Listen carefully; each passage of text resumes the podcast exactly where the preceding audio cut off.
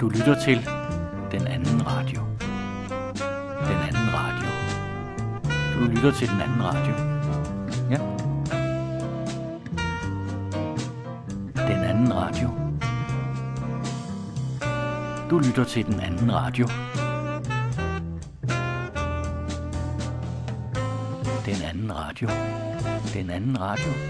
Du lytter til Den Anden Radio.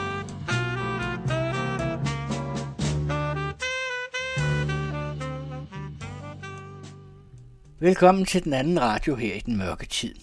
Har der kultur og samfundsstof til eftertanke.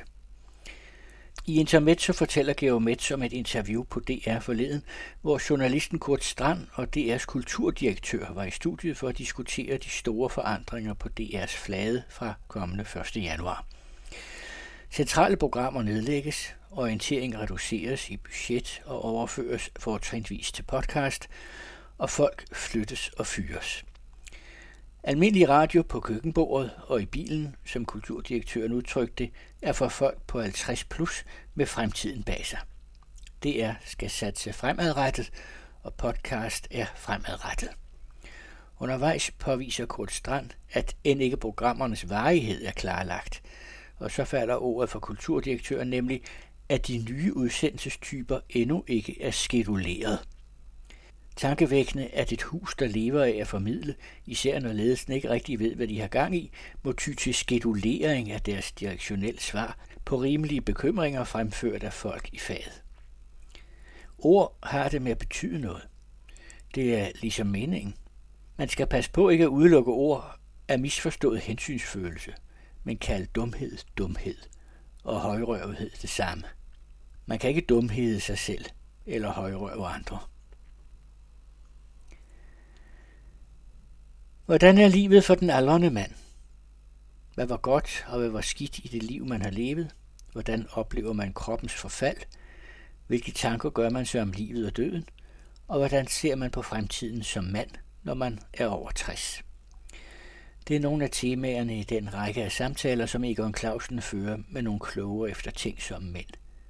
Mænd, der vil være ved sig selv, og som har accepteret, at man ikke kan så meget, som man før har kunnet, men humøret og livsknisten holder man stadig i live. I denne uge er det Hans Anker Jørgensen, præst og salmedigter, vi skal møde. Højt eller lavt, kalder vi den næste podcast i serien Fødevareproduktionens natur og arkitektur. Skal stalle og produktionshaller absolut ligge i lange flade bygninger ude på landet? Eller kan man forestille sig dyr og planter gro og leve i højhuse? Er der en bæredygtig udvikling i landbrugsbyggeriet i takt med stigende krav til bæredygtighed og CO2-udslip på andre områder i samfundet. Vi får nogle svar af en civilingeniør i arkitektur og en stifter af et produktionshøjhus. I serien Internationale Danske Klassiske Solister er det sopranen Eva Johansson, vi skal høre om. Hun hører til en af sin generations førende internationale dramatiske sopraner. Hendes karriere varede i mere end 35 år med debut på det kongelige teater allerede som 23-årig, og derfra har karrieren ført hende ud til alle de store internationale operascener, hvor hun har arbejdet med de største dirigenter og instruktører. Fra Berlin til Wieneroperaen, Metropolitan Operaen i New York, Paris Operaen, Covent Garden i London, La Scala i Milano, Bayreuth Festspillene og mange andre steder. Hun kombinerer lyrisk skønhed og dramatisk udtrykskraft i sin stemme med en fundamental god teknik. I Sofia-samtale nummer 17 har Jens Aarhauke besøg af jazzmusiker, konservatorielærer og forsker Jens Skov Olsen, som tegner et vredt billede af et dysfunktionelt uddannelsessystem. Med indførelsen af læringsbegrebet har vi skabt et system, hvor undervisere og elever skal indpasses frem for at være sammen om det væsentlige. At ville kunne noget sammen med nogen, der kan. Løsningen er ikke at satse på mere frit valg, som er udtryk for rendyrket egoisme, eller på underholdning, som er livstyveri. Tværtom bør vi afskaffe læringsbegrebet og satse på at udfolde et undervisningsunivers, hvor elever og lærere vil noget med hinanden. Faros klassikere fortsætter med Johannes V. Jensens myter. Adskillige af myterne tager udgangspunkt i varietémiljøet, således også Knokkelmanden fra 1907. Forfatteren har to gange mødt et mærkeligt umage par på en varieté-scene. Første gang i Tyskland og derefter i London. Noget mere dansk end den folkekære julekomedie Nødebo Præstegård er det nok svært at finde i den danske kunstverden. Forestillingen er spillet over 5.000 gange på landets scener, heraf over 2.000 gange på Folketeatret i København, hvor den blev opført første gang i 1888 med forfatteren Elit Rømert selv i hovedrollen. Sammen med festspillet Elverhøj, der er opført over 1000 gange på det kongelige teater, er Nødebo Præstegård det mest spillede danske skuespil. I anledning af julen har Peter Skel Hjort tilrettelagt tre udsendelser om den svenske visedigter Karl Michael Bellman, som nok er den udenlandske kunstner, der har haft størst indflydelse på dansk kulturliv helt frem til i dag. I den første udsendelse retter vi blikket mod Stockholm og det miljø, der inspirerede Karl Michael Bellman til mesterværkerne Fredmans epistler og sange. Den anden radio har haft samarbejde med forfatteren Jakob Skyggebjerg med nyskrevne fortællinger, indtalt af forfatteren selv. Korte, afsluttede fortællinger sat i scene rundt omkring i hele Danmark, hvor man, uden at skulle tage stilling, kan lade sig blive taget med på en rejse ind i fiktionens verden. En kontinuerlig tilblivende lydnovellesamling med handlings- og tema-input fra lytterne. Wow! De fortællinger genudsender den anden radio nu i de kommende uger, og den første kommer her i denne uge, og den hedder Benedikte. På en altan i Livorno i Italien sidder Hanne i aftensolen og nyder sit otium. Hun har gjort sig fortjent til det. Hun har klaret den. Hun tænker tilbage på sit livs begyndelse i et fattigt, misbrugspræget hjem i en landsby på Djursland. Hun tænker på, hvordan hun blev gravid med datteren Benedikte, hvordan manden skred, og hun fødte alene på sygehuset i Grenå og efterhånden udfoldes historien om, hvordan hun er endt der, hvor hun er nu. I denne uge er vi så nået til det sidste afsnit i Kajs historie om livet på Vesterbro. Her vil Kaj fortælle om perioden fra 1986 til 91, hvor han for alvor beslutter at lade sin karriere få en anden løbebane.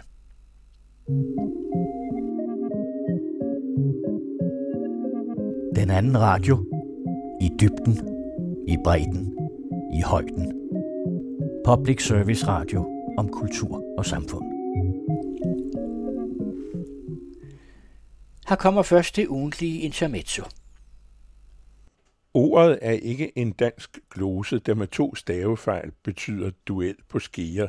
Skedulering eksisterer næppe nok i dansk sprog, og slet ikke som verbum. Ordet i det snævre omfang, det anvendes, kommer af engelsk schedule, program, tidsplan, schema. Det bruges normalt kun i styringsfagsprog i angivelig betydning, kontrollen af tidslig og indbyrdes ordning af en mængde handlinger i forskellige tråde. Så er vi jo med. DR's kulturdirektør tog ordet i sin mund under en radiodiskussion med Kurt Strand, den kendte journalist og tidligere DR-medarbejder. Strand, der er sagkyndig i mediespørgsmål, og efterfulgte Lasse Jensen i det længst nedlagte radioprogram Mennesker og Medier, har offentligt udtrykt bekymring over DR's planer for P1, der fuldt ud iværksættes fra januar. Centrale programmer nedlægges, orientering reduceres i budget og overføres fortrinsvis til podcast, og folk flyttes og fyres.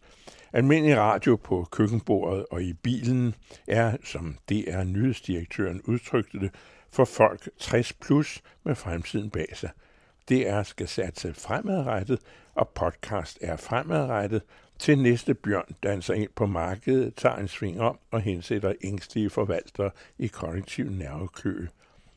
Hvis det DR nu gør, så ellers var klart, og det er det ikke, påpegede Kurt Strand, og mindede samme åndedrag kulturdirektøren, om han aldrig har produceret noget og ikke har en bønneforstand på radio.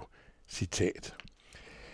Djævelens advokat indskyder for egen regning, at da den første generaldirektør uden faglig baggrund med dertil indrettede mellemledere kom til faget, begyndte det at gå galt, som dirigenter, der ikke læser noder. Siden har denne visdom været fremherskende. Stemningen i radiostudiet var ikke god, ikke efter at kulturdirektøren havde sagt både sludder og røv til Kurt Strand, der ikke er kendt for at sludre og vrøvle.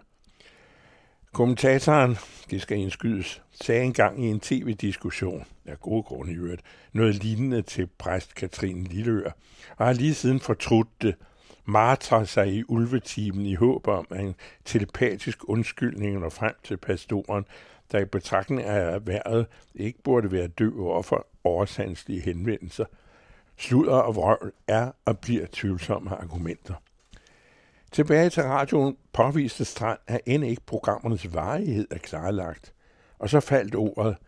DR-direktøren havde på stående fod ikke skeduleret de nye udsendelsestyper. Det betyder næppe at have mistet kontrollen med tidslig og indbyrdes ordning af en mængde handlinger i forskellige tråde, men formentlig at han ikke anede, hvor lange udsendelserne bliver, og ikke kendte indslagenes forestillede længde efter nytår, og derfor ikke kan udtale sig om budgettet. Direktøren var kun i byen for den allerøverste ledelse, som i øvrigt heller ikke har en bønneforstand på radio. Tankevækken er et hus, der lever af at formidle, når ledelsen ikke rigtig ved, hvad de er gang i, må ty til skedulering af deres direktionelle svar på rimelige bekymringer fremført af folk af faget. I den politiske debat, der ellers ligger temmelig stille for tiden, er hørt det kunstige ord fleksibilisering som verbum at fleksibilisere. Det er tilgivet. Politikere lever nu engang af at være ophøjet uklare. Når lokummet brænder, gælder det om at hæfte pøllerne i potten op med duftende rosenranker og mærkelige udsagnsord. Ord har det med at betyde noget. Det er ligesom meningen. Man skal passe på ikke at udelukke ord af misforstået hensynsfølelse, men kalde dumhed dumhed og højrøjethed det samme. Men man kan ikke dumhede sig selv eller højrøve andre. Venstres formand er i læsende stund næppe afklaret skønt. Venstrefolkene agerer arrogant, som om de ikke lige har tabt et valg med et brag. Det viser dog på Venstres landsmøde, at Ellemann drages af Frederiksen, og det nære baglands håndfaste elite vil gerne, inden de dør, være minister igen, og mobilisere alt, hvad der kan prøve at kravle, selv en aflagt for Rasmussen og presser formanden. Ellemann bedyrede kun i et tidstypisk svar, at Venstre tager ansvar. Det ur brugte Ellemann så mange gange, så det stod klart, at her vil Venstre ikke fleksibilisere, men skedulere situationen og tage ansvar. Endnu er det ikke lykkedes at få noget parti til at sige det modsatte. Søren Pape, med talent for taktisk polka i træsko, mente, at de konservative måske godt alligevel ville overveje, hvis altså han får konservativ politik igennem, at deltage og tage ansvar i regeringen. Mette Frederiksen og Ellemann vil hellere end at holde døren til ministerbilen, forære den forliste K-formand et bøjet søm og trudige. Herefter vil man ikke høre Pape sige, at han og de konservative ikke tager ansvar. De tager ansvar fremadrettet. Ping og pampersprog kaldte sprogprofessor Erik Hansen 1931-2017 i en bog værd at læse – sproglige figurer konstrueret til lejligheden for at markere magtens hjemmeadresse eller skedulere magtens hjemmeadresse uden udpræget behov for at legitimere dens udøvelse. Geomets med sit ugentlige intermezzo, som man altid kan høre med ham selv på den anden radio hele ugen, og dertil hver fredag i hans faste klumme i Information. Og nu til næste program i serien om rigtige mandfolk – det vil sige mænd, der vil være ved sig selv, og som har accepteret, at man ikke kan så meget, som man før har kunnet, men humøret og livsknisten holder man stadig i live. I denne uge har Egon Clausen en samtale med Hans Anker Jørgensen, præst og salmedigter, så vi begynder med en salme.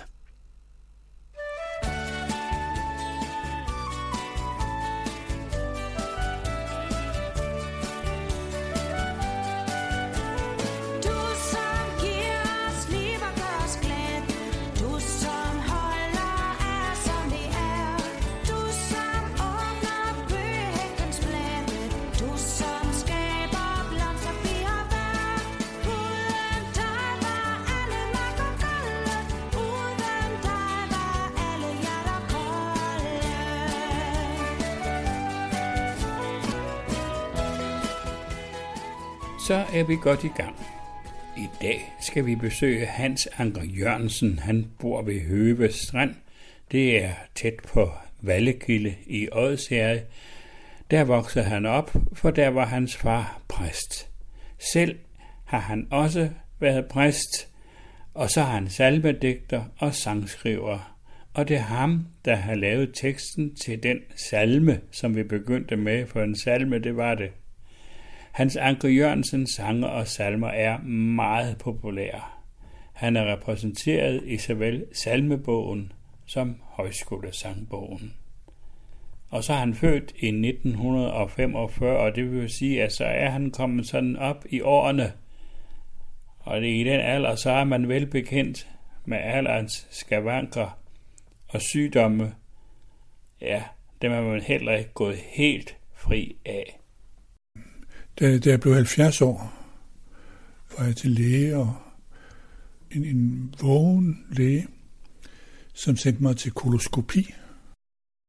Det er jo altså en undersøgelse af tyktarmen, hvor man kan sidde og følge med selv på en skærm. Jeg lå og fulgte med, og det så fint ud.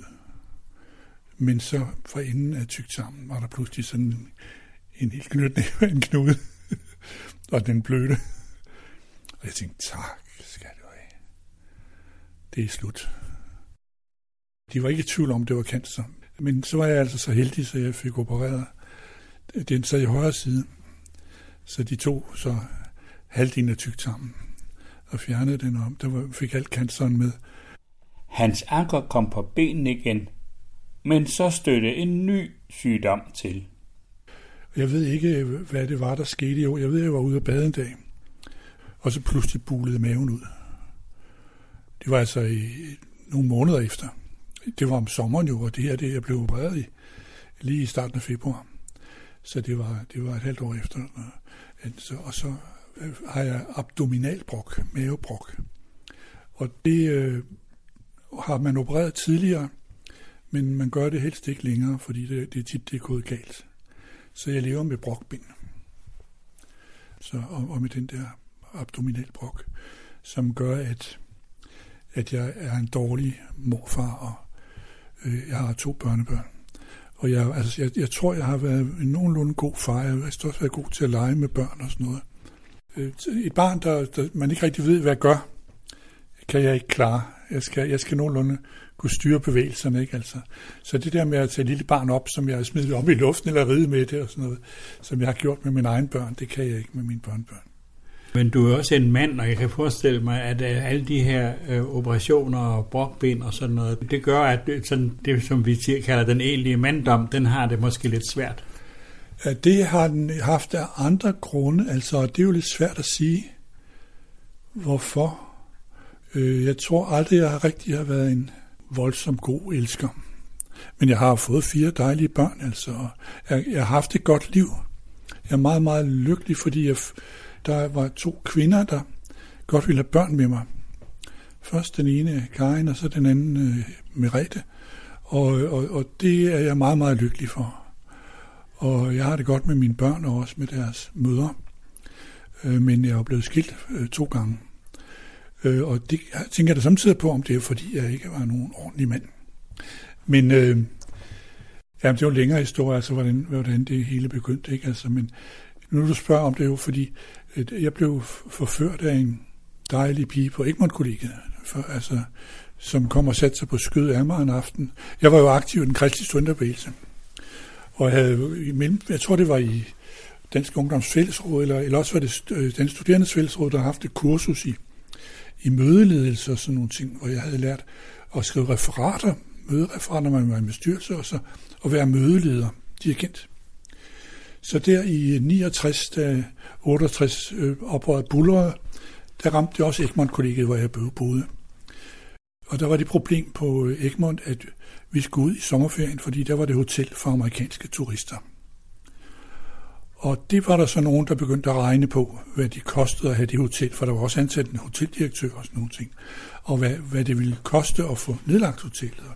Så blev det holdt et stormøde, hvor jeg var mødeleder. September 69, tror jeg der.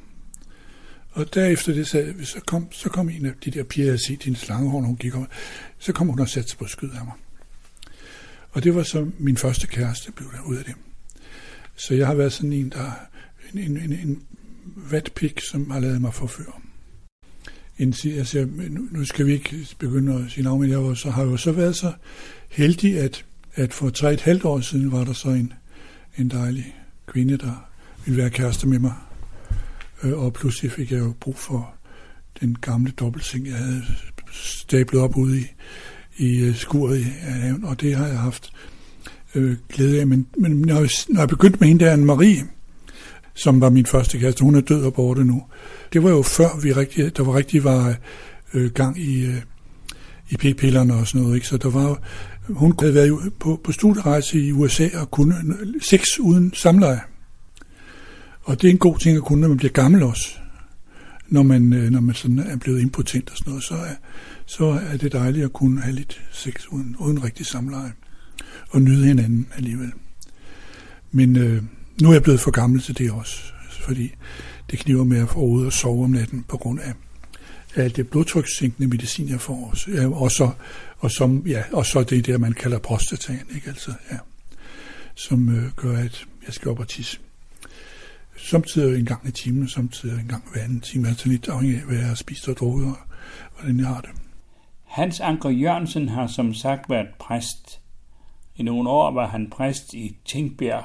Det er en bebyggelse, som har haft ry for at være et sted med store sociale problemer.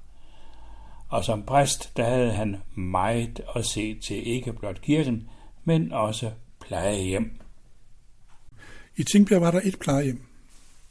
Der måtte ikke blive holdt nogen gudstjenester der.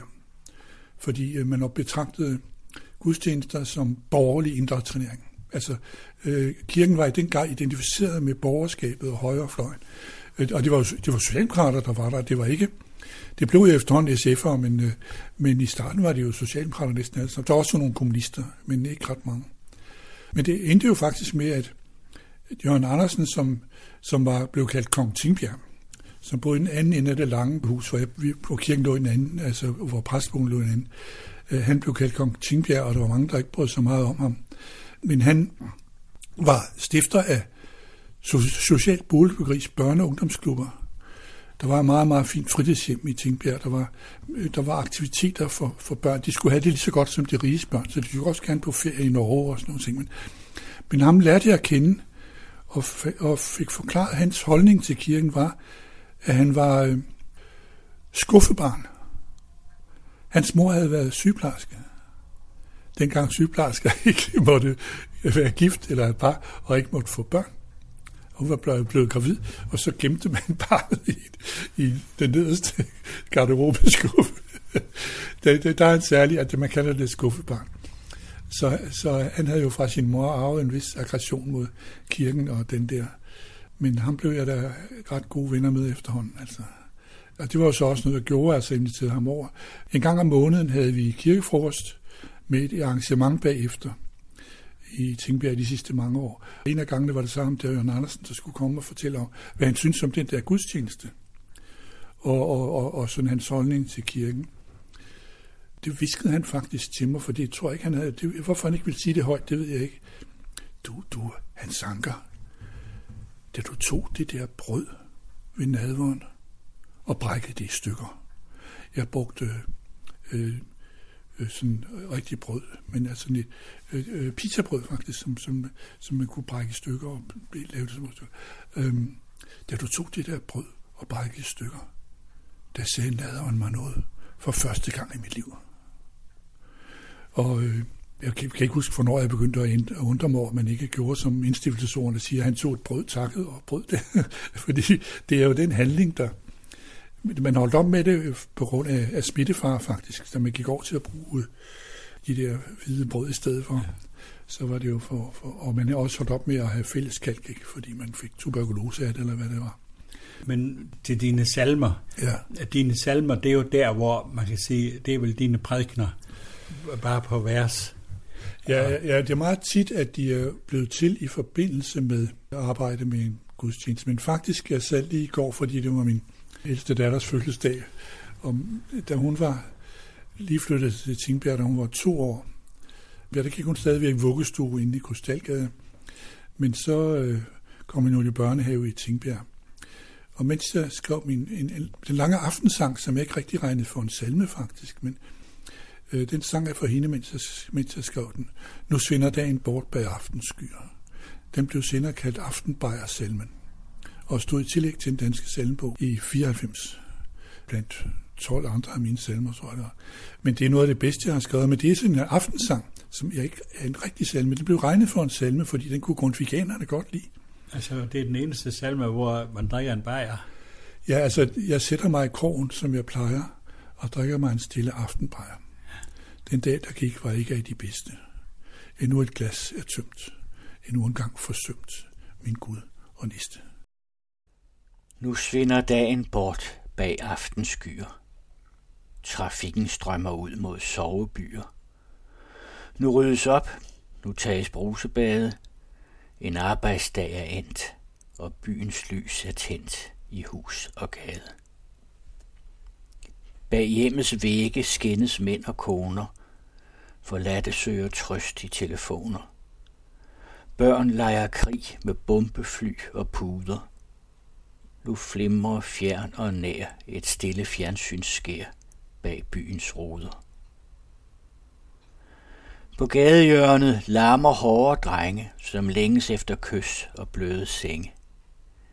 Nu skriger krop og sind på åbne arme. Mod himlen stiger gråd. Gud giver os gode råd og hjertevarme. På hospitalet lyder skrig af vejer. Der er ams børn, der lægges natteblæer. En olding stønner i sin sidste smerte. Han kalder på sin mor og rører med det ord Guds moderhjerte. Jeg sætter mig i krogen, som jeg plejer, og drikker mig en stille aftenbajer. Den dag, der gik, var ikke af de bedste. Endnu et glas er tømt, endnu en gang forsømt min Gud og næste. Den kunne konfirmant fædrene godt lide. Det kan jeg også. Og, be, og bedstefædrene kunne også godt lide Hvorfor den, tror du, vi kan lide den? Nå, men altså, jeg kan også godt selv se, at den er ikke så dårlig. Og så, men det der med at skrive sange og, og rime, det har jeg jo fra min far og hans familie. Og jeg skrev jo faktisk salmer, da jeg var, da jeg var 11 år. ja, men, men de der salmer, som du skriver netop, hvor, hvor du også ligesom går helt ind i øh, vores hverdagsliv ja, og vores ja. øh, bøvl og besvær med at få det til at fungere og sådan noget. Det er jo ja. med i dem. Ja. Nu har jeg har taget nogen med her, et citat, ikke? og jeg synes, at du har skrevet den, der hedder Den grønne salme. Som et drivhus i en frostnat.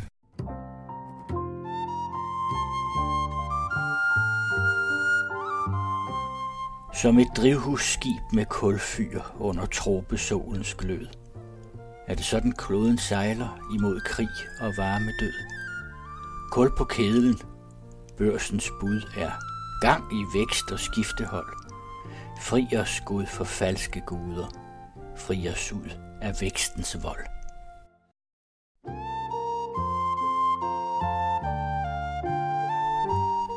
Der er tegn i stress og klima og i sædens kvalitet på, at vi har levet dumt på den betroede planet. Skybrud, skilsmisser og brænde er kun lidt af tidens nød. Folk på stepper og ved strande går mod sult og drukne død.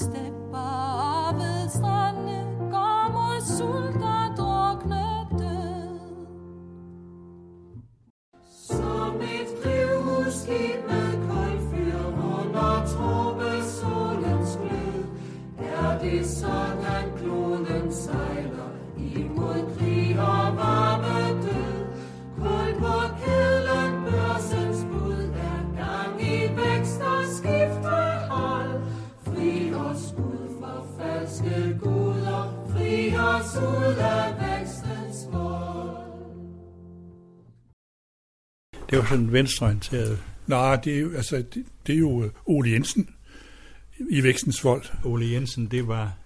Han var professor i teologi. Han var, han var meget, han var domprost i, på Lolland Falster og højskoleforstander på ja, Grundtvigs Højskole. Han skrevet en bog, der hed I Vækstens, I Vækstens Vold, som var... Og, øhm, det var den, altså, den der opmærksomhed omkring miljøet, den lærte jeg også i min studietid. Ikke på universitetet, men i, øh, i nogle øh, ungdomsbevægelser, der var optagende, og i den økumeniske bevægelse. Anne, Anne, Anne Marie Ågaard, øh, Johannes Ågaards, øh, hun blev den første kvindelige doktorteol i Danmark. Hun gik meget op i, i øh, ansvaret for alt det skabte. Det er den der, øh, jeg har skrevet, øh, som bliver sunget til mange konfirmationer. Øh, du som giver os liv og gør os glade. Du som holder af os, som vi er. Det er jo jo der Salin Grens. det, det er Emil for Lønnebergs mor, der elsker ham præcis som han er. Ikke? Altså, men men øh, nu, nu tabte jeg i tråden. Øh, Kan du finde den igen? For, Det var det der ven- venstreorienterede, som, som, Ja. det, som det på en eller anden måde... Jeg, jeg er ikke venstreorienteret. Øh, men du er socialist. Jamen, jeg er også konservativ og liberal. Jamen, en ordentlig socialist er også konservativ i den forstand, at øh, han eller hun går ind for at bevare mange af de værdier, vi har. Ja. Det kalder jeg konservatisme. Ja. Den rigtige, det, Ja. ja. det som vi har i dansk politik i dag, det er mere sådan noget, der har noget med, altså det Danmark, som det føler sig forbundet til, det er mere det, som øh, bliver forvaltet af Danske Bank. Ja. Uh, mens det Danmark, som, Ja. ja. som vi holder af, altså, ja. Og det er jo det, som lig, ligger her med, med, med, med, med vand og land forenet. Altså, Og- når jeg dør, øh, så håber jeg, at man vil synge Morgenstunden og guld i mund. Ja. Fordi, fordi der, der har vi den grundviske kaldstanke, den lutherske kaldstanke i den grundviske udformning. Så smukt. Gå der frit ind hver til sit og stole på Guds nåde. Der får vi lyst og lykke til at gøre gavn, som Gud det vil, på allerbedste måde. Ja. Det er simpelthen, det var min mors yndlingsvers. Øh, og det er mit yndlingsvers også. Men, Ja. jeg, men jeg kan godt lide hele salmen, fordi Ja, jeg kunne give os at skinne så som himmellys, Ja, ja. skønt af Ja. de små. Ja. Der rent for os guldterning. Ja. Ja. Men også i det første vers, øh, Morgenstund og guld i mund, for natten Gud vi love, han lærte os i Jesu navn, som barnet ved sin moders favn. Vi alle sødt kan sove, også når vi skal dø. Altså vi er omsluttet af en kærlighed, af en moderlig kærlighed. usynlige Dit solskinsvæsen ser jeg i Jesu liv Og død og derfor beder jeg Tag mod min sang og brug af mine sanser Åh, vær min sol, min Gud Når rummet lys går ud Og tiden stanser. Bær- du har den her salme om den der, der hedder usynligt. Usynlig, ja. Ja, på jorden står jeg stum og svimmel i dit rum med al min viden. Og så skriver du om Mælkevejsgalaksen.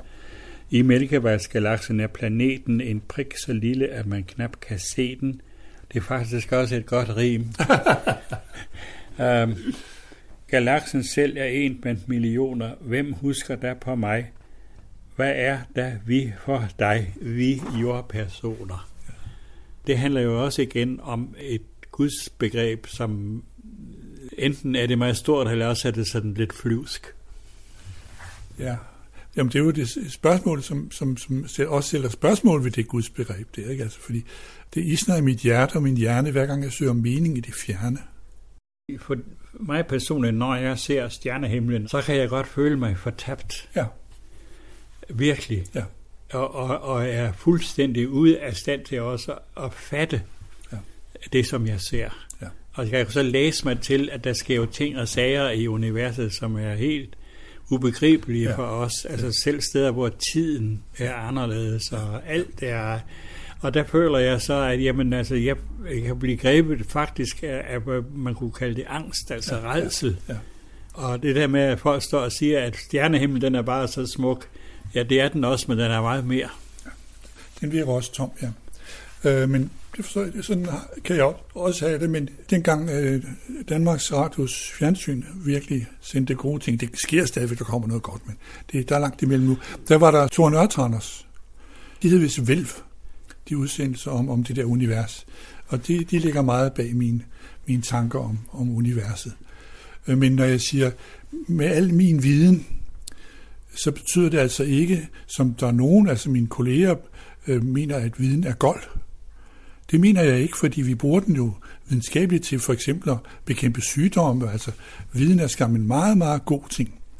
Øh, som det er jeg ikke ked af viden, men, men der er noget, vi ikke fatter. Og det er, der går jeg så over i poesien, kan man sige. Og der er jeg meget, holder i meget, meget af Halvdan Rasmussen. Altså hans øh, store forestigt øh, med store undrende øjne går jeg, hvor, hvor han skriver, alle vegne går folk og kroner på livets dybe mysterium. Altså, det er det, jeg kalder Gud. Det er livets dybe mysterium, men det er så også kærlighedens mysterium, som er i den der fortælling om ham, Jesus fra Nazareth. At der er en kærlighed, som om nødvendigt går i døden for dem, den elsker. Og den fortæller Astrid Lindgren jo, og jeg, det har jeg det synes det enkleste sted.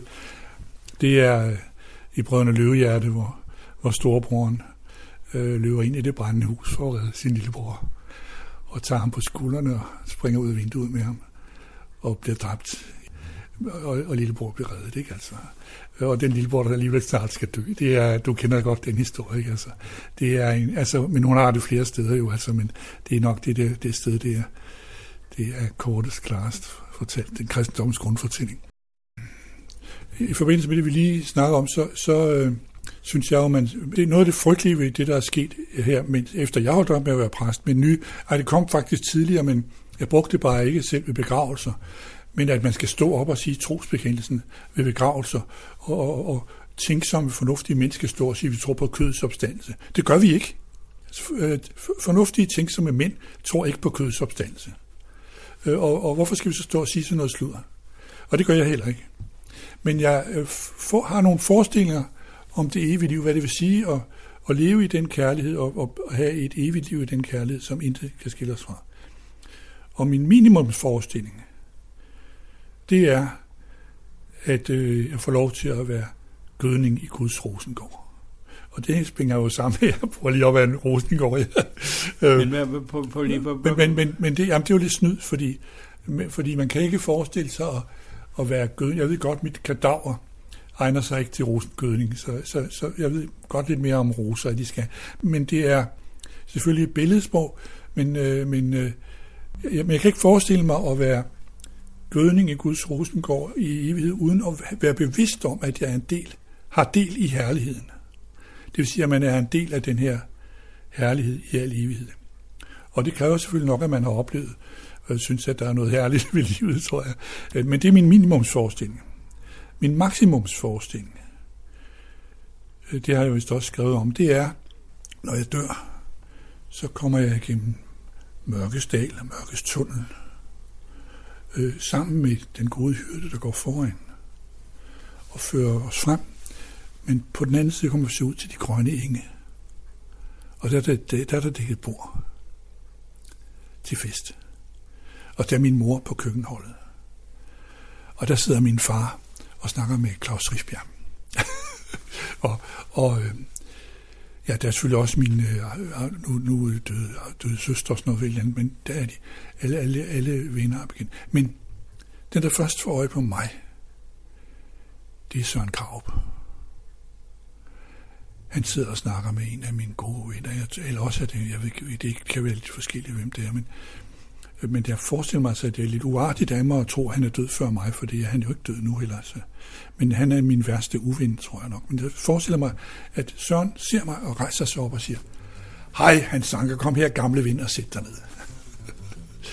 det er min maksimum forestilling om det evige liv, at der forsones fjender også, og bliver og deltager i den samme fest, som festen ingen, ingen slukker. Tag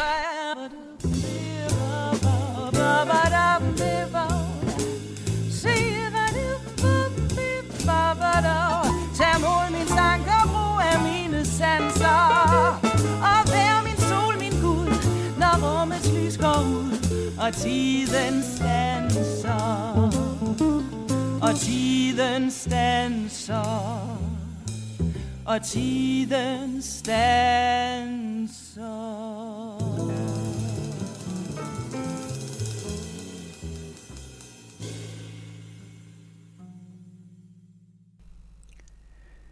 Det var den femte podcast i serien med gamle mænd. I programmet medvirkede Egon Clausen og Hans Anker Jørgensen. Citaterne blev læst af Carsten Farov, og salmerne blev fremført af Karoline Borello Lærke. Hvis man har lyst til at kommentere eller måske være med til en snak, så er man velkommen til at skrive til programmet. Det har sin egen mail, mandfolk pc.dk. Skal der bygges vertikalt eller horisontalt i den danske fødevareproduktion? Vi sætter fokus på landbrugsbyggeri, der hvor det er meget traditionelt, og der hvor der tænkes ud af boksen. Vi kommer langt omkring fra tanken om, at vi alle flytter ind til byen, for så at plante skov til os alle sammen ude på landet, til det måske mere konkrete og nære samarbejde, der skal til, for at landmændene kommer med på den bæredygtige vogn, når det gælder væg og tag på traditionelle produktionsbygninger. I en kæmpe produktionshal i Tostrup med navnet Copenhagen Markets, Nordeuropas største distributionscenter for frugt og grønt, møder vi stifteren af Nordic Harvest, Anders Riemann. Her dyrkes der salater, kål og krydderurter i 14 etager til det danske marked. På en ikke så god telefonlinje har vi civilingeniør i arkitektur, Ph.D. Camilla Brunsgaard Fugemand fra firmaet BK Nord. Hun ved noget om produktionsbygninger, krav og samarbejde med landmændene i det konventionelle landbrug, og her begynder vi. Det er Anne Eggen, der indleder.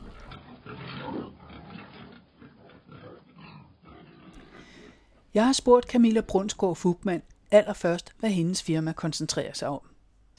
Nord øh, er et øh, øh, arkitekt- og ingeniørfirma, som øh, faktisk udspringer af en landbrugforening øh, for cirka 20 år siden.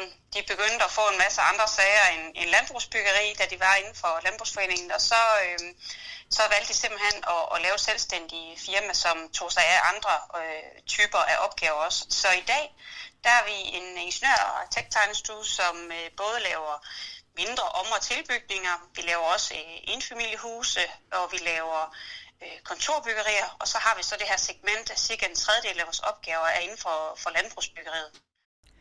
Ifølge Camilla Brunsgaard Fugman viser Danmarks statistik, at der de sidste tre år er bygget mellem 72.000 og 140.000 kvadratmeter avls- og driftsbygninger, altså ko- og svinestaller og maskinhaller.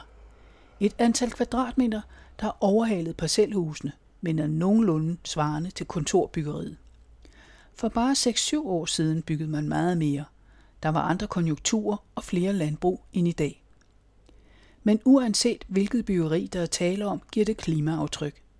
Der er flere og flere krav til bæredygtighed og CO2-udslip og certificeringer i byggeriet. Men hvordan står det til i det konventionelle landbrug? Tidligere næsten, en landmand kunne jeg måske næsten tegne sin, sin bygning på en serviette, ikke? og så byggede man bare det. Øh, sådan er det ikke i dag. Altså, der, der, det skal i meget højere grad dokumenteres, øh, vores byggeri. Men byggeriet bliver jo tit bedømt ud fra, om det er bæredygtigt. Ja. Er det også det, som I arbejder med i landbruget? Og hvad betyder det? Ja, altså det er jo i hvert fald noget af det, som vi her hos BK Nord har, har sat os som et, et strategisk mål, og virkelig som vores fornemmeste opgave, det er at, at hjælpe landbruget, i hvert fald med deres bygninger, øh, på vej i en bæredygtig retning også. Øh, der har været en stor vækst inden for den generelle øh, byggebranche, inden for den her øh, bæredygtighedsinteresse. Øh, altså vi har mange øh, investorer og bygherrer, der, der vælger det til øh, i dag, selvom det ikke er et krav øh, byens bygningsreglementer. Det har vi ligesom taget fat i at sige, men det kommer nok også på et tidspunkt til landbruget. Så, så det har vi sat os for at, at arbejde med, sammen med vores, vores kunder, dem vi, vi allerede har, men, men også at øh, byde lidt ind på lidt, på lidt udvikling og lidt forskning inden for, for det her felt. Så, så vi tror på, at det kommer. Altså man kan sige, at bæredygtighed kan jo være mange ting, men det som der er meget oppe øh, lige nu, det er jo i forbindelse med øh, de nye øh, klimapåvirkningskrav, der kommer her fra 1. januar. Altså man skal til at lave sådan en livscyklus øh, vurdering af, af sine bygninger. Det vil sige, at det beregning, man laver, og den siger noget om, hvor stort CO2-aftryk vil den her bygning give. Og der kigger man både fra helt fra starten af, at vi skal have produceret nogle materialer på en, på en fabrik, de skal transporteres, og de skal opføres, øh, og så skal vi engang have fjernet de her materialer igen. Så man, så her fra 1. januar skal man simpelthen lave den her beregning på en hel livscyklus øh, på alle byggerier, nybyggerier, der bliver lavet. Der er landbruget så ikke med endnu, men det kan jo være, at det kommer. Og det er ligesom det, vi prøver at, at forberede os lidt på, og, og lave nogle undersøgelser af, men hvor stort er sådan et klimaaftryk faktisk for et landbrugsbyggeri? Og hvor er det henne, vi ser, at vi kan lave nogle optimeringer? Øh, og det er måske at gå ind og kigge på, skal vi begynde at bygge nogle andre materialer, end vi plejer? Skal vi se, om vi kan begrænse mængden af beton og, og, og stål? Kunne vi bruge noget mere i træ? Og kan det nu holde til den påvirkning, for eksempel, det får fra de miljøer, det nu er i? Ikke? Altså, det er også et hårdt miljø, der skal rengøres osv., øh, når der er dyrehold, for eksempel. Så, så det er sådan nogle ting, vi skal prøve at, at begynde at kigge på. Er der bud efter det allerede nu, eller er I bare på forkant? Der er ikke sådan rigtig bud efter det, men jeg kan sige, at vi, vi har øh, lige nu øh, to øh, landmænd, som vi øh, arbejder sammen med, som henholdsvis en, en kostal og, og en maskinhal, som gerne vil det her. Så der er nogen, der, der er ambitiøse og, og gerne vil og prøve det lidt af. Nej, der er altså ikke krav til landbrugsbyggeriet endnu. Og vil man være med som de to nævnte byggerier i BK Nord, kan man bruge det redskab, der hedder den frivillige bæredygtighedsklasse. For landbruget giver det mening med fire ud af ni kriterier. Man vil se på den bæredygtige økonomiske tyngde i byggeriet. Kommer det til at koste mere, og hvad koster drift, udskiftning og vedligeholdelse? Og efter nytår gennemføres der krav om en såkaldt livscyklusvurdering, kaldet LCA, som Camilla Brunsgaard Fugman nævnte. Og så kommer der endnu et begreb på banen, nemlig ESG. Camilla Brunsgaard Fugman forklarer, hvad det er, og hvad det kan bruges til i forbindelse med landbrugsbyggeriet. Og det drejer sig ikke kun om det enkelte landbrug, men om, at investorerne i landbruget kan rapportere om bæredygtige investeringer. Altså ESG'en er øh, en måde at prøve at vurdere, hvor, hvor bæredygtigt er landbruget. Og det man kigger på i dag, det er primært driften, hvor vi jo egentlig ser, men hvorfor har vi ikke bygningerne med i den her mm. øh, hvad kan man sige, rapportering og beskrivelse af øh, bedriften. Og E, det står for environmental, øh, det man kan for den miljømæssige bæredygtighed, og S står for social, altså den sociale bæredygtighed, og G står for governance, og det er jo så her, man kunne putte den økonomiske bæredygtighed ind. Og det er de tre ben, man som udgangspunkt siger, bæredygtighed dækker over. Altså vi skal ligesom have fat i alle tre dele, for at vi kan sige, at vi har, vi har håndteret bæredygtighed øh, helhedsorienteret. Så man kan ikke nøjes med kun at kigge på energiforbruget. Der er også nogle sociale parametre, og der er jo også øh, økonomien øh, i det. Og der er jo mange underparametre til de her tre hoved, hovedtematikker. Ikke? Der er landbruget så begyndt at, at få den her rapportering inden for de her tre øh, emner. Og når de så har den, øh, forladet sådan en rapport, så kan de jo bruge den til at sige, jamen er der nogle steder, vi kan forbedre os? Kan vi gøre noget mere for det sociale, altså noget med arbejdskraft for eksempel, eller arbejdsforhold, eller kunne vi gøre noget bedre i forhold til at spare CO2 på bedriften et eller andet sted, ikke? Og her kunne man jo sagtens tænke bygninger ind også i den her ESG, fordi det er helt på samme måde, man arbejder med bæredygtig byggeri på, det er at sige, at vi har det miljømæssige, vi har den sociale del, og vi har den økonomiske del. Så det går så fint hånd i hånd, de to ting. Er det noget frivilligt, eller er det noget, der kan blive pålagt på et tidspunkt? Ja, altså i hvert fald det her med, med bæredygtighed, også i, i bygningsreglementet. Lige nu kører det som en, som en testfase, mm. øh, hvor man faktisk har efterspurgt at få nogle landbrugsbyggerier med i den her testfase indtil øh, november 23. Øh, der skal de her projekter så være færdigbygget. Og så derefter, så, så laver man så en vurdering af, hvad var erfaringerne med de her øh, krav, der er i den her frivillige bæredygtighedsklasse. Øh, så man laver en vurdering af, hvor mange af dem skal over og blive en del af bygningsreglementet, enten som en, et frivilligt tilvalg, eller måske faktisk som et permanent krav i bygningsreglementet. Fordi vi, vi skal bare til at bygge mere bæredygtigt. Altså det er den vej, vi går hvis vi skal opnå de, de klimamål, vi har, øh, både nationalt, men også internationalt. Ikke? Der er også det, der hedder EU-taksonomien, som er EU, der arbejder på også en, en måde at få, få beskrevet øh, bæredygtig øh, forretning. Og, øh, og det gælder lige nu øh, kun for de helt store virksomheder. De skal også her rapportere, hvor meget, for eksempel de store banker, hvor meget investerer de i grønne investeringer, og hvor meget er i, hvad man kalder grå investeringer. Så bankerne og de store forsikringsselskaber begynder jo også at komme ind og måske stille krav til nybyg til at sige, jamen vi vil gerne låne jer pengene, men så skal det være bæredygtigt, fordi så kan de i deres rapportering også skrive, at altså, vi investerer kun eller primært en vis procentdel i grønne investeringer. Ikke? Så skal landbruget tage sig sammen for at kunne følge med til de krav der?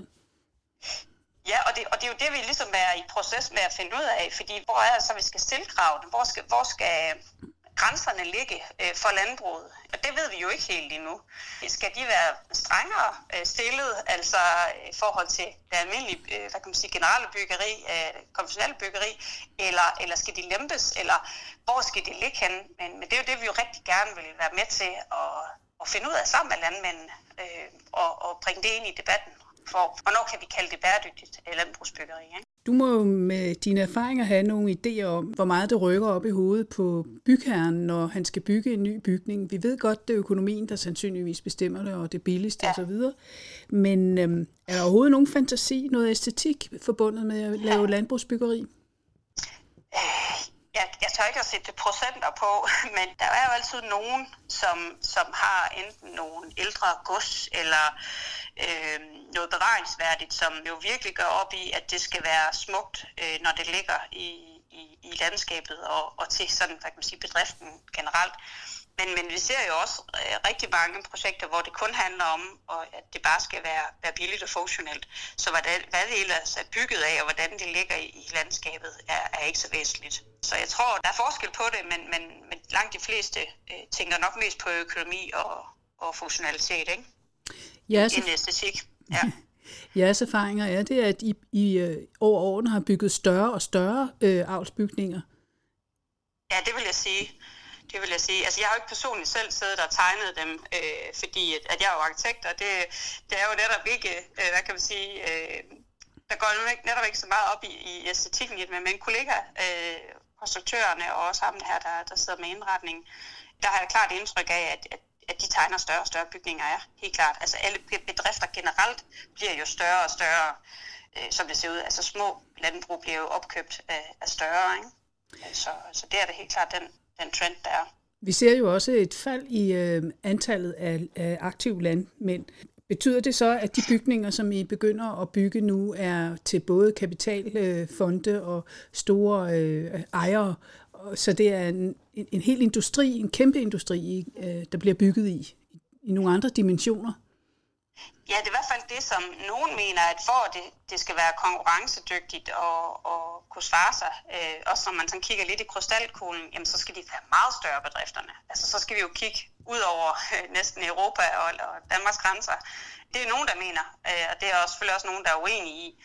Men, men vi ser da helt klart en, en tendens til, at, at de bliver større og større. Øh, vi har begge typer. Altså der er jo også de stadigvæk de små, som, som har det som en en livsdrøm og gå og hygge sig med sit landbrug, ikke også? Og så er der de helt store, som er, er, altså er store virksomheder, som, ja, som, altså der er det big business, ikke? Med, øh, med en helt anden tilgang til det, ikke? Og, og det er jo nok forskelligt, hvordan man skal tale til dem, også i forhold til bæredygtigheden. Der kan jo være forskellige prioriteringer, afhængig af, om man den, er den lille landmand med drømmen, eller, eller man er den, den, den store forretning med, Mm. med, med, med profit for øje. Ikke? Altså, så, så det er jo lidt forskelligt, tænker jeg. Der er altså endnu ikke nogen egentlige krav til de bygningsmaterialer, landbruget bygger, såsom stalle, maskine og produktionshaller. Det er der til gengæld til dyrevelfærd, loftshøjde, plads, gulve, bokse osv. Men nu skal vi til en helt anden form for produktionsbygning, nemlig i et højt betonhus i Tostrup. Her dyrkes fødevarer, som salater, krydderurter og kål i flere etager, uden forbindelse til jord, sol, vind, vejr, svampe og bakterier. Det kræver meget lidt plads i forhold til, hvad samme produktion vil have brug for på marker og i gardnerier. Altså et vertikalt landbrug, der vil frigøre jordarealer til skov med biodiversitet. Men hold nu fast, vi kommer både ind på den helt konkrete produktion, der allerede er i gang i den store produktionshal, men til produktionen er der knyttet mange visioner, tanker og holdninger, og dem skal vi også høre om. Stifteren af Nordic Harvest, Anders Riemann, ridser lige kort en af de vigtigste forklaringer op på det vertikale landbrug. Når vi øh, kigger på en mark, så ser vi en skov, der er blevet fældet, og man så bruger det areal til at dyrke afgrøder på. Så det har for os intet med natur at gøre. Det vi koncentrerer os om, det er, at vi dyrker den bedst øh, mulige kvalitet uden pesticider eller andre sprøjtemidler. Selve produktionen foregår uden forbindelse til udendørsliv. Medarbejderne går rundt i hvide beskyttelsestrakter og noterer målinger og planternes tilstand. Og udefra kommende er forbudt adgang. I hallen står der reoler i 14 etager i lange rækker.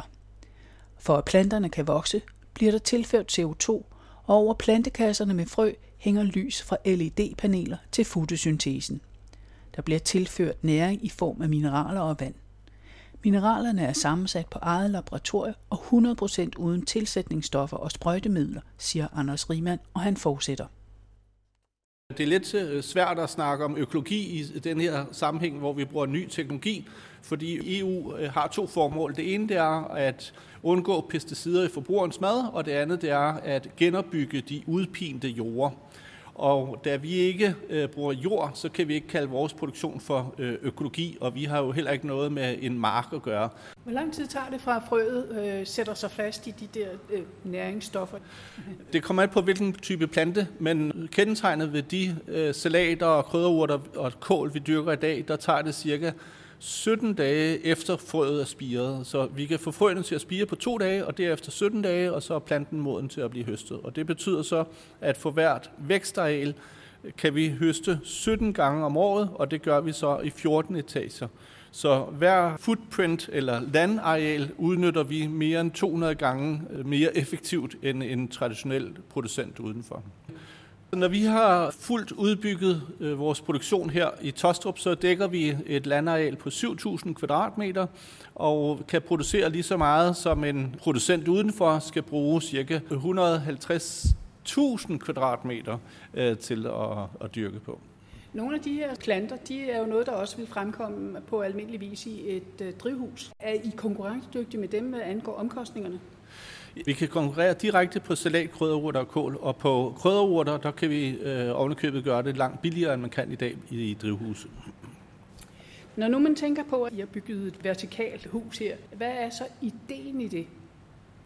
Ideen er at øh, opfylde vores vision, som er at bevise, at vi kan producere øh, sundere afgrøder med en højere kvalitet på et langt mindre areal, end man kan i det traditionelle landbrug. Så vores vision det er med andre ord at bevise, at man kan flytte noget af fødevareproduktionen fra land ind til by, på den måde udnytte fødevareproduktionen som en del af fremtidens byers infrastruktur.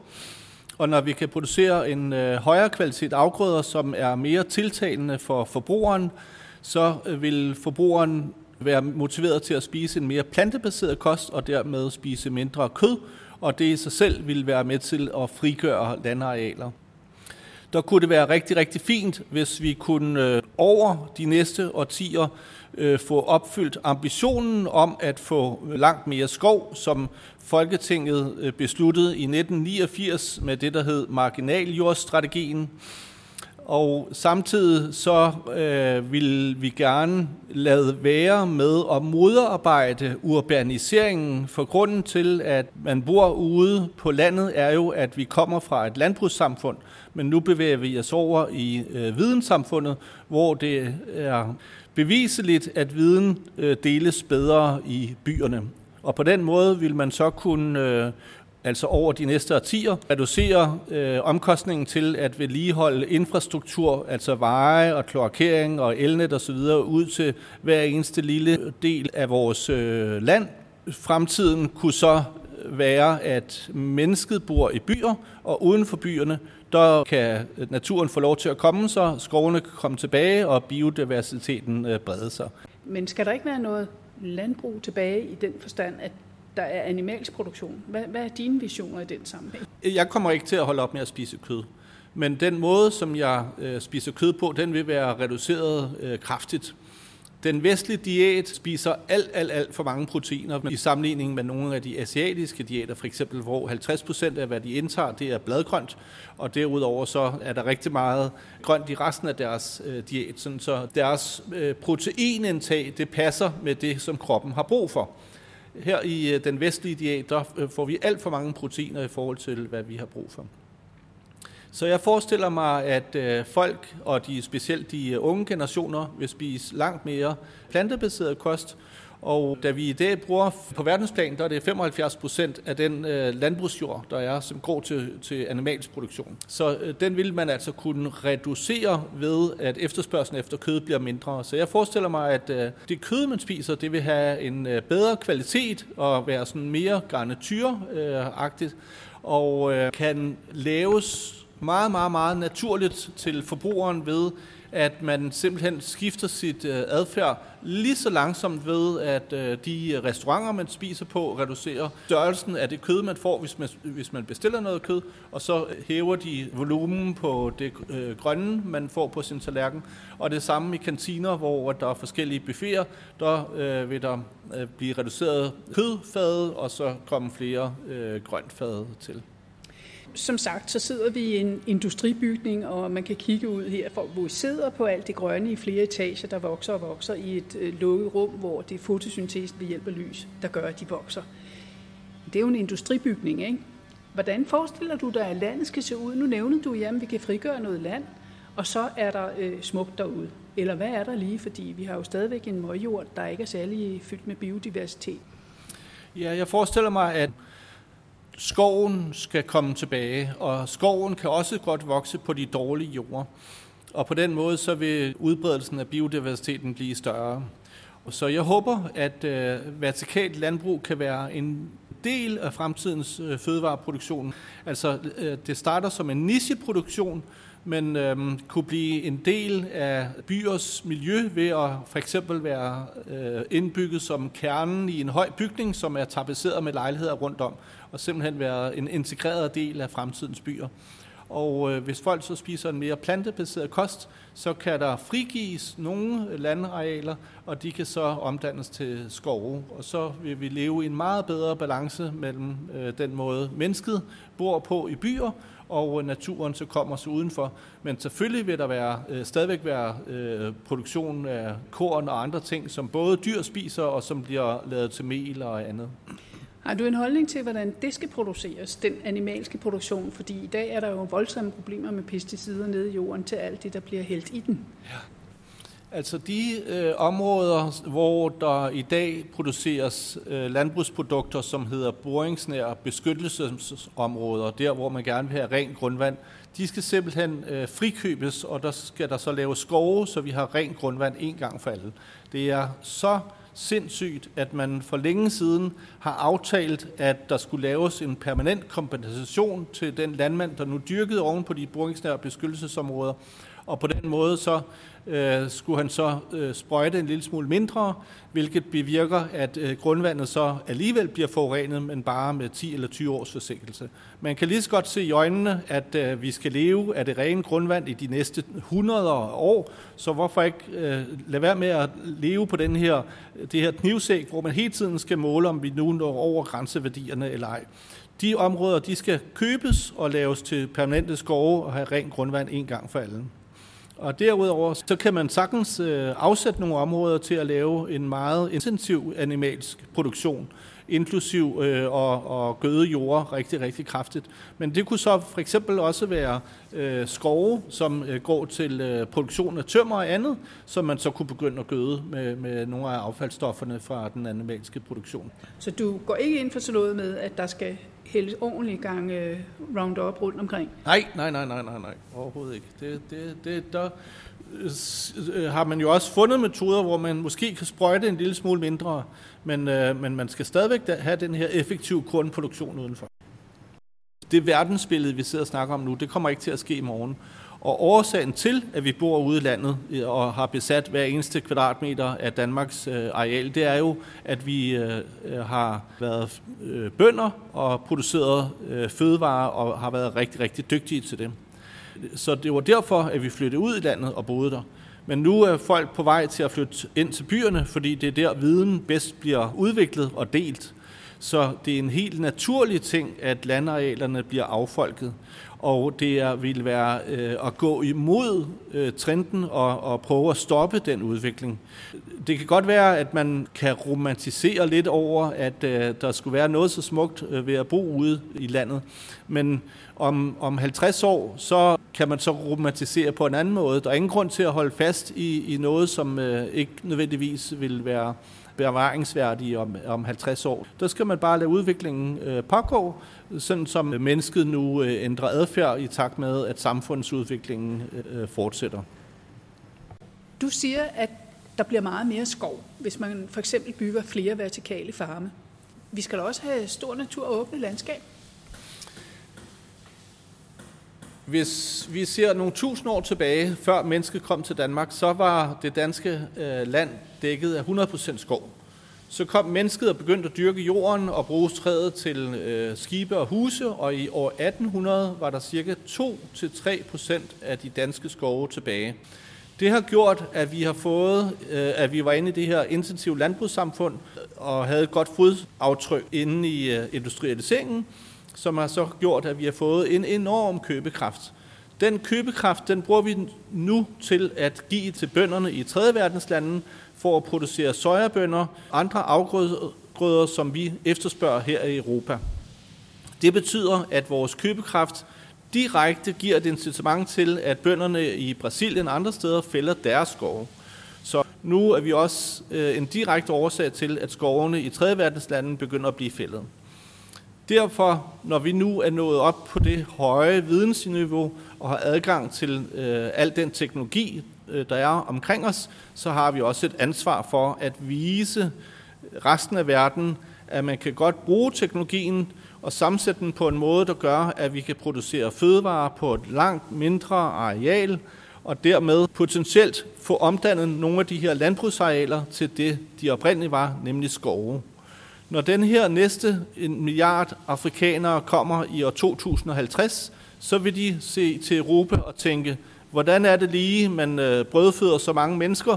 Når jo, øh, man fælder bare skoven, flytter ud i øh, små landsbyer, og så skyder man alle de dyr, øh, som går på ens marker, og så øh, kan man brødføde sig i de næste øh, år. Den udvikling vil jeg gerne have øh, ændret, sådan så at vi får lavet vertical farming til en decideret industri, som måske kan sammenlignes lidt med vindmølleindustrien, sådan så at, at vi udvikler teknologien, som så gør, at vi kan bygge vertikale landbrug i de store afrikanske byer, og så skabe et godt liv for de bysamfund, og øh, fødevareproduktion er en del af infrastrukturen, og på den måde kan man så undgå at skulle gå ud og fælde skovene. Og så til slutbemærkningerne. Vi har været vidt omkring fra det traditionelle landbrugsbyggeri, udseendet, bygningskrav, produktion i etager og store visioner om, at alle flytter til byen, og vi frigør jord til skov. Først er det civilingeniør i arkitektur, Ph.D. Camilla Brunsgaard Fugman, som vi har hørt, arbejder med fremtidens krav og muligheder i lovgivninger og nye bæredygtige tiltag. Og hun får spørgsmålet, hvad med byggeri i højden? Det sker i Kina i dag. Altså man kan sige, det har vi jo ikke haft tradition for at bygge i højden i, øh, i Danmark. Øh, I princippet kan man jo godt. Altså de står jo på almindelige etager, og der er håndteret, hvordan man, man renholder og sådan noget. Så det er ikke fordi, de står og, og affører ned i hovedet på hinanden. Så, så man kan jo godt, men der har bare ikke været tradition for det i, i Danmark. Så, så hvor, hvor vi går hen med det, det, det er svært at sige. Vi skal selvfølgelig forholde os til planloven og landzonereglementet, ikke? Så man kan sige, der kan jo være nogle begrænsninger af det, fordi hvad, hvad er man interesseret i og fra, fra den side af at have liggende ude i landskabet, ikke? Det største problem er jo nok også øh, det her med, at, at selve det her og afle dyr altså, har jo et stort klimaaftryk med, med de store prutter og bøvser og sådan noget. Ikke? Det er jo det, der er udfordringen. Men hvis vi prøver igen at trække øh, tilbage til det her med, med bæredygtighed, så er der jo sådan nogle bæredygtighedscertificeringsordninger, øh, Øh, og der er jo faktisk øh, nogle af dem, som, som honorerer, at man ikke øh, bygger på jomfruelig land, men altså man bygger et sted, hvor der har allerede været bygget. Ikke? Sådan at, at i det system, man nu man har i sådan en ordning, så får man point for det. Ikke? Så, så det, det tror jeg også er noget, det vi skal fremadrettet prøve at have fokus på. Men lad os bygge der, hvor vi allerede har bygget Hvis man bygger inde i, inde i byerne, så er der jo som regel en lokalplan, som siger noget om, om højde og drøjde, og også nogle gange materialer og orientering øh, for at sikre sådan en vis kvalitet. Men det er der ikke på samme måde ude i, i landzonen. Der, der er det ikke helt de samme øh, regler. Øh, der er selvfølgelig noget omkring, at man, man ikke må bygge spredt bebyggelse, så hvis vi har en bygherre, der skal have et nyt stuehus, så skal det ligge sammen med bedriften og, og ikke øh, flere hundrede meter væk øh, fra det for eksempel. Så der er nogle, nogle regler der. Men ellers så er det jo særligt de her miljøtilladelser i forhold til at, at, at have øh, dyrehold og, og gylde og alle de ting, der nu følger med øh, i sådan et, ikke? Og så til Anders Riemann, stifteren af Nordic Harvest, der allerede har ført os ind i sit fremtidsland. Hvordan ser han på at producere dyr i højhusstalle? Der foregår hele tiden en udvikling, øh, som er drevet af, at man skal producere mere effektivt øh, og i større volumener. Så det undrer mig ikke, at de har fundet på det i Kina, og øh, jeg ved ikke, hvem der fandt på burhønsene, men øh, det har vel også været en ret øh, stor kamel at sluge, dengang man, man så lavede burhøns. Så øh, man kunne sagtens forestille sig, at man lavede en bygning, hvor der stod kør i etager, som så stod øh, eller gik på sådan en, et løbebånd og havde virtual reality briller på, og på den måde havde et rigtig, rigtig øh, fint liv. Og så kunne producere mælk øh, og senere blive til øh, øh hakkekød. Så, øh, og så så de nogle gode kofilm? Så, så, så deres virtual reality-briller viste så sådan en flot, flot mark, og øh, måske en tyr, der gik langt ud i horisonten og sagde nogle lyde. Og så øh, kunne de gå der med, med et rigtig fint øh, perspektiv ind i deres hjerner. Så menneskets øh, innovation kender jo ingen grænser, men øh, før det kommer, så tror jeg altså mere på de her øh, kunstige øh, bøffer, som der er flere opstartsvirksomheder, øh, der er i gang med, blandt andet øh, nogle i Israel, hvor man så dyrker bøffer i laboratoriet. Det, det tror jeg, det vil komme før, at øh, vi får kør etage. Det er animalske bøffer, altså, som man dyrker i laboratoriet. De vil dominere markedet inden for 20 år. Det er jeg overbevist om.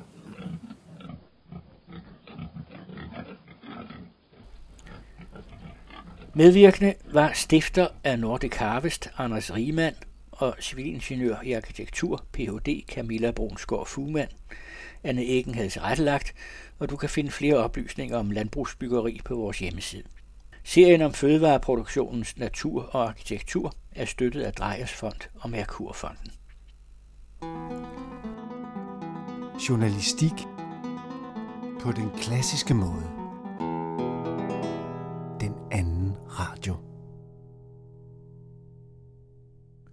I internationale danske klassiske solister skal vi dengang møde Eva Johansson, en af sin generations førende dramatiske sopraner.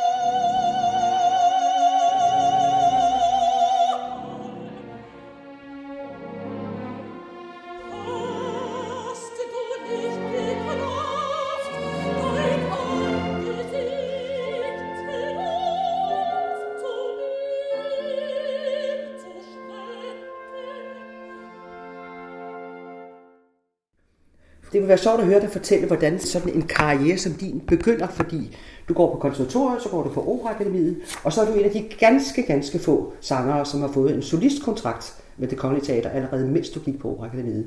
Hvordan kommer det i gang, sådan en karriere?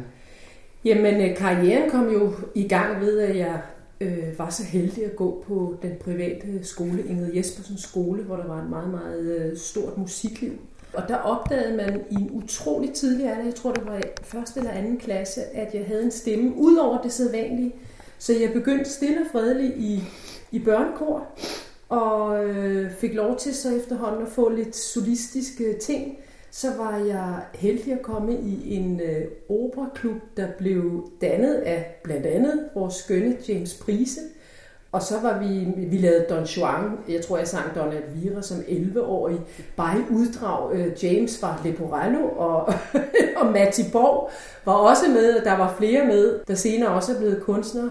Og den klub var jeg ligesom bare medlem af, og vi lavede næsten hvert år et stykke, som vi, som vi opførte på en rigtig scene, der blev bygget op i gymnastiksalen Bringer Jespersen.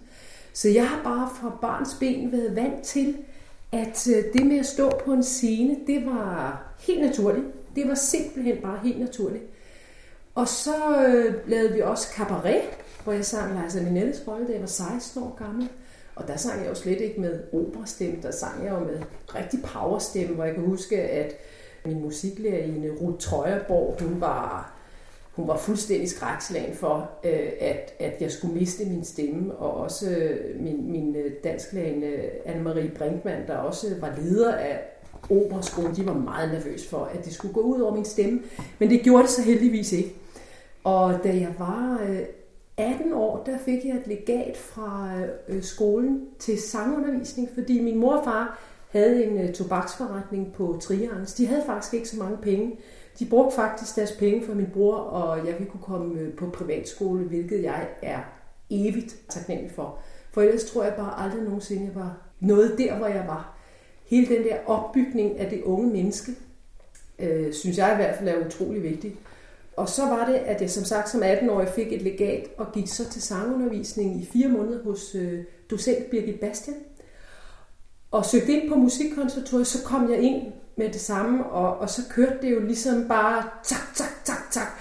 Øh, to år på forskolen, to år på hovedskolen, så kom jeg over på operaskolen, og som du siger, allerede efter et år på operaskolen var jeg så heldig, at øh, daværende operachef Paul Jørgensen og øh, leder af Operaakademiet øh, Tony Landi og Friedrich Gürtler, de øh, anbefalede mig til at skulle få den her fantastiske femårs kontrakt. Og så var mit held jo gjort, fordi ja. jeg fik simpelthen alt den tid i verden til at udvikle mig stille og roligt, helt til jeg var 30 år, uden de store... Selvfølgelig lavede jeg store forestillinger inde på det kongelige teater, men det var jo ikke sådan med 80 forestillinger om året. Det var højst 20 forestillinger, indtil jeg var 30. Og det, jeg tror simpelthen, det har reddet min stemme. Mm. Fordi i dag får de unge mennesker i realiteten alt for meget at synge, alt for hurtigt, og de ødelægger deres stemmer. Ja. Altså der har du simpelthen været både meget privilegeret, og så har du altså også haft det, de, som de efterspurgte, ikke? Du ja. har jo simpelthen kunnet levere varen, ja. kan man sige, ja. Ja. Og, og starte med at synge noget som grevinden ja. i Figaro's bryllup. Præcis, nemlig. Ja, det er jo Præcis, et kæmpe parti. Det, det er et stort parti. Ja. Lige inden jeg lavede Grevinde i Figaro's bryllup, der havde jeg sunget en mindre rolle i Genufa, øh, Barena, en lille bondepige, og den sådan regner jeg lidt for min debut, så jeg har faktisk 35 års jubilæum som solist i år. Men så gik det som sagt slag i slag. Mm. Med de der, jeg røg lige ind i de store roller. Og på et tidspunkt kan jeg bare huske, at øh, så kunne jeg mærke, der skulle ske noget andet. Jeg ville mere. Jeg har altid været enormt ambitiøs. Ja. Jeg har altid ønsket at ville synge i udlandet og lave den store karriere. Og så den kom, ambition har du haft fra starten? Ja. Jeg, jeg skrev som 12-årig i min dagbog, at jeg ønskede mig, det var det eneste, jeg ønskede mig, at jeg kunne gøre en lige så stor international karriere, som den spanske sopran Victoria de Los Angeles, der var jo helt, helt stor i 50'erne. Og det er jo helt vildt, når man så kigger tilbage. Når man læser de der dagbøger, som jeg så holdt op med som 14-årig, der havde jeg jo ikke tid til det længere. Men alligevel, at jeg har haft næsen nede i sporet hele tiden. Mm. Det synes jeg er lidt øh, rystende, når jeg kigger tilbage nu som 58-årig og ser alt, hvad jeg har lavet. Det er meget, meget taknemmelig og stolt over. Din stemmetype er jo over i det dramatiske, og det kræver mange kræfter og en kraftig stemme, der skal synge igennem sådan et stort orkester. Ikke? Ligger det i stemmen tidligt? At, og kan man så blive ved med at udvikle den? Hvornår, ja. hvornår lærer man sin stemme at kende? Altså, jeg havde nok den store stemme lige fra starten, men det nytter ikke at have en stor stemme, hvis ikke du har en god teknik. Og der var jeg fantastisk heldig at blive involveret både i øh, øh docent Susanne Eden fra øh, Musikkonservatoriet, plus at jeg fik en masse privatundervisning hos, øh, hos øh, professor Oren Brown fra Juilliard School i New York. Og der, hos ham gik jeg fra jeg var 24 år, og, og faktisk de næsten ja, regelmæssigt 10 år, øh, hvor, hvor jeg hele tiden også var utrolig heldig at få legater så jeg kunne tage over og, og besøge Oren og bare øh, tage undervisning hos ham. Og jeg kan huske på et tidspunkt, hvor jeg havde været så, øh, så utrolig øh, øh heldig at få et langt legat, hvor jeg kom over og, og skulle synge åh, oh, hvad var det? Var det øh, Chrysotemis, jeg skulle synge hos ham? Og der, der arbejdede jeg jo med ham hver dag, og, og kunne egentlig ikke, øh, synes ikke rigtigt, at jeg kunne synge det, øh, uden at blive træt i stemmen. Efter seks uger, så var den der bare. Så, så jeg har været, jeg har lært en sindssygt god sangteknik, som jeg så har udviklet selv øh, hen ad vejen. Jeg underviser jo også selv, og har mange elever privat herude, hvor jeg bor. Og det der med at have en god sangteknik, det er alfa og omega. Du kan være nok så stor en sanger, nok, nok så stor en stemme. Hvis ikke du ved, hvordan du behandler din stemme, så går det ikke. Så kan du ikke, øh, du kan sikkert synge en del år, men, men øh, der sker altså noget, når du bliver de der 40-45 år, der begynder stemmen, så at sige, at blive gammel. Og hvis ikke du ved, hvad du gør med din stemme, øh, så, så kommer der problemer med det. Du begyndte jo altså med Mozart, ikke? Og øh, det er jo så et parti, man kan kalde øh, Grevinden i Figaro's Bryllup, et lyrisk dramatisk parti. Og derefter så udviklede din, din stemme sig til det mere højdramatiske, og for eksempel et parti som Elektra, Richard Strauss, som du også har sunget mange gange i, på Operaen i København. Ja. Og så er det, jeg tænker på øh, den overgang, der er fra øh, Mozart til Wagner og Richard Strauss. Og når man er engageret mange år frem i tiden, som du jo har været, ikke? Øh, hvad sker der så, når du for eksempel siger, at jeg kan ikke synge Mozart mere, min stemme vil ikke synge Mozart mere? Hvad siger dirigenterne og operacheferne, når du pludselig efter tre år siger nej? Øh, ja. Det er forbi det med at synge Mozart. Jamen, det gik faktisk rigtig nemt, fordi alle kunne høre, at øh, stemmen gik i den retning. Så det har været mig hele tiden, der har været inde og bestemme. En ting, jeg har været rigtig god til i min karriere, det har været at sige nej. Jeg har været utrolig god til at sige nej. Og øh, da jeg kom sådan, jeg debuterede jo også på Wiener Staatsoper, hvor jeg tror, jeg har været en 32-33 år som Fiordilici i øh, Crucifix af Mozart. Og øh, der var det ligesom om, da jeg nærmede mig de der 34-35 år, der kunne jeg bare mærke, at jeg sang stadigvæk Pamina i Tryllefløjten, der er jo ekstremt lyrisk rolle. Jeg kunne bare mærke, at stemmen ved det ikke rigtigt øh, længere. Det blev sådan lidt besværligt, hvor man sådan ligesom kunne fornemme, at det var meget nemmere at synge noget af det, der var lidt mere dramatisk. Og så har jeg været heldig også at have nogle gode operachefer, som øh, har kunne høre det, og der har slet ikke været nogen problemer. Alle har kunne høre, det var bare i den retning, det gik. Og så begyndte tilbudene jo også at komme, hvor der ikke øh, kom nogen Mozart-tilbud, men så kom alle de andre tilbud. Så det har været en utrolig glidende overgang, mm. hvor jeg selv har faktisk har været inde og bestemme hele tiden. Fordi jeg tænker bare på, når du bliver engageret tre år frem i tiden, ja. så kan det jo godt ske, at det var det forkerte, når man kommer derhen. Ja, det, det synes jeg faktisk har gået stille og roligt, fordi jeg har selv sagt nej så, for jeg har kunne mærke, at der er et eller andet, der forandrer sig. Og min drøm var jo altid at synge og blive dramatisk sopran. Det, det har været min ambition hele tiden at komme derhen, og har, har lyttet til de kloge mennesker, jeg har været omgivet af. Også læst meget om de gamle sangerinder, hvor de jo også havde en helt naturlig overgang fra de mere lyriske partier, og så når man blev ældre, så var det først de dramatiske partier, du ligesom gik over i. Øh, og det har jeg lyttet til, og har fulgt den vej, og den har været bare helt rigtig. Og jeg vil virkelig ønske, at alle unge sanger vil gøre det samme, så de ikke kaster sig hovedkuls ud i noget, som stemmen ikke har kondition til.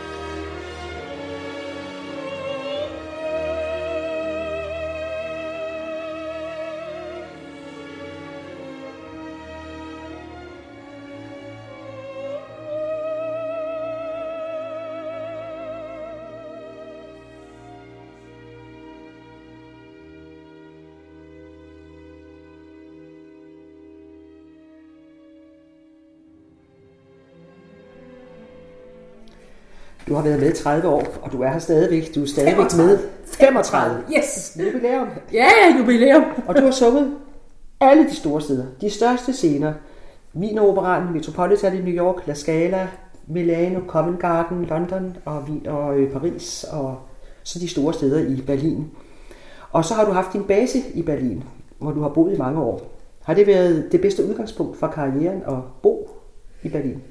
Ja, det synes jeg. Det var det helt klart i begyndelsen, men så øh, jeg mødte allerede efter et år, jeg flyttede til Berlin, da jeg var 30 år, og mødte min mand, da jeg var 31, øh, Herwig Oswalder, som er bratist i operan, af Deutsche Oper Berlin. Og så flyttede vi sammen, og der blev jeg så boende til jeg var knap 40 år. Fordi så blev jeg faktisk nødt til at flytte hjem igen. Jeg savnede Danmark så meget. Jeg havde været ude, eller, og, og var konstant ude at synge 8-10 måneder om året, hvor jeg, var, øh, hvor jeg bare rejste og rejste. Og Som jeg skal skynde mig at sige, at jeg har en meget tålmodig og forstående mand, der har stor respekt for det, jeg laver, og har kunne, hele tiden kunne forstå, hvorfor jeg hele tiden var ude at rejse. Og vi har ingen børn, så det gjorde det jo meget, meget nemmere.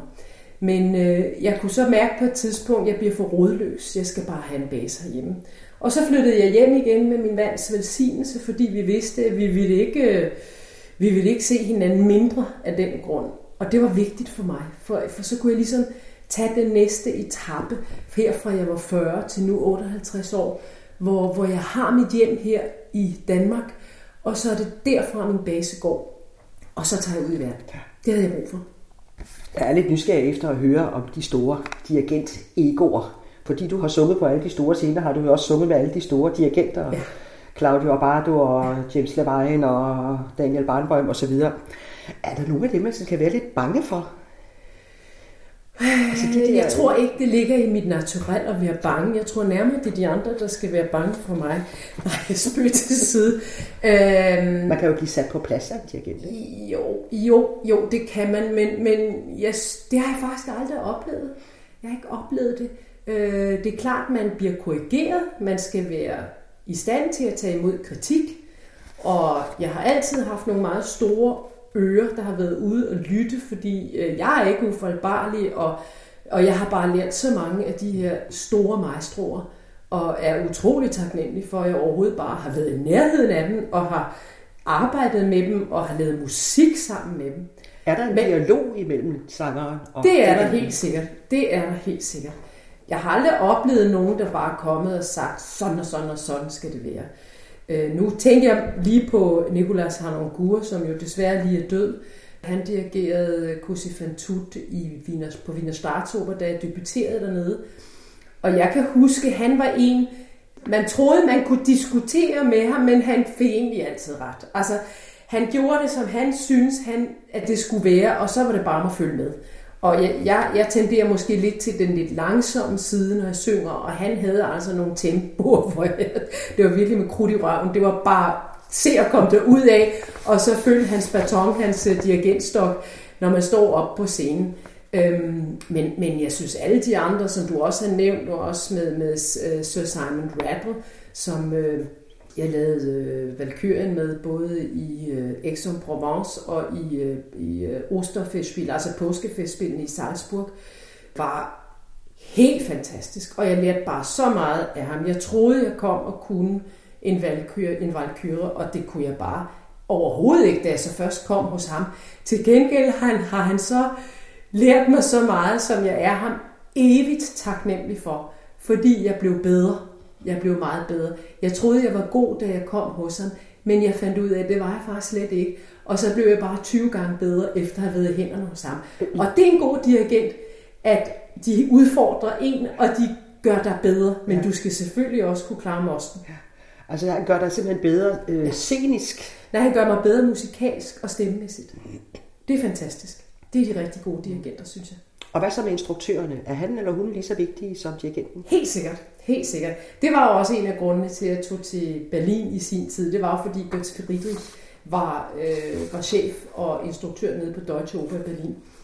Jeg vidste fra vores pragtfulde Lone Koppel inden for det kongelige teater, som også underviste mig på operaskolen. Hun sagde til mig, at Götz Friedrich havde netop været en af øjenåbnerne for hende, og så tænkte jeg, jeg har altid beundret hende dybt og inderligt for hendes udtryk og hendes, det, hun kunne på scenen. Og så der skal jeg da bare også ned og lære en hel masse, og det var det helt rigtige. Det var simpelthen det rigtige for mig. Hvad kan en instruktør lære en operasanger? Jamen, jeg synes jo altid, der er lige så meget skuespil i en opera, som der er det musikalske. Der Og hvis det er en god instruktør, så kan han lære dig det. Så kan han lære dig at få sammenhængen ligesom på plads. Og det er mindst lige så vigtigt. Jeg, jeg kan huske en episode, hvor øh, den fantastiske tyske tenor Peter Seifert og jeg, vi skulle lave Lohengrin, og det var, vi var debutanter. Nej, jeg havde, nej, det passer ikke. Jeg havde lavet den en gang, et par gange på, på operan øh, herinde i København. Og øh, Gertrida skulle så lave en ny produktion på Berlin. Jeg tror, jeg har været 31-32 år. Og Peter var måske 36-37 år. Og der har jeg aldrig glemt, at da vi skulle lave den store duet i tredje akt, hvor Elsa og Lohengrin er på scenen, jeg tror, er det 20 minutter cirka, hvor de har en duet, der, der tog Götz os og satte os simpelthen ned og sagde, nu læser jeg teksten op for jer. Vi fik overhovedet ikke lov til at synge en tone.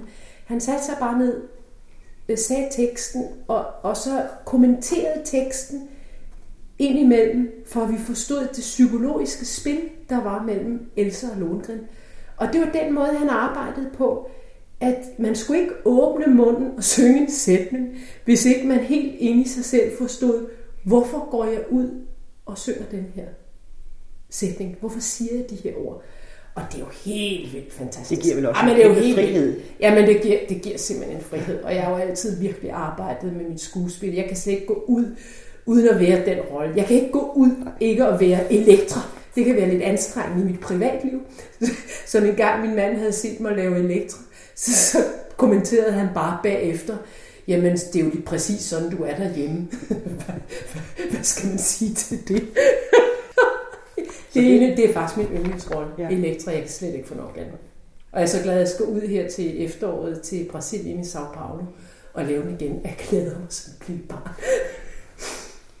Du er jo i den grad operasanger, men har du også et koncertrepertoire? Jo, det har jeg, men det er bare ikke, det har ikke været der, jeg har lagt min energi. Jeg er så glad for at løbe rundt ude i cirkusmanagen, og, og øh, ja, det, jeg har det fint med at lave koncerter, men jeg har det måske allerbedst, hvis det er uddrag af opera, der bliver lavet øh, på, som koncert. Øh, jeg har jo sunget fire letste lieder, jeg har også sunget, sunget Wesendonck-lieder, jeg har lavet maler, symfonier og, og you name it. Men, men jeg kan bare mærke, at jeg er allergladest ude i cirkusmanagen, hvor jeg får lov til at løbe rundt simpelthen. Det der med at løbe rundt, det, det har jeg det rigtig godt med. Det er svært at stå stille. Jeg, kan, jeg har meget svært ved at stå stille.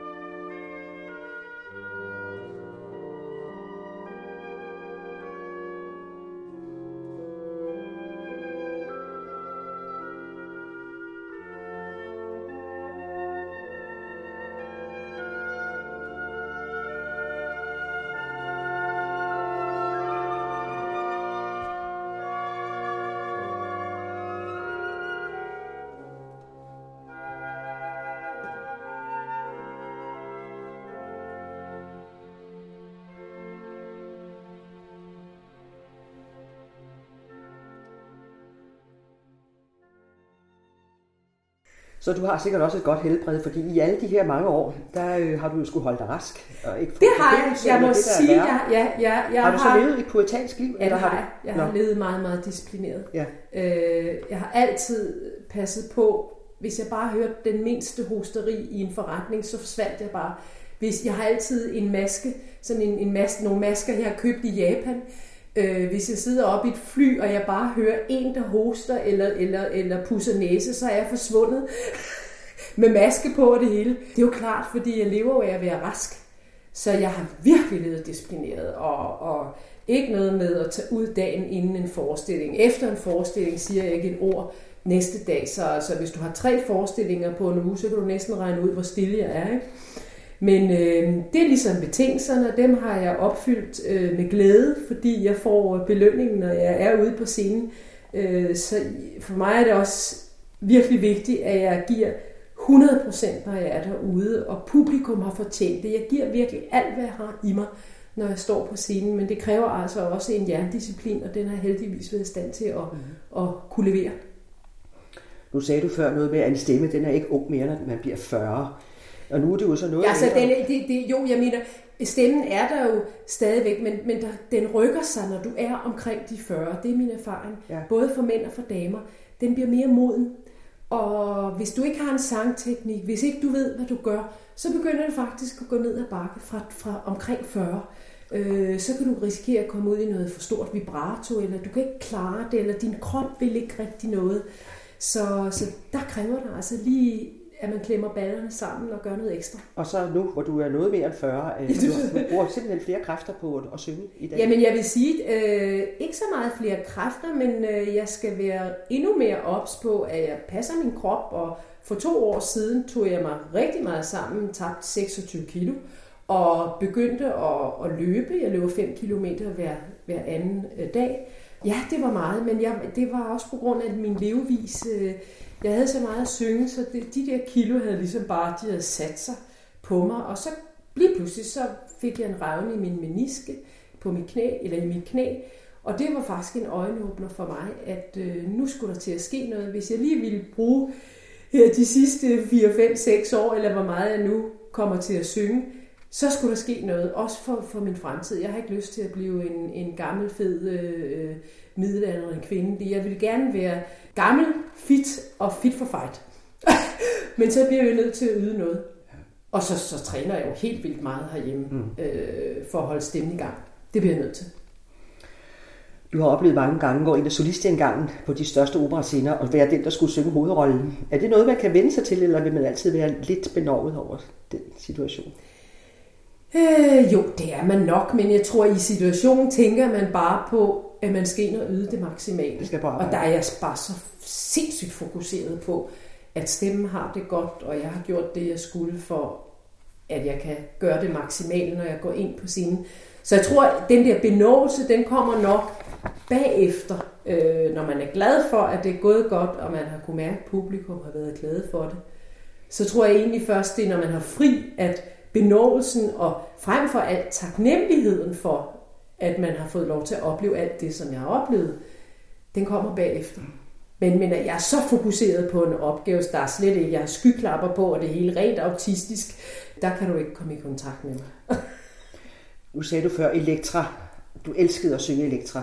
Du har sunget masser af Wagner. Er der, er der noget af det, der er det allerbedste? Er Elektra det bedste? Er Brynhilde det bedste? Jeg synes, Brynhilde og Elektra, det er det allerbedste. De to? Aller, aller, allerbedste. Altså slutscenen. Hvad er det, først, der gør det? Jamen, øh, det er så stort. Det er så fantastisk. Det er så bredt.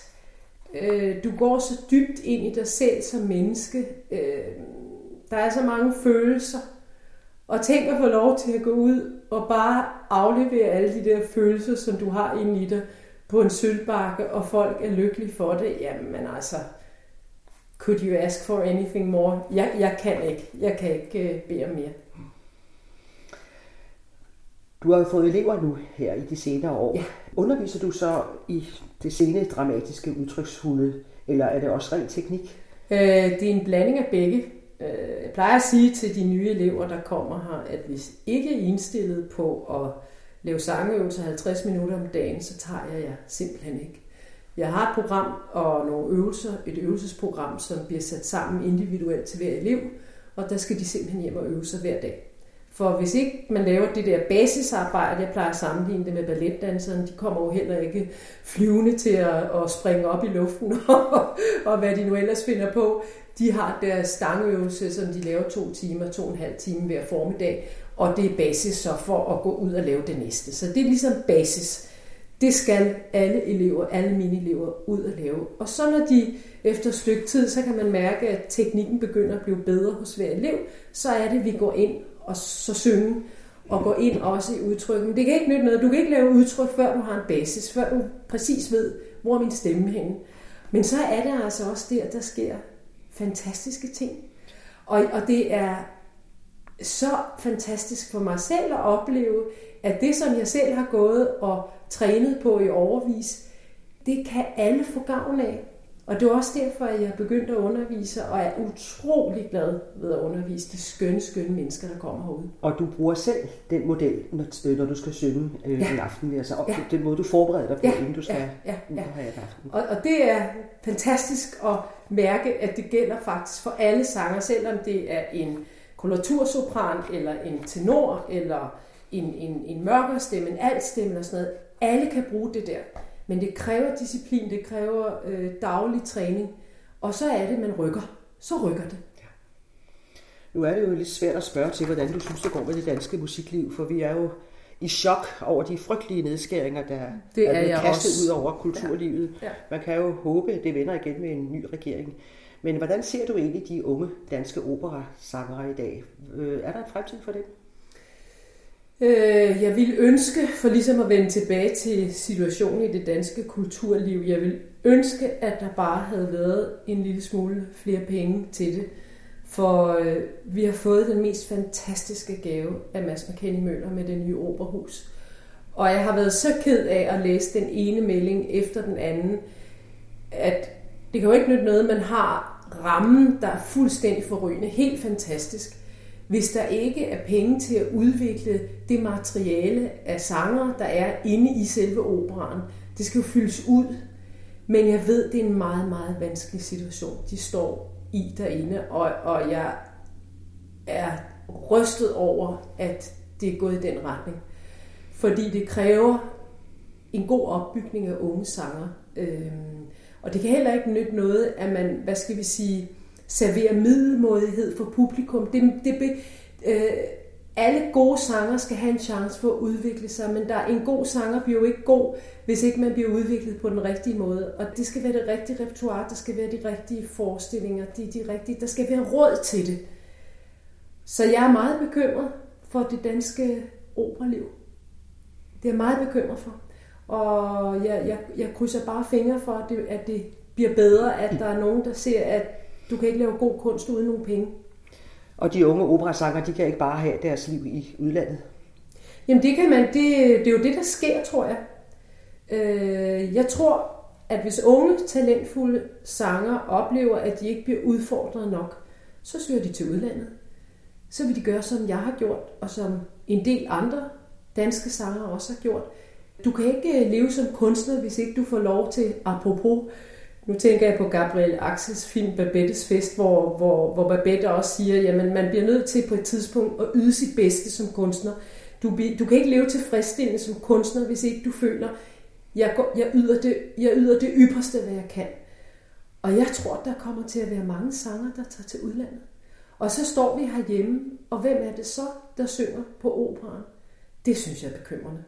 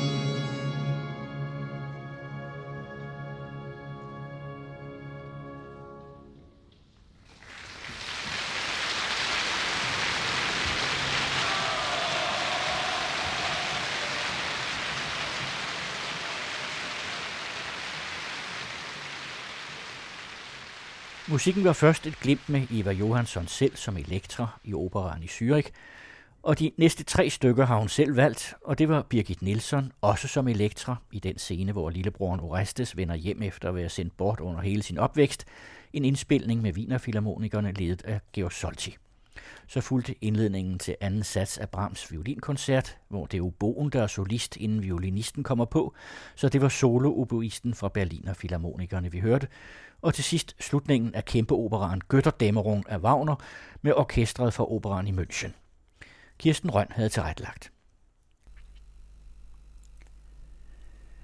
Jazzbassisten og forskeren Jens Skov Olsen slår i denne Sofia-samtale med Jens Råhauke til lyd for, at vi skrotter det skadelige læringsbegreb, og i stedet satser på et undervisningssystem, hvor det handler om at ville kunne noget sammen med nogen, der kan.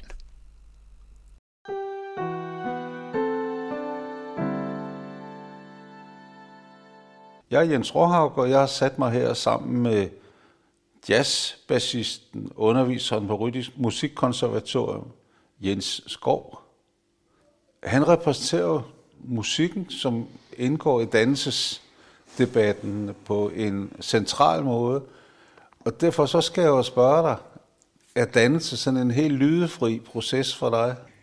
En, en lydefri proces? Nej. Øh, dannelse er meget lydende. Ja. ja. Det er et sjovt ord, det der lydefri. Betyder det ikke øh, uden skavanker og mangler? Øh, dannelse handler netop om at lytte til øh, og blive klar over skavankerne og manglerne, at kunne arbejde med dem og kunne noget med dem. Og derfor så tror jeg, at dannelse det er alt andet end lydefrit. Dannelse det er at blive til et medmenneske. Både for andre og for sig selv. At kunne leve med andre og med sig selv. Og det sidste, det er jo ikke mindst højt aktuelt i vores samtid, det er at kunne leve med sig selv på en god måde.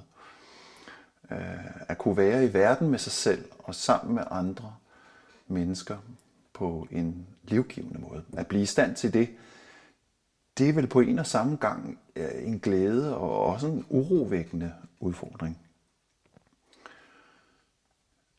Jeg tror derfor, at dannelse, det er jo også besindelse, slid, modstand, nederlag og tab. Øh, ligesom det gælder alt, alt muligt andet, som vi gerne vil kunne kunne. Øh, ja, det lyder jo som alvorlige sager. Øh, måske er det også det humør, jeg er i. Jeg, jeg er vred i dag, så, Nå. så nu må vi se. Ja, har noget med dannelse at gøre, din vrede? Ja, det har meget med dannelse at gøre. Jeg arbejder i de her dage med ledere, undervisere og elever. Og øh, der kan jeg virkelig mærke de friktioner og de tryk, som vores forsøg på at skabe dannelse, det resulterer i. Mm. Mange føler sig fortabt i skolen i dag. Vores uddannelsesinstitutioner har udviklet sig til steder, hvor vi næsten føler, at vi er til besvær. Hvilket jo er paradoxalt, da det netop er os, elever og undervisere, som det hele burde handle om. Det er som om, at dannelsen er blevet skubbet til side til fordel for noget andet. Og min analyse er, øh, at man har besluttet, at behovet for de her humanproduktionsenheder, der kan indtage deres pladser i samfundsmaskineriet, det behov er langt større øh, end drømmen om mangfoldige medmennesker, der har mod på at leve et levende liv i pagt med dem, vi er. Altså, det er jo rent Niklas Luhmann, ikke? Samfundets uddannelsessystem beskytter sig selv. Der var engang en rektor, der sagde til mig, at han elskede sommerferien, for i ferien så var der ikke alle de her forstyrrende undervisere og elever på skolen, og så kunne han rigtig få lavet noget, som han sagde. Altså strukturen, hierarkiet, byråkratiet og læreplanerne, det synes at være det vigtigste. Og undervisere og elever, vi må bare forsøge at passe ind så godt vi nu kan. Og så er det, jeg tænker, måske er det utrolig svært at gøre noget ved, men vi må da i det mindste kunne sige højt, hvordan det rent faktisk er, og så begynde at tale sammen om det. Og så er det, jeg bliver vred. Nu har du antydet, du har antydet, hvordan det er. Ja. Hvordan kunne det være? Ja, hvordan kunne det egentlig være? Jeg har lige genlæst Sten Ever Larsens bog om dannelse. At ville noget med nogen. Og indtil nu, der har jeg faktisk opfattet titlen som underviseren, der vil noget med eleven, eller skolen, der vil noget med underviserne. Men lige pludselig så vendte det sig på hovedet for mig. Og jeg kunne lige pludselig se en meget stærkere vej for dannelsen, nemlig når eleven vil noget med underviseren. Der er dannelsens mulighed stor, som jeg ser det. I det eleven drevet af at ville kunne noget, her har fundet et andet menneske, som rent faktisk kan det noget, som hun vil kunne. Og så hænger det hele pludselig meget bedre sammen. Det er ligesom med et musikinstrument. Klangbunden på musikinstrumentet er jo allerede på plads, når strengene begynder at klinge. Øh, og jeg har nogle gange fornemmelsen af, at klangbunden nærmest tigger om, at strengene begynder at spille, eller jeg begynder at spille på strengene. Først klinger strengene, og så klinger klangbunden med. Og selve klangbundens klingen med får igen strengene til at klinge endnu mere. Og så er det, vi kunne kalde øh, dannelsens klingen, er i fuld gang. Mm. Så måske skulle vi kalde dannelse det at ville noget med hinanden, i stedet for det mere passive og anonyme nogen, og på den måde så få gensidigheden med. Det tror jeg måske er tættere på det, der reelt sker, når dannelsen sker med os. Eleven inspirerer underviseren, der inspirerer eleven, der inspirerer underviseren osv. At ville noget, det er stærkt, aktivt og forpligtende. Men det fokuserer vi slet ikke på i vores uddannelsessystem. Det handler alt sammen i stedet for om at lære noget. Og som jeg ser det, så er det at lære, det er svagt, reaktivt og uforpligtende. Jeg får simpelthen lyst til ikke blot at holde op med at fokusere så meget på det der gyslige læringsbegreb, men lige frem, hvis vi kunne øh, bortvise hele den her begrebspakke øh, fra vores sprog. Og hvis det kunne lykkes, så, så, så var det pist væk fra så læringsmål, læreplaner, læringsstiler, læringsstrategier, livslang læring og alt det andet bullshit bingo. Ja. Jeg foreslår, at vi i stedet for det svage at lære, bruger det langt stærkere at ville kunne. Hvorfor? Fordi vi kan nemlig ikke særlig meget af det, vi har lært. Vi har måske lært at tale tysk, men kan vi tale tysk? Vi har lært at respektere hinanden, og vi har lært at opføre os ordentligt, men kan vi rent faktisk respektere hinanden og opføre os ordentligt, når vi står i det? Øh, med den her lille tilføjelse, så foreslår jeg, at dannelse handler om at ville kunne noget med nogen, der kan. Og jeg kan som underviser igennem nu mere end 30 år skrive under på, at det er netop det, der altid har drevet mig. At hjælpe elever og kolleger med at kunne noget med nogen og med noget. Men jeg har altid følt, at jeg skulle kæmpe med og mod det her uddannelsessystem for overhovedet for frirum og luft til at gøre det. Og jeg tror, at mange undervisere og elever, de mister pusten og giver op undervejs simpelthen. Mm. Jeg har mødt mange undervisere og elever, som har mistet pusten og ligesom prøver bare at klare den. Og så ender vi med, at skolen risikerer at producere undervisere, der har glemt, hvad de egentlig brænder for, og som underviser i noget, som de for længst er holdt op med at interessere sig for, for nogle elever, der grundlæggende ikke er interesseret i det. Mm. Og konsekvensen det er, at vi må lade os nøje med, at eleverne lærer noget om det, frem for at kunne noget med det. Og det, det er jo en erklæring. Så øh, velkommen til vores uddannelsessystem af nu 2022. Man kan jo også sige det med meget lav stemmeføring af et vredesudbrud. Det du ja. kommer med der. Jo. Fordi der findes jo faktisk øh, også engagerede mennesker, så, som, mm. øh, som vil noget i skolen. Der er jo nogle gyldne øjeblikke rundt omkring. Ja, heldigvis. Men det kræver altså også meget mere en almindelig vedholdenhed at blive ved med at holde den her dannelsesgnist i live midt i den storm, som jeg oplever raser på så mange skolegange i dag. Jeg kommer jo tit på skoler, øh, både i Danmark og Norge. De seneste mange år, der har jeg været øh, så heldig at få lov til at spille skolekoncerter for 10.000 vis af danske og norske børn hvert eneste år. Og om en måned, så rejser vi afsted igen mod det høje nord og spiller skolekoncerter for en masse norske unger. Øh, vi kommer ud med vores lille orkester øh, som en slags mellemrum eller mm, noget radikalt andet i en skole hver dag, som er fuld af alt det, man skulle burde nå at lære børnene. Og lige pludselig står vi tre musikere i en gymnastiksal med 180 børn og finder ud af, at vi kan en masse, både sammen og hver for sig. Og de undervisere, som er med i salen, de oplever til deres store overraskelse, at deres børn faktisk sagtens kan sidde stille i store flok og lytte, for så sekundet efter at hoppe og danse og spille på trommer, for så igen at sidde stille og lytte igen øjeblikket efter. Og uden den mindste råben og ballade. Det går faktisk helt af sig selv. og jeg kan se, at underviserne tænker, hvordan kan tre musikere ikke blot holde styr på seks fjerde klasser i en halvkold gymnastiksal, men lige frem skabe musik sammen med dem? Og hvordan klarer de sig egentlig helt uden læringsmål, læringsstrategier og hvad det nu ellers hedder alt sammen? Det er jo sådan, at vi musikere, vi skal først og fremmest kunne noget. Og så skal vi give børnene lyst til også at kunne noget. Vi har slet ikke noget at undervise i, og børnene skal heller ikke lære noget. Det ender altid med, at scenen er fuld af unger, der bare vil spille på alt, hvad der kan spilles på. Og det gør de, inden vi kan nå at stoppe dem. Jeg tror faktisk ikke, at der er en eneste af de unger, der oplever, at de ligesom er i gang med at lære noget.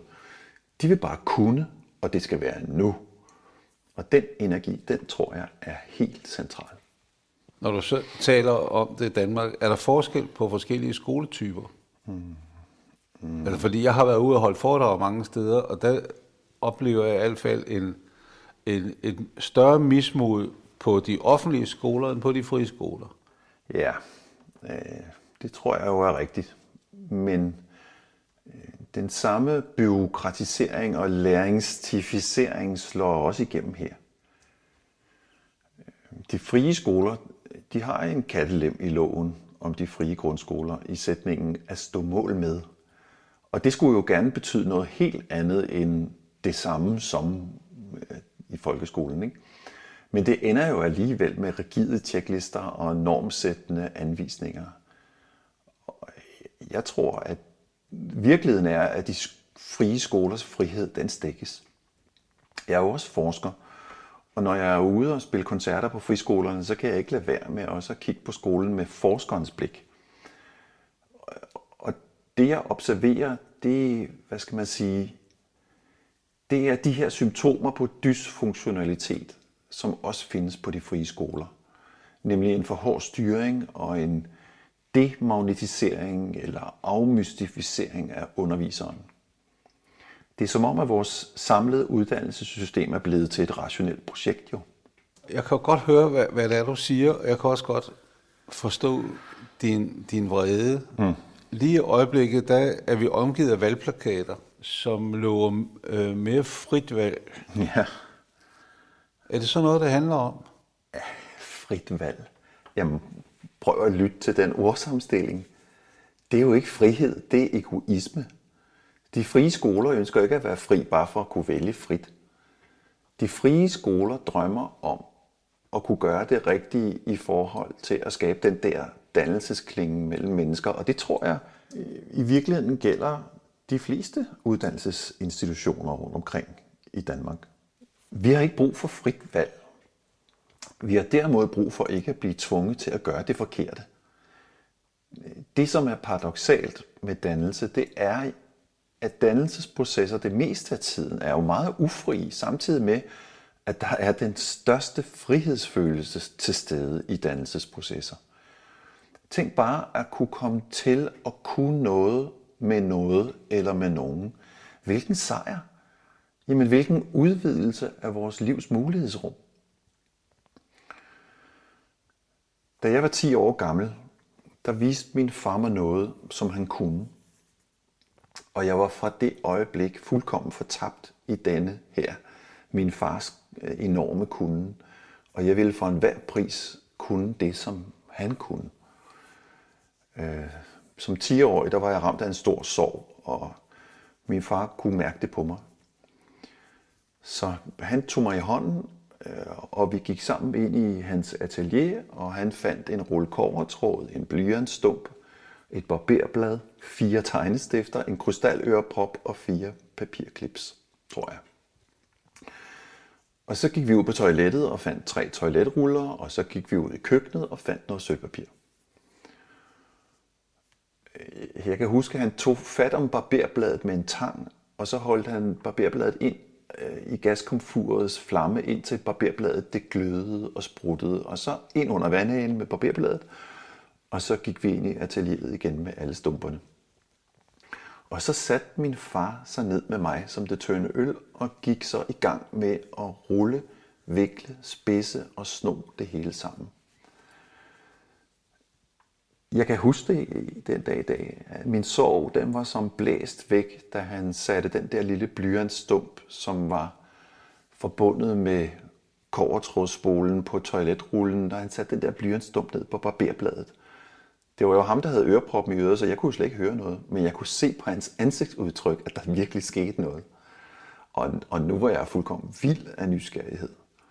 Min far han greb om de to øh, toiletruller, der var omviklet med sølvpapir, og begyndte så at forskyde dem sådan lidt i forhold til hinanden. Og så pludselig smilede han, og så fik jeg så lov til at få øreproppen i øret. Og det, og det jeg kunne høre, det var en russisk radiostation, der strømmede ud af øreproppen, og udvide min verden.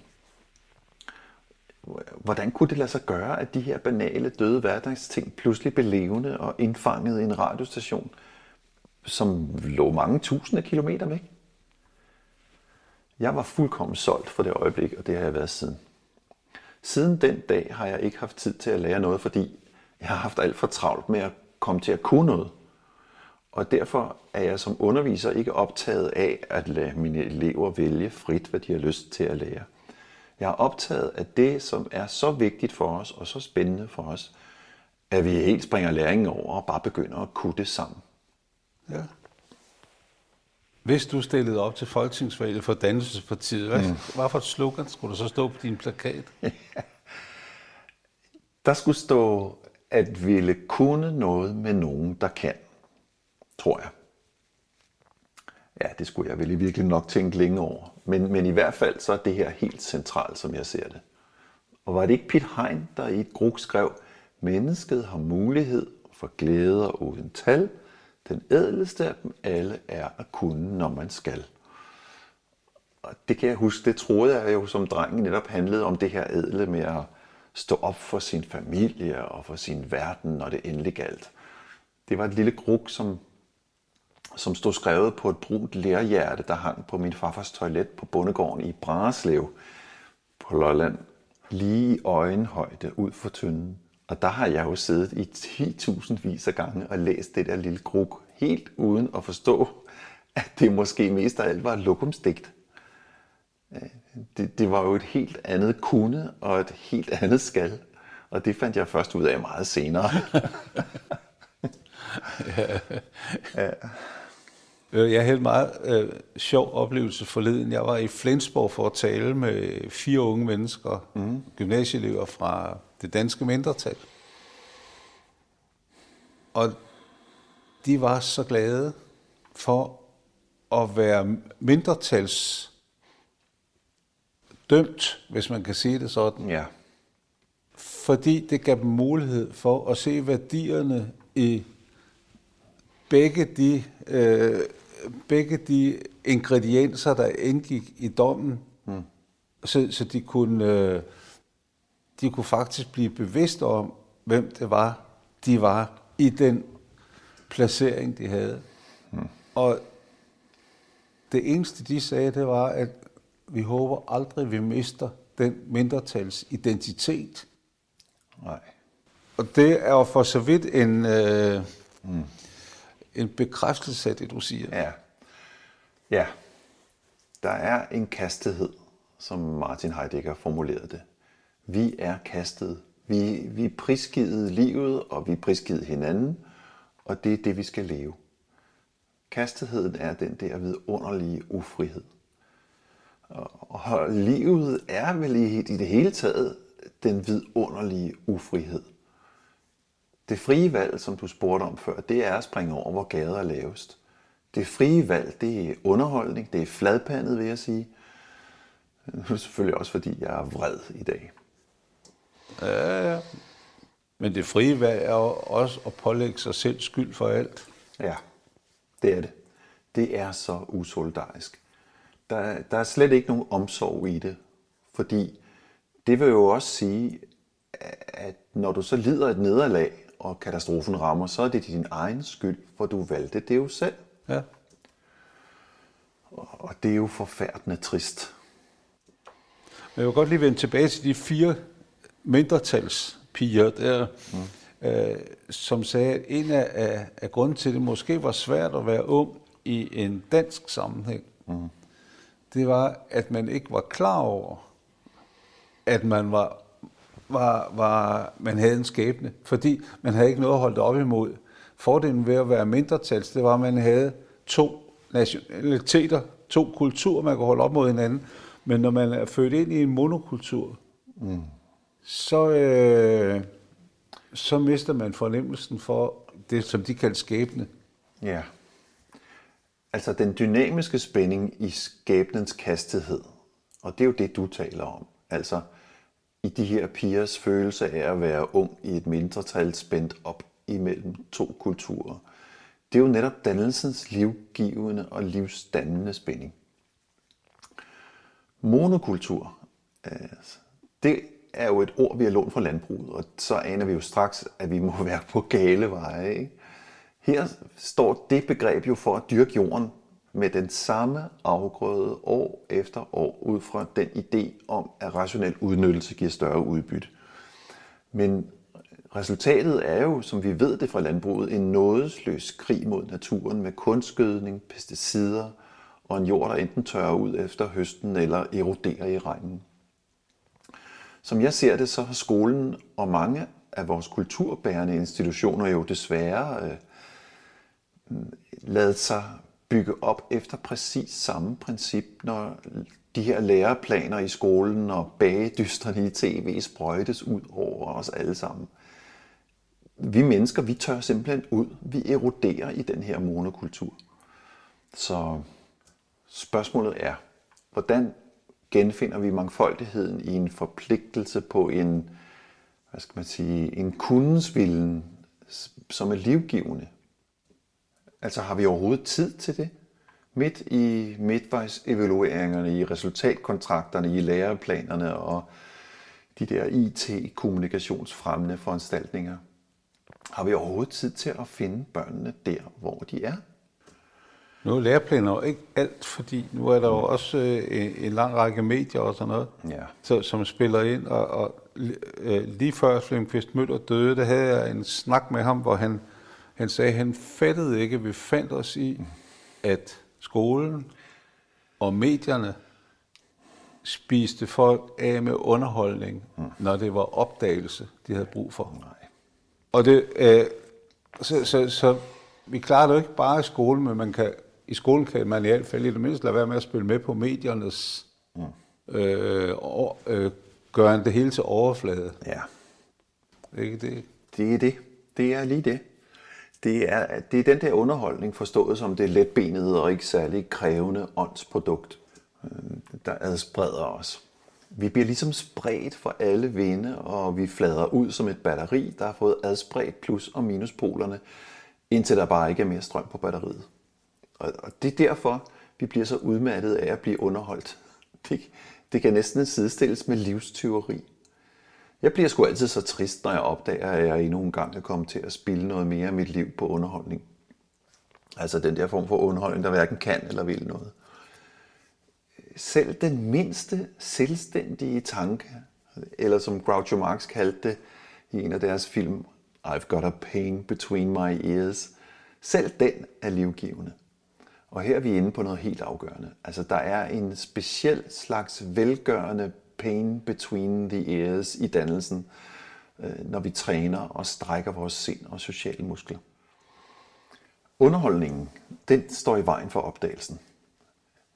Underholdning behager, mætter og trætter. Opdagelsen derimod, den provokerer, skaber sult og vækker til endnu flere opdagelser. Opdagelsen er ikke behagelig.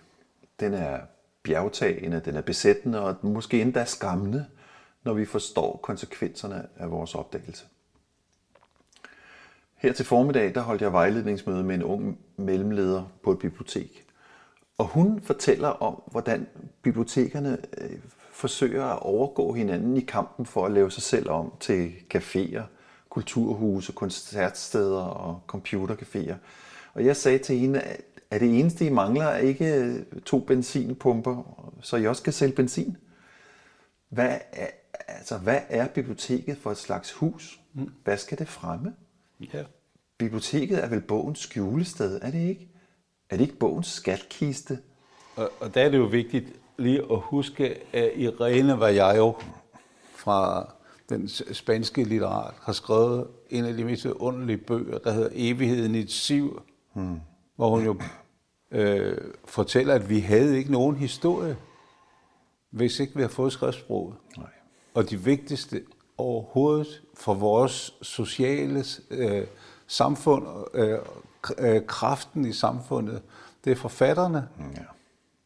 det er bibliotekerne, og det er boghandlerne. Mm. Og der mener hun er antikvarboghandler. Ja. Øh, så øh, det, det er jo lidt det, du, øh, du snakker om, at der er altså nogle ting, der er vigtigere end andre. Ja, og det, der er vigtigere end andet, det er at få genoprettet den skævvridning af vores kulturinstitutioner, som er sket.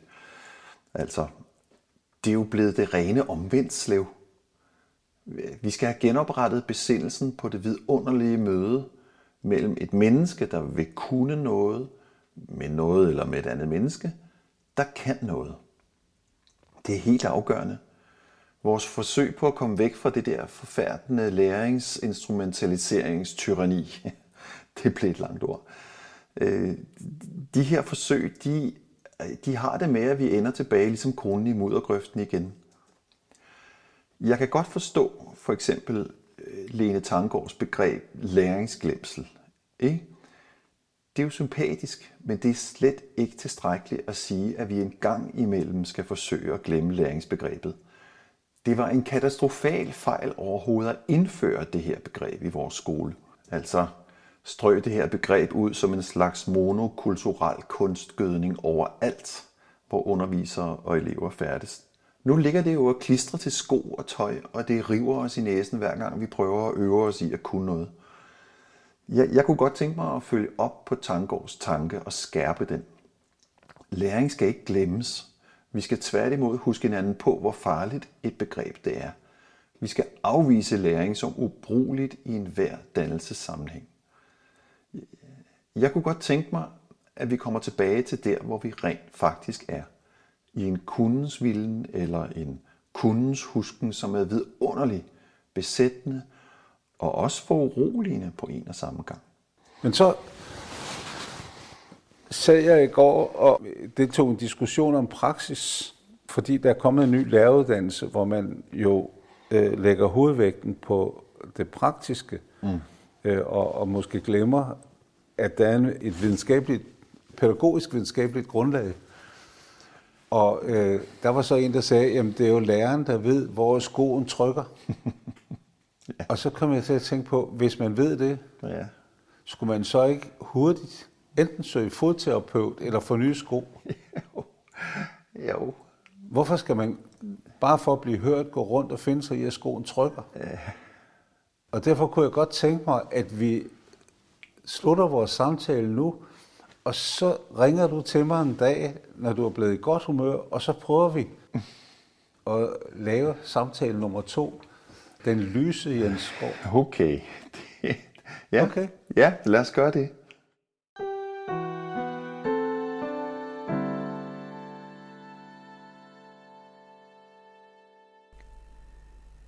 Jazzbassisten og forskeren Jens Skov Olsen plæderede i denne Sofia-samtale med Jens Råhauke for, at vi afskaffer brugen af læringsbegrebet i undervisningen, og i stedet for satser på et samspil mellem elever og lærere, hvor det handler om at ville kunne noget sammen med nogen, der kan.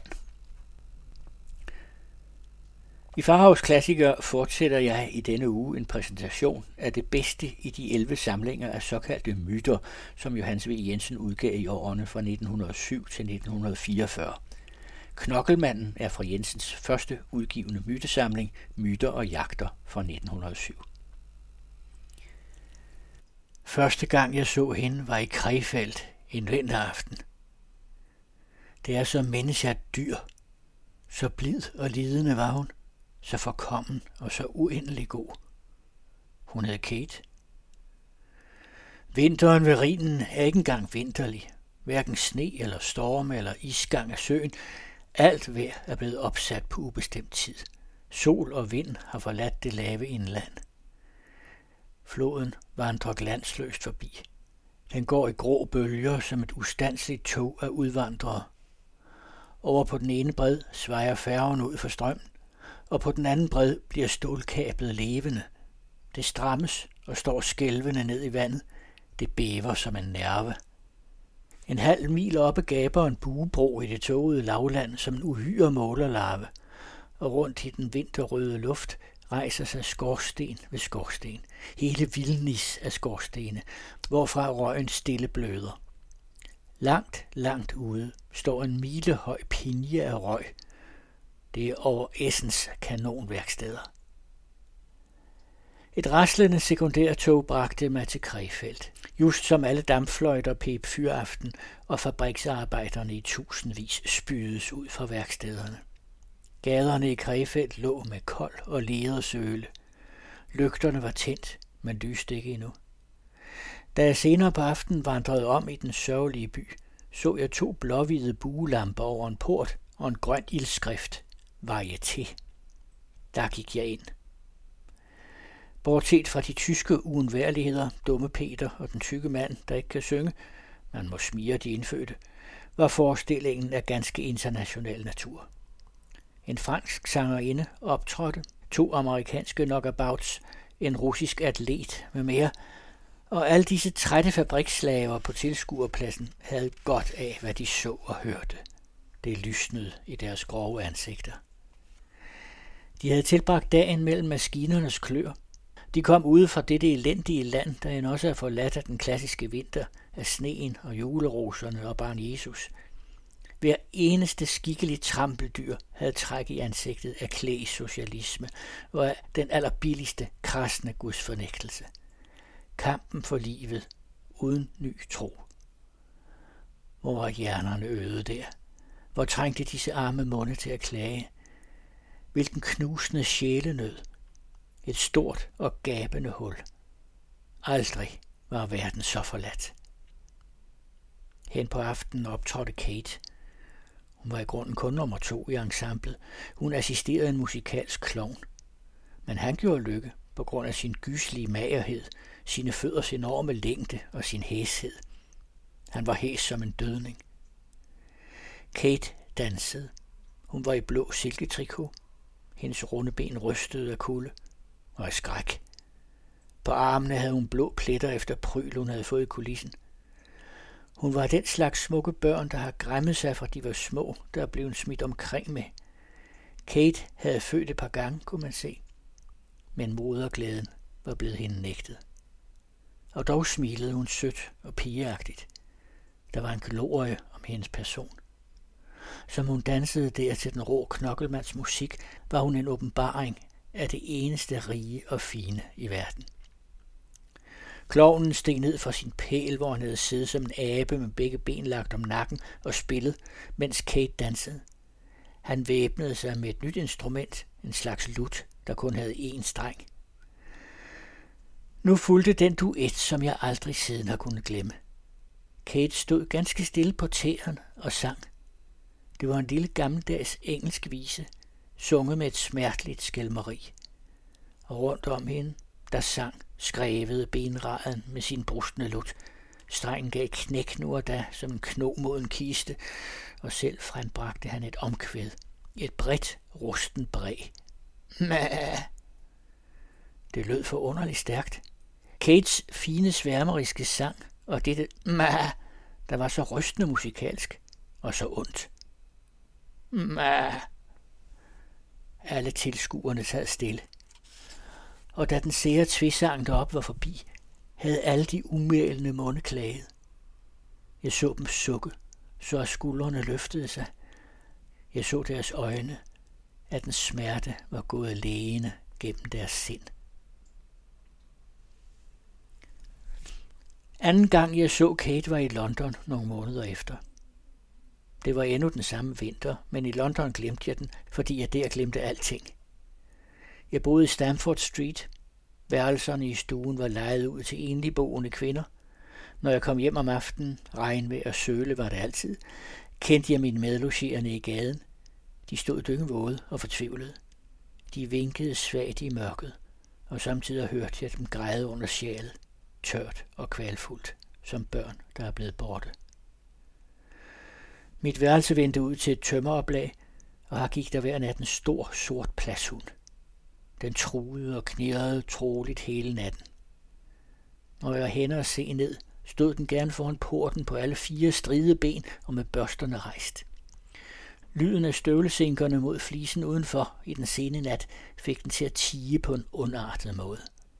Den var som en fortætning af nat og af søvnløshed. Den stod stille timer i træk som en sort og farlig sprængkraft dernede. Hvor var der ondskab og kval i denne vågen af en vild hund. Jeg smed i nattens stillhed brænde ned på den, når den knurrede, og mens byen London murede i søvne, hørte jeg, hvor hunden blev tavs, mens den splittede træstykkerne til spåner i sine frodende tænder. Hvad jeg mindes fra den gang er mørket i London. Jeg så kun byen belyst en eneste gang, og der lignede den en by, vandet er sunken fra. Husene var sorte af slam og stribet som efter en overlang oversvømmelse. Når jeg gik ned ad trapperne, stod der under tiden en dør åben til et værelse på anden sal, og der så jeg en gammel mand ligge i sengen. Det var en forhenværende sømand, tænkte jeg mig, der havde lejet sig ind for sine sidste midler. Han lå altid prober og kraftesløs med sit grå hoved på puden. Hænderne, hvorpå der var tatoveret ankre og bogstaver, havde han foldet taknemmeligt foran sig på dynen. For hver dag, der gik, så jeg, hvor han var bjerget, hvor underfundigt og komfortabelt han lå der og døde. Men hver aften, hver aften, når jeg kom hjem og ledte efter nøglen i min lomme, hørte jeg en sagte pipen ud fra nøglehullet i min dør. En hørlig træk af tomheden derinde. Jeg lyttede. Hør, hvor det sang utydeligt og bange. Den dør skulle jeg alene åbne. Inde i den forfærdelige stue ventede en ensomhed, som jeg alene havde nøglen til. Det blev til en myte i min erindring alt sammen. Hunden og sømanden, knokkelmanden og Kate. Hende fik jeg at se igen. Jeg faldt en aften ind i en varieté, hvor hun og knokkelmanden optrådte. De havde ikke forandret sig en smule. De gav nøjagtigt de samme numre som den aften i Krefeldt. Men da jeg nu hørte tvisangen igen, Kates lille smertelige skæmske vise og den skinmagre abes dybe musikalske ravnesang, der slog det mig, at det var en livets og dødens duet, jeg hørte. Ak ja, Kate, den fine og mishandlede kvinde, der smilede og sang, så at alt blev ømt og gyldent. Og så denne satan med det sminkede kranium, der er musikalsk, der har talent, Manden, som hele sit liv igennem slår og knuser og ødelægger. Jo, Kates skære stemme vagte alle længsler, og den rustne bas rundt om hende manede grinende. Mæh! En dag, da jeg kom ned ad trapperne, stod døren ind til sømanden igen åben. Lanet var slået pynteligt op over hans ansigt. Formen af hovedet kunne skilnes. Han var død. Med ham døde bevidstheden om så så mange kryds rundt kapte gode håb. Med ham slugte erindringen om den og den dravat i spanske søen. Glimt af Dovers kridtklint, fulde fregatsejl under Sydamerikas kyst, sovtider og letsind. Med ham døde mindet om en ring af mennesker, troløse folk og lystige folk, havnesteders ubarmhjertige piger, hvide veninder, kanelbrune kvinder i Batavia.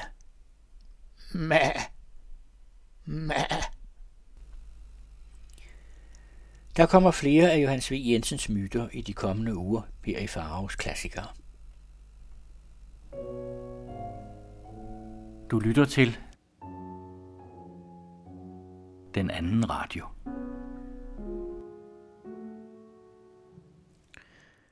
Julekomedien Nødebo Præstegård og festspillet Elverhøj er de mest spillede danske skuespil.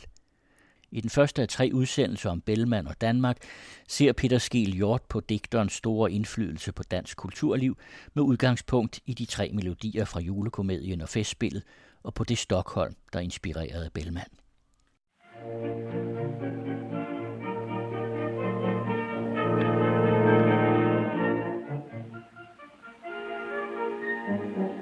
Vejen går til Nødebo, hist ved Isefjorden.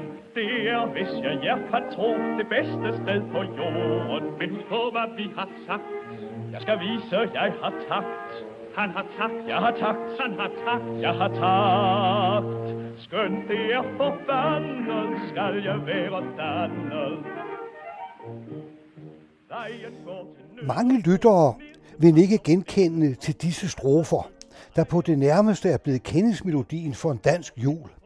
For noget mere dansk end den folkekære julekomedie Nødebo Præstegård er det nok svært at finde i kunstens verden. Den blev skrevet af skuespilleren Elit Rømert, der lod sig inspirere af Henrik Charlings hyggelige roman ved nytårstid i Nødebo Præstegård fra 1862. Med en fri fortolkning skabte han en teaterforestilling, der blev opført første gang på Folketeatret i København i 1888. Forfatteren spillede selv hovedrollen som Nikolaj, og siden var stykket fast på teatrets repertoire ved juletid.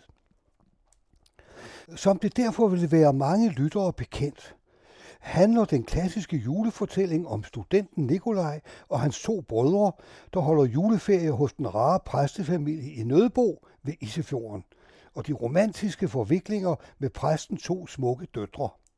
Da de drager afsted, synger de om vejen, der går til Nødebo, til det bedste sted på jorden, som de synger. Tre gange er den hyggelige julefortælling blevet filmatiseret, første gang i 1911 som stumfilm. I 1934 blev den til film med Hans Kurt i hovedrollen, hovedsageligt baseret på Elit Rømerts skuespil. I de næste 40 år var den hver eneste jul på danske biografers program og blev en af de mest sete danske film nogensinde. I 1974 kom en ny version, baseret på både romanen og skuespillet.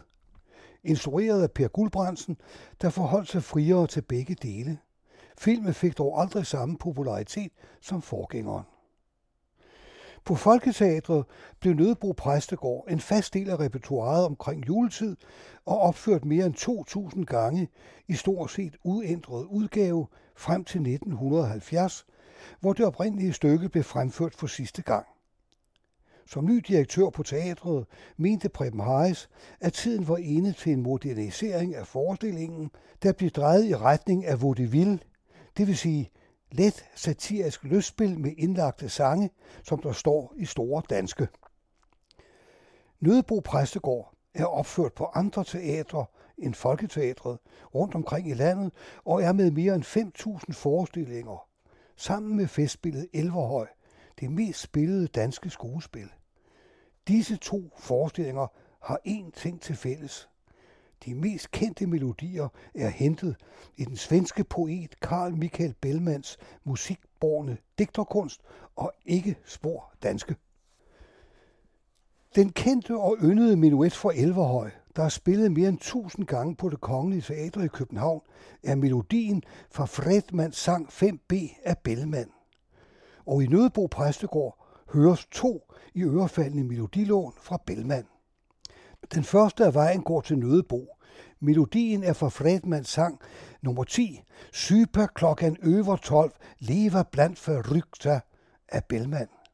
Den anden er Pastor Blikkers velkomstsang, Kom her i velsignede drenge, på melodien fra Fredmans epistel 31, Se Movits, vi står dyr gråter. Begge sange findes med Edith Rømert sammen med Maria Garland og to andre i en indspilning fra 1926-27. Vejen går til Nødebo, ned til pastor Blikker. Han er døtre, ejer to, mit hjerte dække dækker. Men husk på, hvad vi har sagt. Jeg skal vise, jeg har takt. Han har takt, jeg har takt, han har takt, jeg har takt. Skønt det er forbandet, skal jeg være dannet.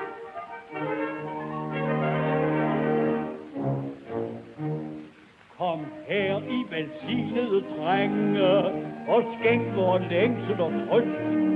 Vi har jo alt ventet jer længe. Kom gamle, kom her til mit bryst.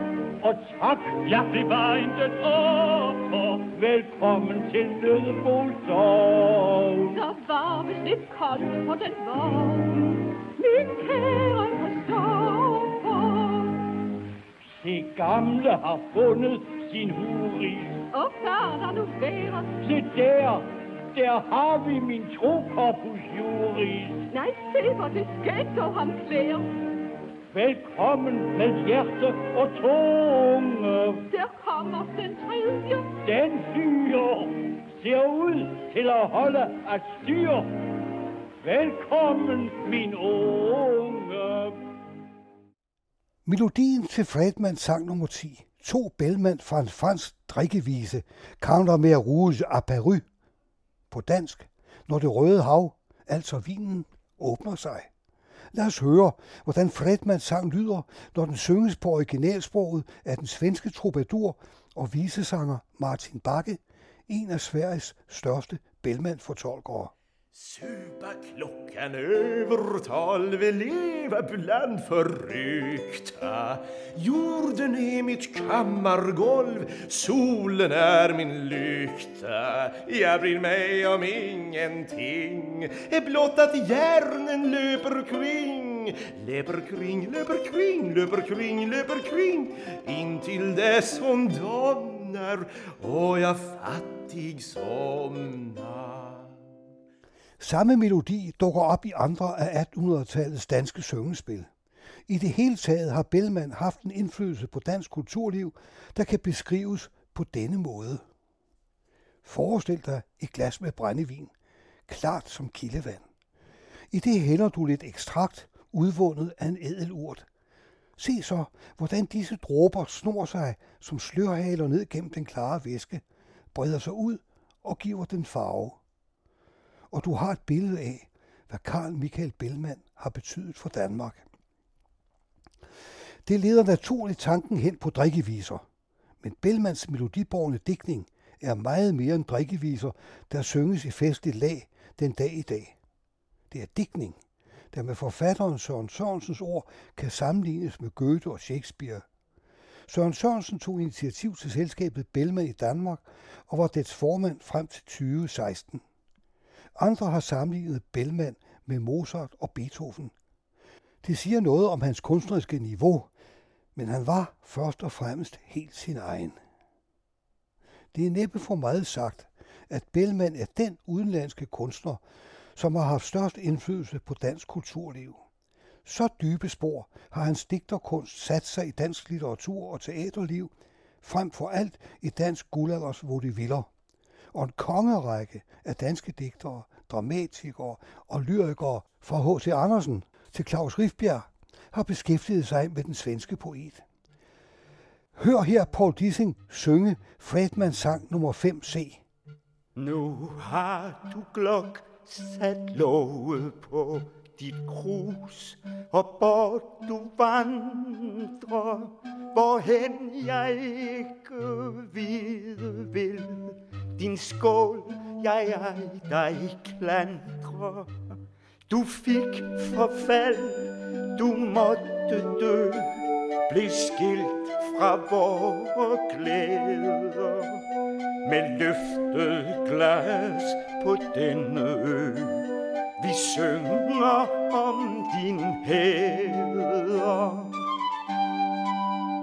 Du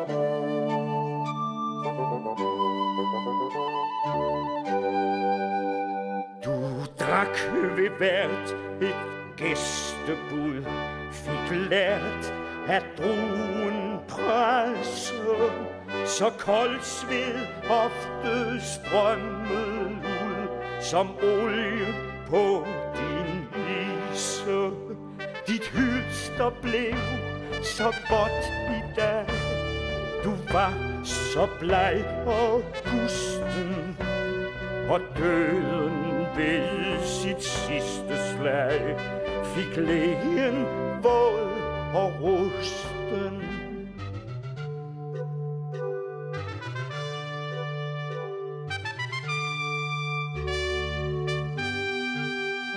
Men ak, hvor er din stemme nu, som talte smukt til alle?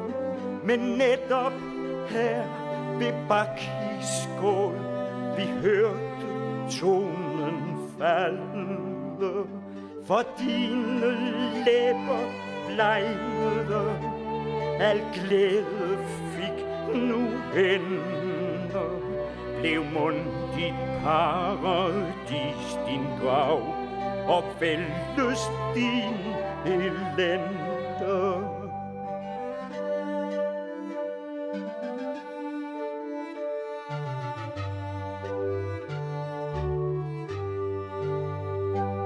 Vel an din skål, min døde bror. Din skål er nu ved graven. Jeg vakler med i sørgekor og løfter marshalstaven. Dog tørsten er ej mere din kval, og her du nu skal hyldes. Din urne skal fra Kæmpendal med vin og blomster fyldes.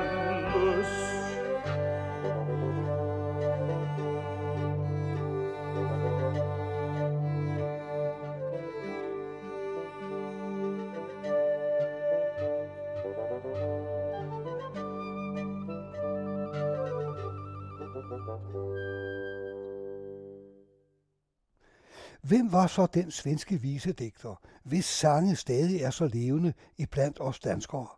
Vi tager et spring tilbage i tiden til Stockholm i anden halvdel af 1700-tallet, øh, til den gustavianske periode, hvor den teater, kunst og operaelskende Gustav den 3. gjorde Sveriges hovedstad til Nordens kulturelle kraftcenter. Bellman levede fra 1740 til 1795. Han havde som ung forskellige ansættelser som embedsmand, men senere fik han kongens opmærksomhed og blev en skattet poet ved hoffet. Det er dog ikke den digtning, han skrev til de fine salonger, han bliver husket for i dag. Tværtimod er det hans skildring af livet på bunden af datidens Stockholm, der stadig kan appellere til nutidens mennesker. Was ist das? Ge rum vid rodertrappan, undan bilfilare, skoputsare, tullstokare, matroser. Hurra!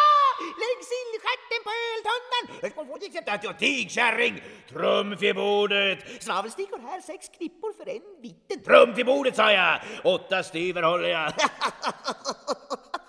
Kurage, du gamle granador! Ur vägen, kolgubbar, tvätterskor och mjölkkärringar! Ja, gör inte av med nylänningen med de sudna kringlorna om halsen. Guitar och sup mig till! Släpp fram Åvis med basfiolen! Stockholm var på den tid en blanding af statlige paladser og usle rønner. På en gang pittoresk og forfaldent, idyllisk og uhygiejnisk.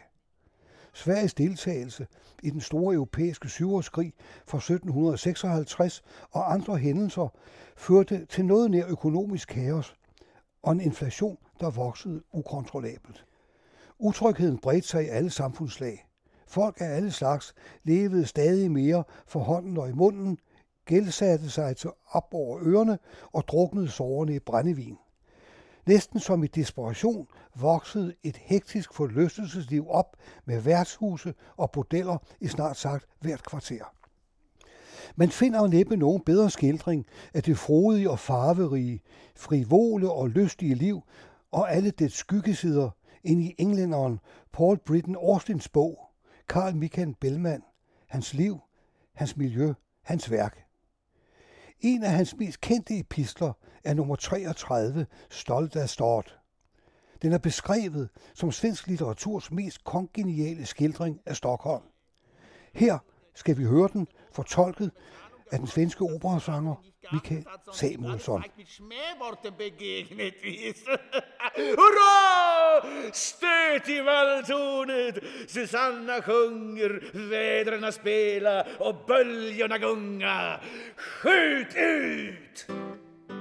Stolta stad Jan glad för glömmer ditt prål, ditt buller, larm och skrål, dina slott och torn. Må vitt blås i ditt horn.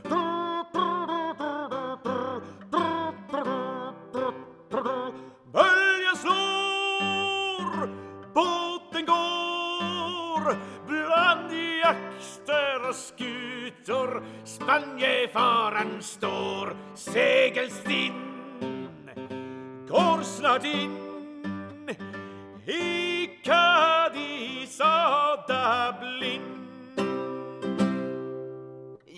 Nalle, vill du ha lite nötter? På Bellmans tid var Stockholm en lille, tæt befolket by. For størstedelen beliggende på en ø, omgivet af landsbyer. Centrum var byen mellem broerne, det der i dag er Gamle Starn. Husene rejser sig blandt smalle, brolagte gader, hvor hovedparten af stadens 72.000 indbyggere boede. Fra morgen til aften genlød de snævre gader og gårde af skrig og skrål, af bulrende hestevogne og af vægters råb, mens luften, der var tung af stanken fra beskidte regnestene, ofte skælvede af kirkeklokkernes klang. Smitsomme sygdomme hørte til dagens uorden. Dødeligheden var stor og et tilbagevendende tema i Bellmans dækning. Trods alle vanskeligheder var det kulturelle liv i byen forbløffende rigt. Og kulturen, den kom fra Frankrig. I Stockholms højere samfundslag vikledes franske vine, franske bøger, franske skuespil, fransk musik og ikke mindst franske ord og franske manerer omkring en livsstil, der var præget af, at landet altid havde været næsten håbløst fattigt. I Stockholm fik livet i anden halvdel af 1700-tallet en ny og hurtigere rytme, og tilbøjeligheden til at fylde hvert flygtigt minut med sanseindtryk, der overalt havde rokokoens stempel, påvirkede alle byens samfundsklasser. Blandt forlystelserne kom bordet og flaskens nydelse i første række. Stockholm var en ufattelig tørstig by, der til dels skyldtes, at drikkevandet var ganske saltholdigt, ligesom maden. Til sine 72.000 indbyggere var der over 700 beværtninger. Det var små, tarveligt indrettede værtshuse med en lille bardisk og nogle få borde. På næsten hvert gadehjørne hang der små skilte. Der var månen og halvmånen og solen, for spøg kaldet midnatssolen der lå i hver sin mørke gyde. Brændevin var drikken frem for alle andre i værtshusene, men den var dårligt destilleret og indeholdt fuselolie. Det var ikke så underligt, at befolkningen forfaldt til drikkeri. Stormfuldt, tragisk og kort var drankerens liv.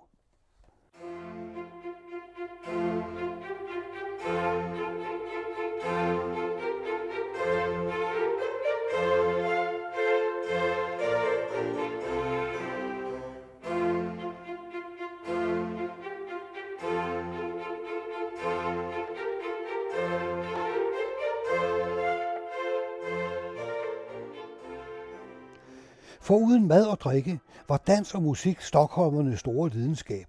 Der gik næppe en aften, uden at der blev holdt bal i et af byens forlystelsesteder, og her var kærlighedsgudinden Freja altid på spil. Byen var fyldt med fristende glædespiger, af originaler, letsindige fyldebøtter, sørgelige skæbner og usle eksistenser som den navkundige urmager Jean Fredman, der med bøjet hoved i pjaltet vest og hullede strømper vaklede ud og ind af Stockholms værtshuse.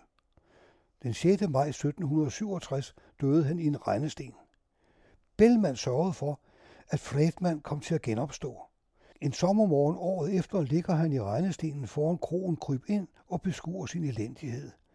Det sker i visen epistel 23, Ak kære mor, der er blevet kaldt svensk litteraturs hamlet monolog. Bellman lod sig inspirere af miljøet og de kuriøse personligheder omkring sig. Man kan fristes til at se hans digtning som social reportage, men det er det ikke. Bellmans verden er fiktion.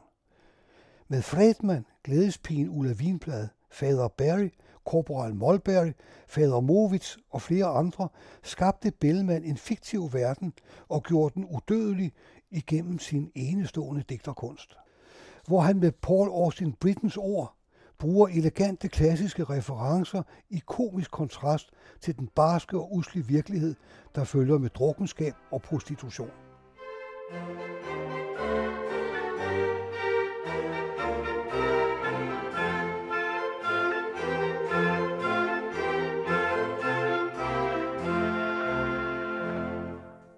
Bellman lånte melodierne til sine viser og bearbejdede dem, så de passede til hans digte. Han var i den henseende en ægte elev af franskmændene, der i det forfinede 1700-tal udviklede en raffineret teknik med at låne melodier hos andre og bruge dem til musikalske parodier. En vise, skrevet til en eksisterende melodi, kaldtes en vaudeville. 1700-tallet var visens og den lette melodis århundrede. Og Paris var vaudevillens hovedstad, hvor genren blev dyrket på scenen og af gadesangere, der satte dagens begivenheder på vers. I Stockholm var vaudevillen som så meget andet importeret fra Frankrig. Bellman hentede en stor del af sine melodier i franske vaudeviller og syngespil, men også for mange andre musikkilder, blandt andet modedanse i tyske og danske melodibøger. Sandsynligvis har han kun komponeret et par melodier selv.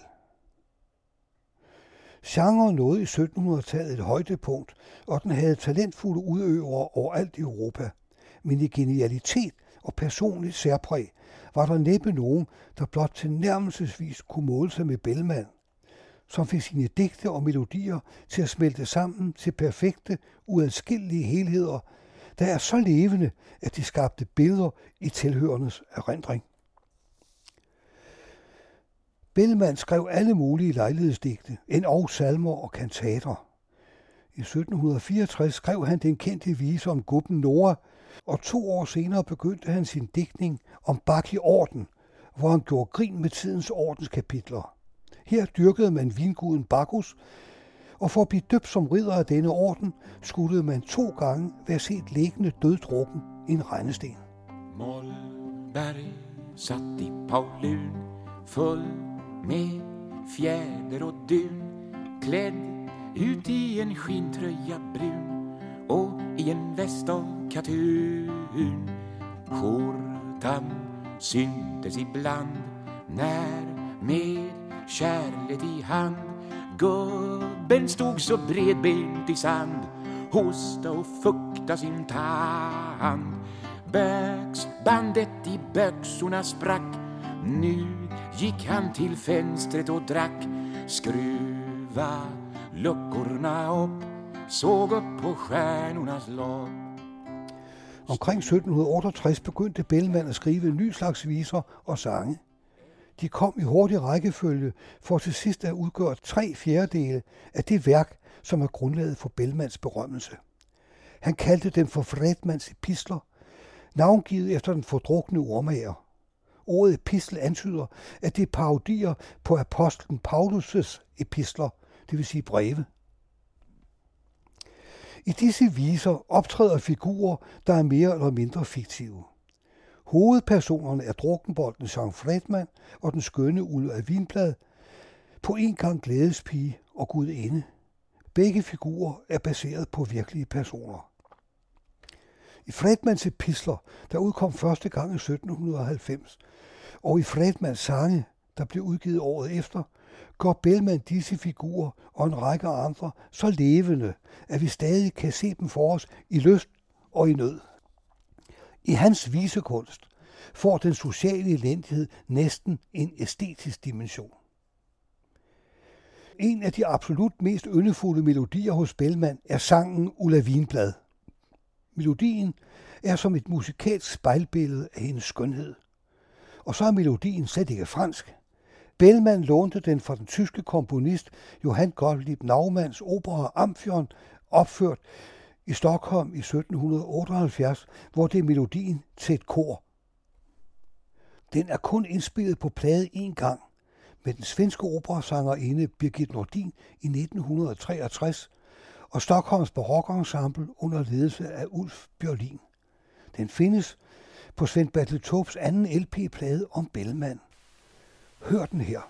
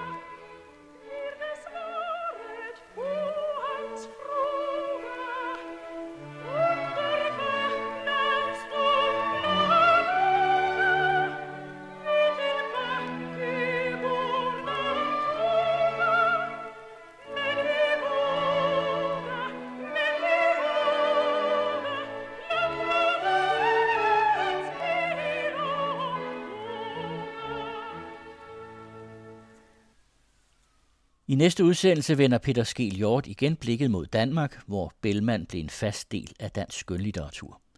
I København sang man Gubben Noah længe før Bellmans død i 1795.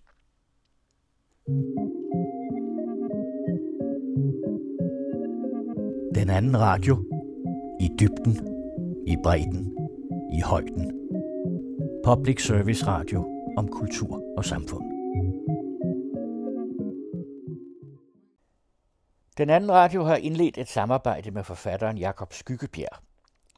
Hver uge skriver han en ny fortælling og indtaler den selv. Det er korte afsluttede fortællinger sat i scene rundt omkring i hele Danmark, hvor man, uden at skulle tage stilling, kan lade sig blive taget med på en rejse ind i fiktionens verden. En kontinuerlig tilblivende lydnovellesamling med handlings- og tema-input fra lytterne. Velkommen til Søndagsfortælling med Jakob Skyggebjerg. Hver uge en ny fortælling, indtalt som lydbog af forfatteren selv og udgivet som podcast til dig. Denne uges fortælling foregår delvist på Djursland, delvist på Nordsjælland og så lidt rundt i resten af verden.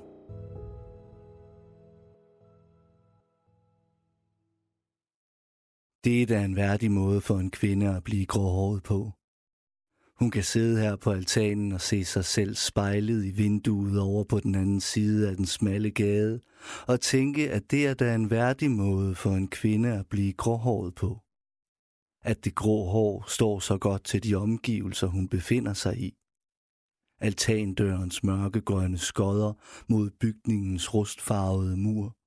Man tænker på klaser af rønnebær mellem rønnens grønne blade, og det sorte støbejernsgelænder, der omkranser motivet. Motivet, hvor hun er i centrum, i sit hvide lærredstøj og med sit grå hår.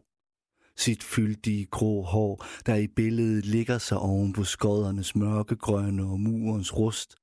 Hun er en sommerfugl, der sidder der. En sortåret hvidvinge, rønnen af dens værtsplante. Men det bedste er, at hun selv har valgt det. Hun har selv valgt det hele. Lejligheden, byen, landet, farven på muren. Farven på hendes hår. Ingen grund til at skjule, at hun har den alder, hun har, når hun holder sig så godt. Så ser man det, at hun holder sig så godt, når håret vidner om, at hun er ældre end hendes ansigts påstand om 40 år. Og at hun holder sig godt, det er også hendes præstation. Jo, hun har klaret den. Endnu kan billedet af farens koverrøde opkast, der står i en stråle ud af munden på ham op mod væggen, som han vælter gennem stuen derhjemme, springe frem i hendes tanker. Hans hyl. Den hvide undertrøje med de mørke pletter. De hvide underbukser med skjolder af urin foran og lort trængt igennem bagpå. Hun og broren, der ser det. Hun i sofaen med et Anders Sandblad, og broren på gulvet med sin trehjulede lastbil. Opkastet, der næsten rammer hende. Hun trækker benene til sig, da det plasker ned i sofaen. Faren, der drejer rundt og vælter over mod fjernsynet, til syneladende slet ikke klar over, at de er der. Opkastet sprøjter. Faren falder, nej, han falder ikke. Han er endnu på benene, kæmper med retningssansen, balancen. Et sted i ham er ruten fra soveværelser ud på toilettet lagret. Han ved, hvor han skal hen, men kan ikke finde ud af at gå i den rigtige retning. Han kan slet ikke finde ud af at gå. Kaster sig frem, mere opkast, og samtidig de der helt uvirkeligt høje drøn fra hans røv. Moren er i deres hukommelser som et utydeligt minde om en gæst, der engang var forbi. Da han endelig er væk, og de kan høre ham ligge og stønne ude på toilettet, rejser broren sig op og går hen til sofaen. Han ser på brækket, kommer ned på knæ og nærstuderer det, det kover farvede bræk. Man kan slet ikke se, han har spist kylling, siger han. Hanne bladrer i Anders Sandbladet og slår med siden, som hun har set en mand gøre det med en avis i en reklame i fjernsynet. Jamen, det var jo også i morges, at vi spiste kylling. Det er der blevet fordøjet nu. Broren snuser til brækket. Det lugter lidt af kylling. Kylling og rødvin. Han presser sofaen ned i den ene side, så brækket flyder den retning. Da der har dannet sig en sø, flytter han hænderne og presser et nyt sted. Det er ligesom at være på stranden, siger han, og kanaliserer brækket ud over kanten på sofaen. Det begynder at trumme mod gulvtæppet. Det er ligesom et vandfald, siger han, og efterligner lyden af en mand, der sejler ud over et vandfald i en tønde i en tegnefilm, han har set. Det skal ikke ned på gulvet, råber Hanne og dasker broren i hovedet med Anders Sandbladet. Det er sgu da alligevel over det hele, råber han. Jo, hun har klaret den. Hun tager brødet og vrider et stykke af, dypper det i olivenolien og holder det der til det er gennemblødt. Løfter det op til munden og nærmest slubrer det i sig. Nede i gaden kommer en mand skubbende med en trætrillebør med ferskner. Der er så stille, at hun kan høre hjulet gnave sig vej hen ad brostenene. Og som om det ikke var perfekt, stopper han nu op og giver sig til at tale med en anden mand, der kommer ud fra en af portene. Og hun forstår ikke et ord af, hvad de siger, men det italienske sprog behøver ikke at give mening for at røre en. Det er så det risler ned ad ryggen på hende. Al den stemning, det vækker. Alle de billeder. Og hun ser op på himlen, og den er bare blå og blå. Mørkere end hjemme i Danmark. Og nu ler de dernede. Deres latter slår mod murene i den smalle gade, og hun ler med dem. Hun ser derned lige det manden med trillebøren ser op, og de smiler til hinanden. Og måske forstår han endda, hvad det er, hans lille hverdags sluder med den anden gør ved hende. Han ser jo nok, at hun ikke er italiener. Hun var 24, da hun fødte Benedikte. Faren, det var kærlighed, havde hun troet, var stukket af uden at efterlade sig nogen spor. Ikke engang en forklaring eller en erklæring om, at han elskede hende, men at det her, hun og barnet, bare ikke var en tilværelse for ham. Intet, og ikke nok med det. Han havde gjort det så pludseligt og tilsyneladende tilfældigt, at de omkringliggende ellers fuldkommen ligegyldige begivenheder trådte frem i hendes hukommelse så klart som en bryllupsceremoni eller barnefødsel. Det havde været en helt almindelig dag. Barnet lå i maven på syvende måned, og de havde aftalt at mødes ved kirken. Så ville de sammen spacere ud og gå tur ved Kolinsund. Hun stod der til aftalt tid. Og hun havde før prøvet, at han kunne være lidt forsinket, så hun ventede på ham uden at tænke tanken, at han kunne finde på helt at udeblive. Der gik fem og ti minutter. Nu måtte han snart være der. Præsten kom ud hende fra kirken og snakkede kort med hende, da han passerede. Nå, nu skal det snart være, hvad Hanne? Ja, jeg står lige og venter på Leif. Det husker hun som noget af det aller værste. At hun sagde det. Jeg står lige og venter på Leif.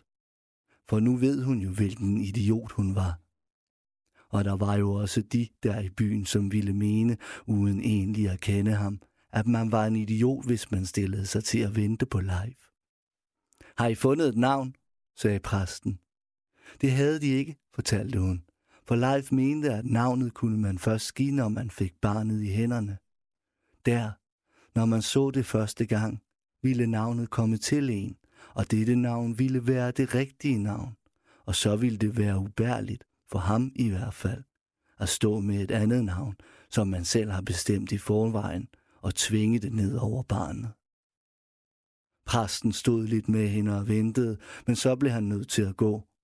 Der var sjælesørgning ude i sovnet. Da hun havde stået der en halv time, besluttede hun at gå hjem og være rigtig sur på ham, når han engang dukkede op. Han havde selvfølgelig været i byen eller noget, inde i Aarhus. Måske var han råd i detentionen. En eller anden forklaring måtte der være. Bare der ikke var sket ham noget. Den tanke dukkede selvfølgelig også op, men sandsynligheden var lille. Det var sgu ikke ham, der skete noget med, hvis der skete noget med nogen.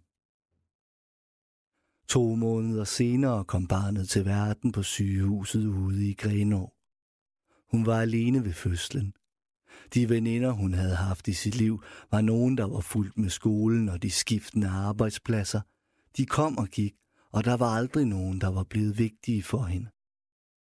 Hendes far var endelig død og druk nogle år tidligere, efter i en periode ikke har snakket om andet, at nu ville han fandme drikke sig ihjel, som om det ikke var det, han hele tiden havde været i gang med. Og broren havde skudt hovedet af sig selv lige omkring den gang Hanne mødte Leif. Han havde ikke kunnet holde det ud længere. Hele hans liv fra han var 12 havde været has og piller og sprut. Og efter han var kørt galt på motorcyklen ude i Mols bjerge og ikke engang kunne arbejde eller overhovedet magtede at forlade hjemmet, gik der ikke længe, før det var slut. De få pårørende familien havde, havde sagt, at det var tragisk, men Hanne kunne se, at det var godt, at han omsider fik fred. Det var godt, at han skød sig selv, i stedet for at skyde en eller anden anden. Hende, for eksempel. Sidst hun havde besøgt ham, havde han været helt vild og var gået i gang med at kyle tomme sprutflasker efter hende. Stoppede endda ind imellem for lige at tjekke, at den flaske, han skulle til at kaste, nu også var tom. Så hun havde det egentlig fint med at føde alene. Hun havde aldrig kendt nogen, hun kunne have lyst til at have hos sig, bortset fra Leif måske. Fødslen forløb uden komplikationer, og hun fik barnet op til sig, og i det øjeblik, det blev lagt derud for hendes ansigt, og det for første gang i sit liv slog øjnene op og så lige ind i hendes øjne og lå så tæt til hende, at det ikke kunne se andet end hendes øjne, vidste hun, at dette barns navn var Benedikte. Det begynder at blive køligt, så Hanne samler de små skåle, hvor der har været ost og oliven og skinke, og bærer dem gennem stuen ind i køkkenet, hvor hun stiller dem ved vasken. Hushjælpen kommer i morgen og tager sig af det. Hanne kan nøjes med at skylle hænderne. Men hvorfor egentlig ikke snuppe sig et karbad? Det kan hun jo godt nå, inden de er her. Hun går igennem stuen og ind i soveværelset. Det er ikke noget stort sted. Ikke på den måde, stort på den måde, som hun har kendt stort, men et godt sted, der passer til hende og hendes behov. En stue af rimelig størrelse med en altan, hvor der er aftensol, et hyggeligt soveværelse, et køkken med spiseplads og et badeværelse med kar og vask i marmor. Og et walk-in closet indrettet i det rum, de gamle ejere brugte til børneværelse. Da hun alligevel ikke havde noget, der holdt hende bundet til Djursland, tog Hanne kort efter Benediktes fødsel beslutningen om at flytte til København. Hun havde været der med Leif og set, hvor smarte og glade folk var derovre. Det var hendes indtryk, at de ligesom ikke hang sig så meget i fortiden derovre, som man gjorde hjemme i Kolin. Folk flyttede sig, rykkede sig rundt og gjorde, som de havde lyst til. De tog chancer. Nu kunne man tro, det ville være svært for en enlig kvinde med et næsten nyfødt barn og ingen økonomi overhovedet at få sig etableret i hovedstaden. Men Hanne havde den trumf, at hun så godt ud. Faktisk så hun hamrende godt ud. Det var ikke noget, hun egentlig havde været bevidst om før. I Kolen var der jo kun de mennesker, der nu var, og for dem havde hun altid bare været Hanne ude fra koet. Kongo datter, og det var da almindeligt kendt, at hun så godt ud, og der var ikke nogen, der ville sige nej til at komme i bukserne på hende. Men hun var jo stadig bare Hanne. Men sandheden var, at hun så hamrende godt ud. Så da hun steg af toget i København, gik der ikke mere end tre dage, før hun kunne flytte ind på et værelse hos en kikset jurist i midten af 30'erne på Frederiksberg, der altid havde været uhyggeligt bevidst om, hvor uinteressant et emne han var født til at være hos det andet køn, og derfor var rørende betaget af den lille Benedikte og hendes store øjne og hendes mærkelige lyde. Han havde altid været overbevist om, at det ikke skulle tilkomme ham at få lov at sætte børn i verden, og derfor var det at få det lille barn ind i sit hjem for ham en absolut saliggørende gave. Det var sådan, det begyndte.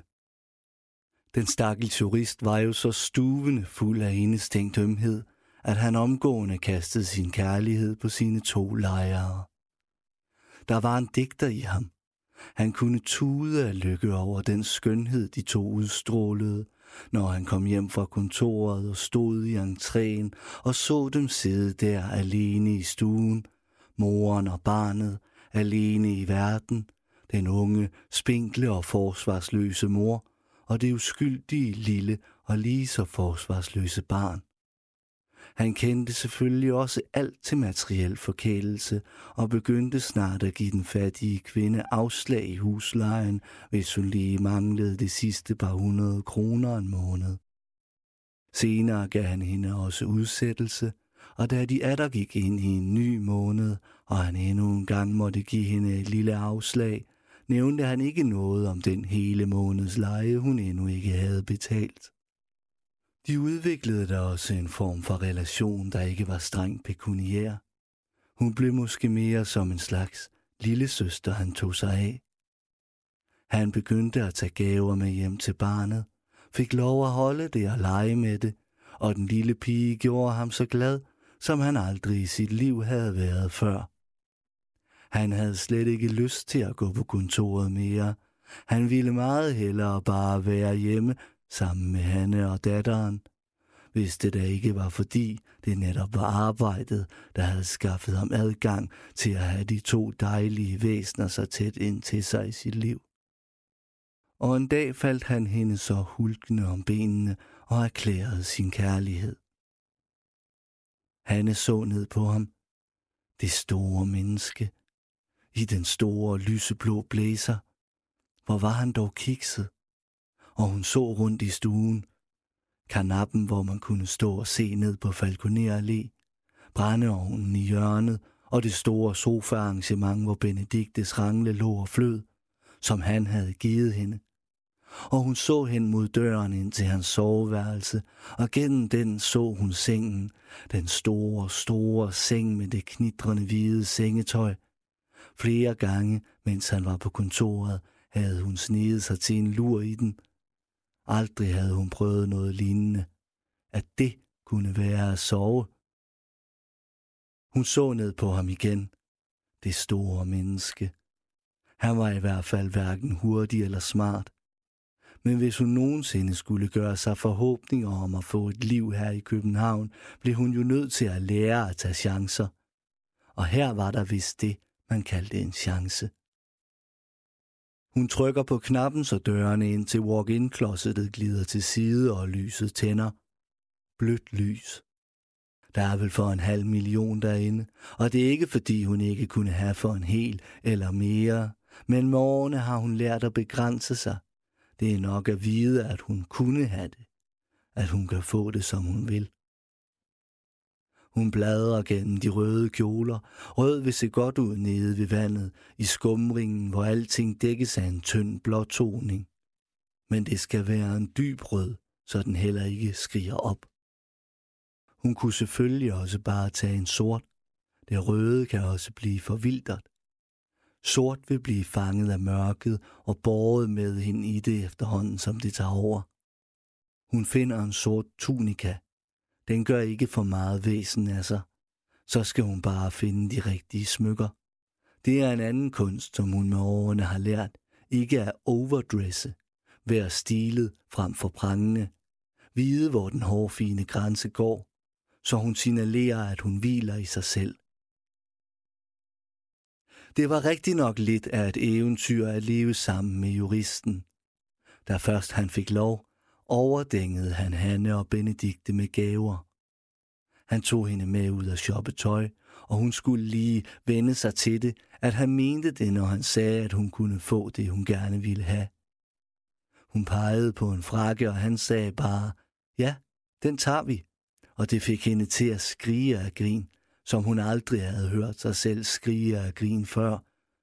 Hun blev helt flov og undskyldte. Men hun skulle ikke undskylde, sagde han. Han syntes jo bare, hun var dejlig.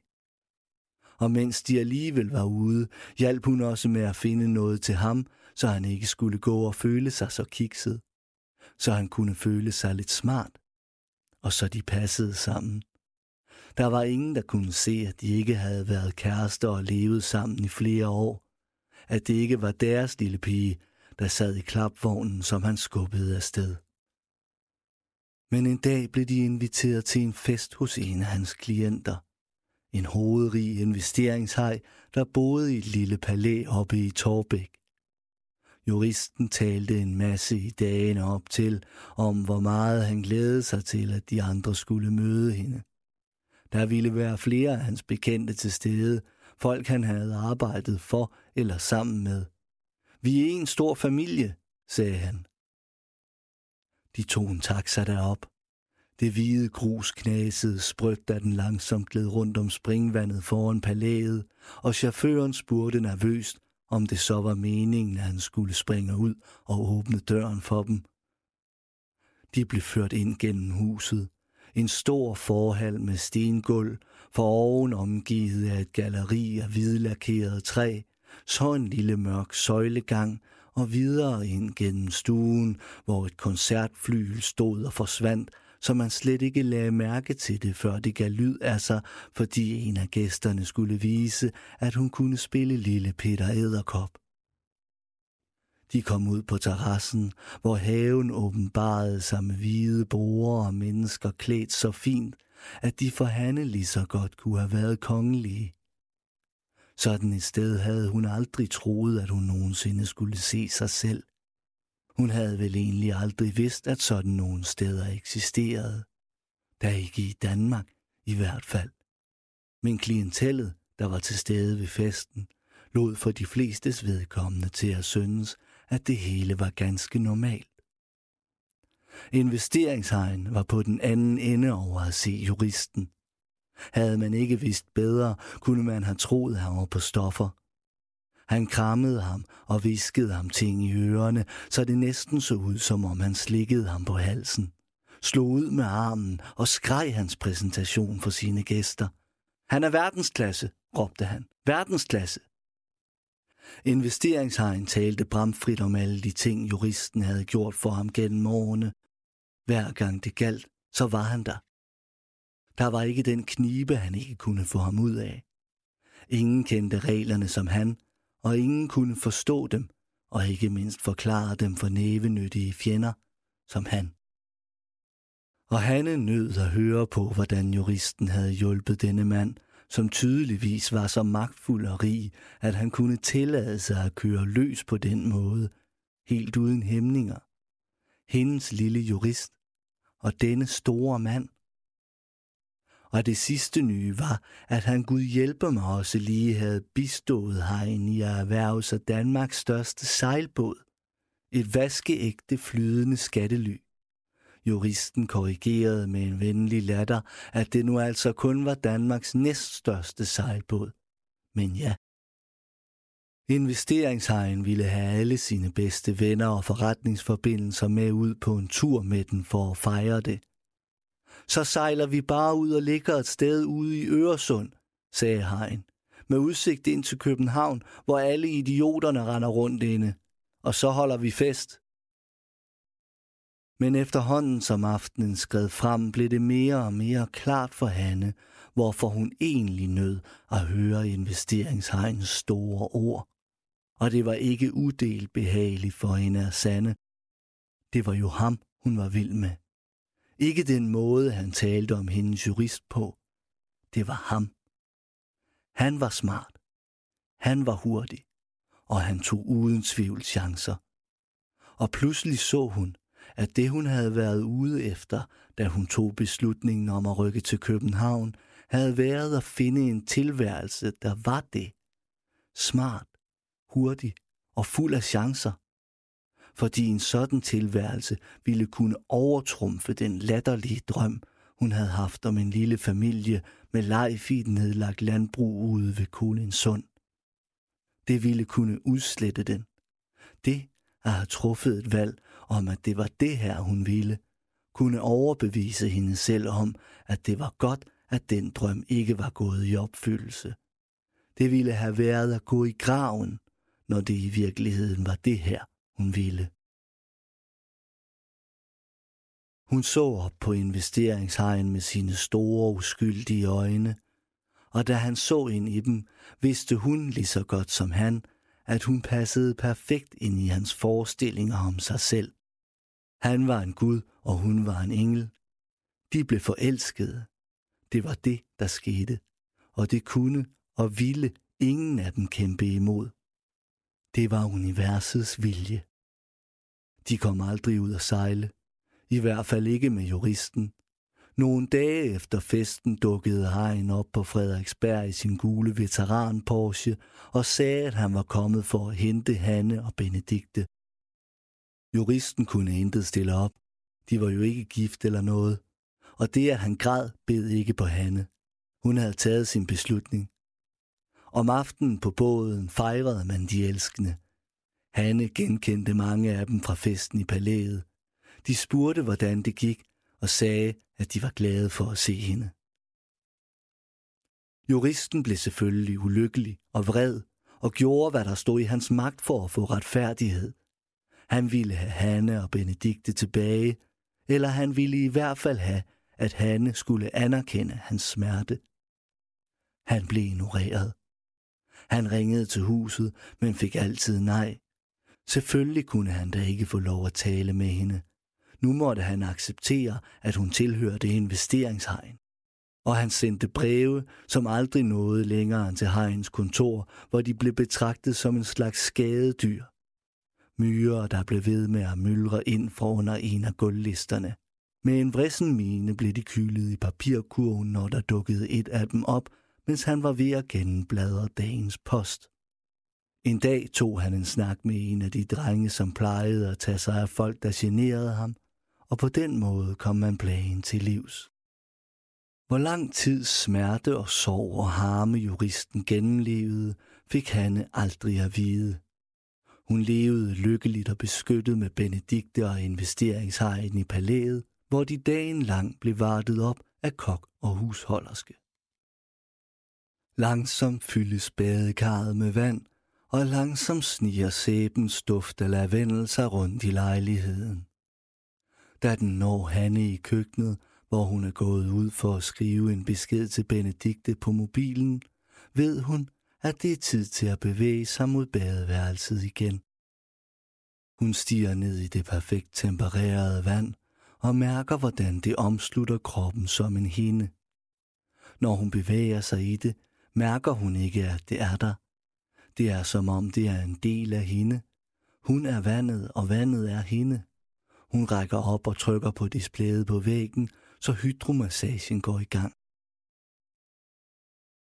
Investeringshejen var præcis den, han gav sig ud for at være. Ud med det gamle og ind med det nye var et af de mange mottos, som styrede hans liv. Don't hate the player, hate the game var et andet, og hans yndlings. Han pejlede efter disse slogans og brugte dem til at vurdere sine handlinger og retfærdiggøre dem over for sig selv. Og når de var retfærdiggjort over for ham selv, var de i hans optik retfærdiggjort over for andre. Således havde det efter han hentede Hanne ikke været noget problem for ham at udskifte den jurist, han havde arbejdet så tæt sammen med i mange år, og en uge forinden havde kaldt sin bedste ven og den slags. Men den nye jurist var ikke så god som den gamle. Eller måske stod han lige frem i ledtog med ham. I hvert fald blev Hajen knaldet af skat og mistede alt. Han stod til et års fængsel og en evighed i gæld. Han hængte sig i hjemmekontoret. Det var Hanne selv, der fandt ham. Og hvor så han godt nok lille og tynd ud, nu hvor livet og dermed den store personlighed havde forladt ham. Det afsjælede læme var jo direkte ynkeligt at se på. At tænke sig, at det havde huset et så uforglemmeligt menneske. Men det mest overvældende ved oplevelsen var ikke den døde i sig selv. Det var derimod, at hun ikke blev ked af tabet af hegn overhovedet. Det kunne hun i hvert fald ikke mærke, at hun blev.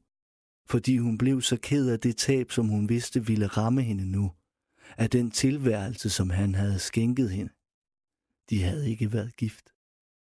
Så snart hans død blev kendt, ville hun og Benedikte stå på gaden igen, lige så fattige som da de var kommet fra Jylland. Hun mærkede en følelse, hun ikke havde kendt siden dengang Leif pludselig forsvandt.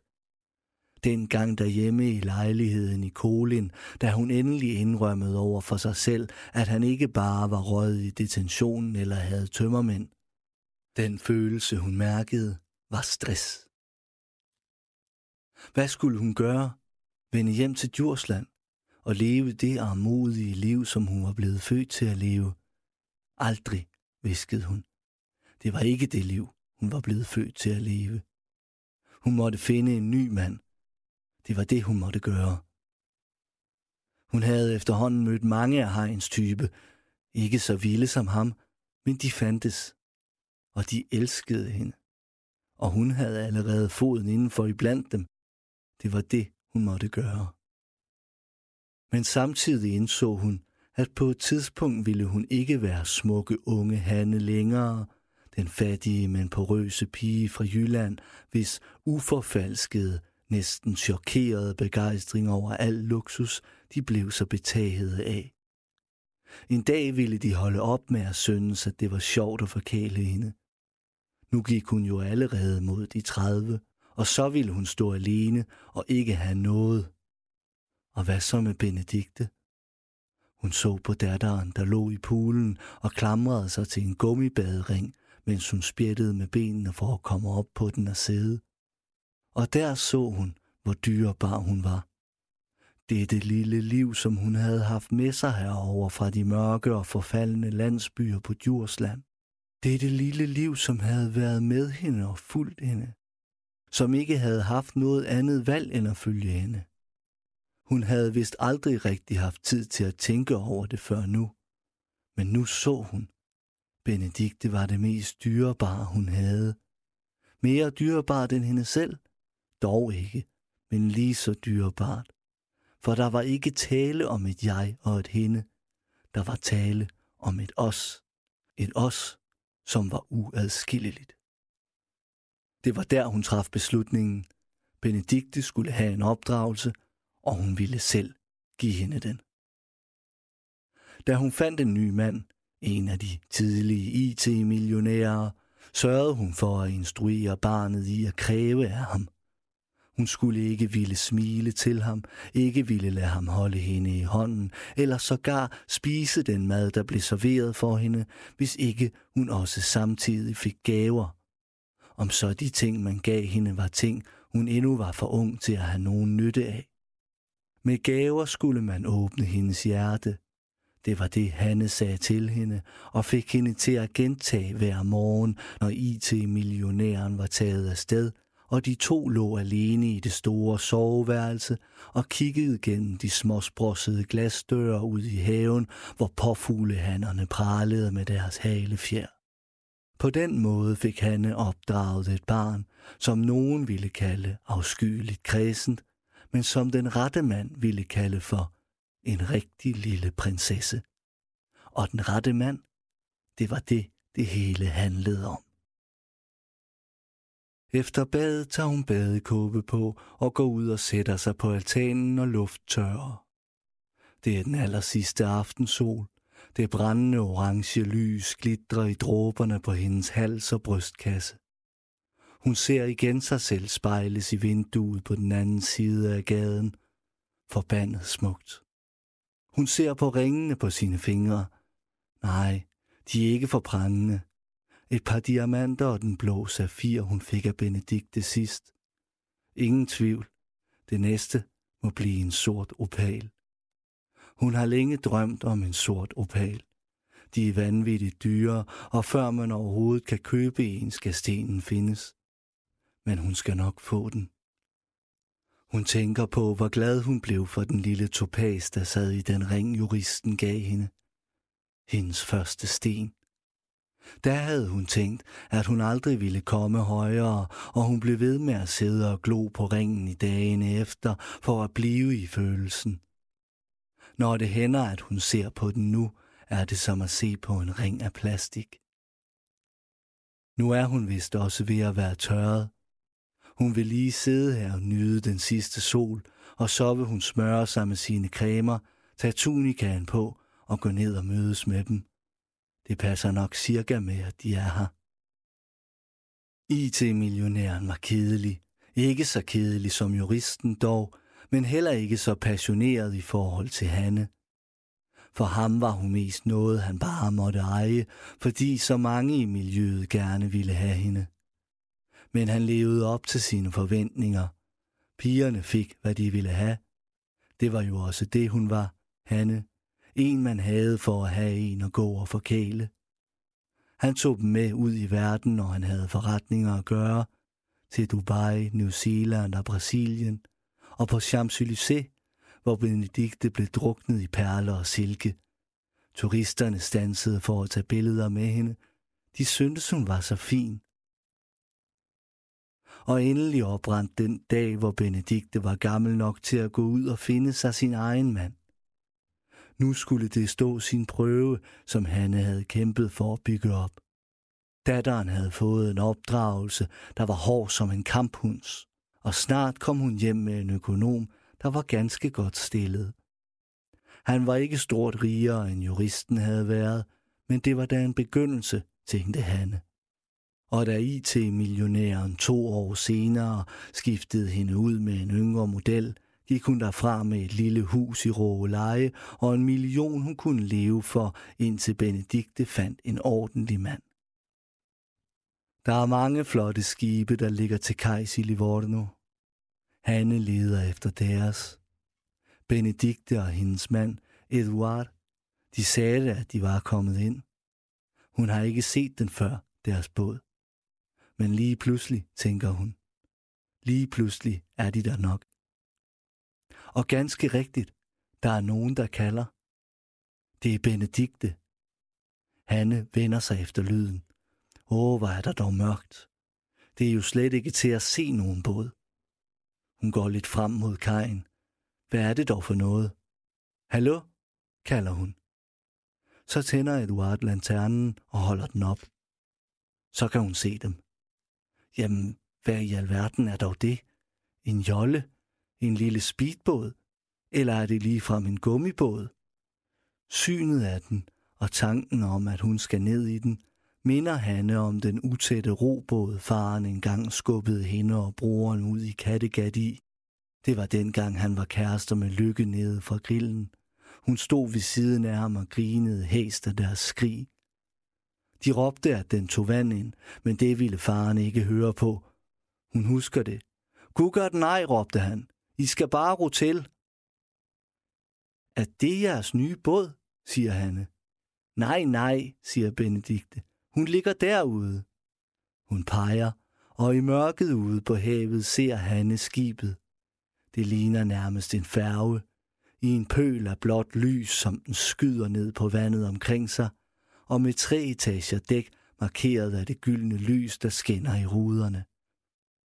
Og prøv at se navnet, siger Benedikte. Og Hanne kigger efter navnet. Og der, agterude, oplyst af det blå genskin fra havet, Hanne står der. Benedikte siger noget på fransk til Eduard, og han griner. No, no, no, siger han, og Hanne ser hans øjne flamme i lyset fra lanternen. This one has a balcony, like your flat. You will feel just like home.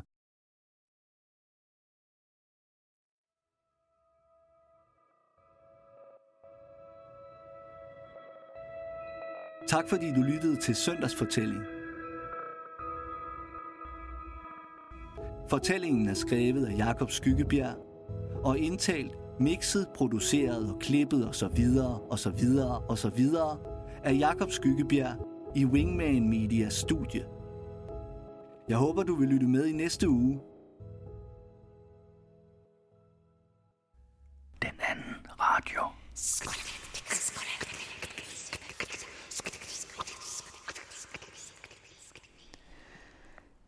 Kajs historie har vi sendt igennem de sidste mange uger. Historien om Kaj Bo Rasmussen og hans barndomsdrøm om at være kriminel. Han fortryder ikke sin kriminelle karriere, men i dag har han lagt den på hylden og driver genbrugsbutikken Pinocchio til fordel for omsorgsvigtede børn. Her kommer den 21. og sidste udsendelse om Røde Kaj. Søren E. Jensen har tilrettelagt.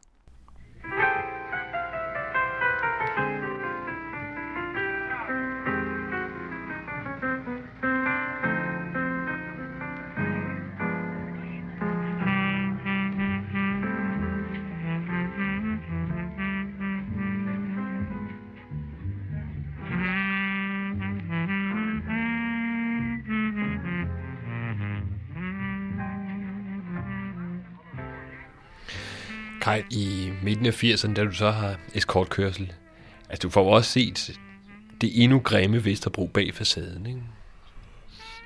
Jo, altså, øh, når du kører øh, eskortkørsel på de her betingelser, hvor man øh, kører i en hyrevogn, og man kører i en øh, Vesterbro-taxa, øh, så får man igennem årene jo forbindelse med nogle af pigerne, også sådan mere privat. Og øh, det var, blev jo også til, at de efterhånden bare ringede til mig og, og fik mig til at komme øh, hjem til dem og hente dem. Og, øh, det var jo altid, kom lige op, du, for de var sgu aldrig færdige. De kunne aldrig smøle sig færdige, de her luder, vel. De var forfærdelig lang tid om det mange gange. Men øh, jeg var ligeglad, taxameteret det tikkede, ikke? Og, og jeg skulle bare have mine penge for at køre de her ture. Jeg kom ind i mange private hjem og, og så mange skæbner, altså, hvor man siger, hvordan er de her piger boede, som solgte sig selv som luksusluder. Og øh, jeg vil nok sige, at hvis nogle af kunderne, der købte de her luksusluder, så det, at jeg har set, så ville de løbe skrigende væk, altså. Det var øh, ynkeligt i, i mange, mange af stederne. Jeg har ikke set mange, hvor man kan sige, at de har fået noget ud af deres penge. Det er ganske, ganske få, der har fået noget ud af pengene. Ellers har de været brugt til ting og sager, pizzaer og taxakørsel og cola og druk og betale på værtshus og, øh, og ikke mindst øh, på, øh, på stoffer. Da de efterhånden kom mere og mere ind i det, og pigerne de øh, skulle bruge flere og flere penge til at, at få det her øh, forbrug dækket, jamen så blev det også et øh, mere og mere hårdt miljø, at, at du kom i. Øh, stederne, som øh, de boede og var i, altså det var nærmest øh, slum, øh, at de boede i øh, Nørrebro, øh, Vesterbro. Nogle boede i en fremlejet villa i Vandløse, og øh, andre boede i social boligbyggeri, altså hvor øh, altså, der var ikke nogen, der virkelig havde kassen, der havde en fed øh, ejerlejlighed og stævanlæg til øh, flere hundrede tusind, og øh, på den måde, altså, de lavede masser af penge, pigerne, ikke? Men øh, de fik ikke en skid ud af dem. Der kom jeg blandt andet hos en pige, der hed Majbrit ude på Nørrebro. Hun ringede efter mig. Der var hende på Nørrebro. Det var ude ved Rosengade, en lille sidevej til, til Rosengade, og i en øh, kommunal øh, ejendom på tredje sal, øh, to små værelser og et øh, lille grint køkken. Et øh, lille toilet med et uh, bad, hvor du skulle stå overskrevs på kummen for at overhovedet være der. Ikke?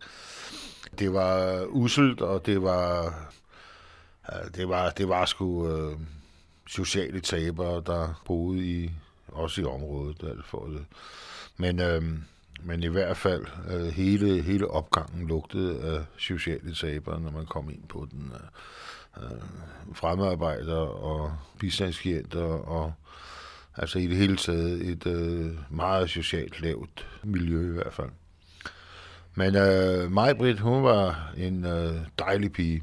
Hun var øh, simpelthen det sødeste og rareste menneske, jeg har, øh, har mødt igennem. Jeg har mødt mange øh, søde, men hun var sådan helt speciel, blid og sød og rar, og en flot pige. Hold kæft, hun kunne blive en flot pige. Men øh, hendes måde at leve på ødelagde hende øh, totalt.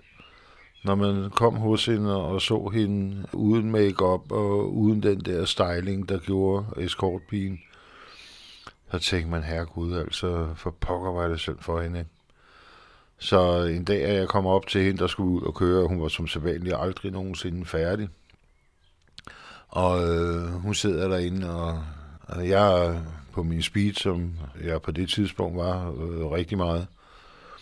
Og øh, jeg satte mig ind, og hun pev lidt over, hun ikke kunne få sin Walkman til at køre over de der små højtalere øh, som hun havde, og hun havde endda givet næsten 100 kroner for dem nede i Føtex. Ikke? Så det var jo det. Så den der øh, øh Walkman der med, øh, med højtaler, prøvede jeg at se, om jeg kunne få noget lyd ud af de der små højtaler. Og jeg sad og rode med det, og kunne sgu ikke finde ud af, af det. Men altså, jeg var på speed, og jeg involverede mig helt vildt i den her øh, Walkman, og, og hun sad over sofaen og røg smøger, og øh, prøvede at lægge make op på sine øjne, og, og i det hele taget. Og så kommer hendes, øh, hendes kæreste hjem, og han stikker lige i hovedet og siger, hej Kai, hvad, er hun, kan hun ikke blive færdig? Så sagde jeg, nej, hun er altid længe om det. Sådan. En, øh, en sød, sød fyr, som øh, spillede trommer. Han var trommeslager i et orkester. Og øh, han kom hjem der, har vi noget, har vi noget, sagde han. Ja, men det ligger ude i skabet, det ligger ude i køkkenskabet. Og så ham ud, du, så kunne jeg godt se, en stor rode derude med noget æskeværk og gjorde ved. Og jeg kunne vidste også godt, hvad det var, han skulle. Jeg vidste, han skulle til at fikse ude i køkkenet, ikke? Så, øh, men jeg fortsatte med, med min øh, sysler med den her øh, Walkman og de her højtaler, som jeg ikke kunne få en lyd ud af. Og jeg sad ved sådan en lille øh, skrivesjatol. Ikke? Og der var sgu ikke meget andet i den her stue, en sofa, et sofabord, et fjernsyn og det her skrivesjatol. Det var simpelthen så lavsigt, så man skulle tro, det var løgn. Men øh, efter et lille stykke tid, så kommer han ind, kæresten der, og siger, hvad laver du, Kaj? Og stiller sig hen ved siden af mig og står og kigger ned på det, jeg laver. Og jeg forklarer ham jo, at jeg skal prøve at se, om jeg kan få de her møghøjtalere til at sige noget. Og så kigger jeg op på ham og siger, hvad er du syg? Hvad, hvad, hvad er der galt? Altså, har du det dårligt? Jeg tror sgu nok, han havde, men han var helt grøn i hovedet. Ikke? Altså, han var fuldkommen gennemsigtig nærmest. Ikke? Altså, jeg sagde, der er der noget helt galt med dig, men hvad, skal du ikke lige sidde ned? Bum, sagde det, så lå han nede på gulvet. Ikke? Så kiggede jeg på ham der. Jeg tænkte, hvad fanden ligger han der flyder for? Jeg prøver at kalde på ham. Han blev mere og mere blå om læberne. Jeg tænkte, han er sgu død man jeg tænkte, ah, så har jeg hørt noget om, at man skulle give noget hjertemassage. Jeg sagde, så må jeg hellere banke ham lidt i brystet for at se, om jeg kan få det her hjerte til at gå i gang igen. Ikke?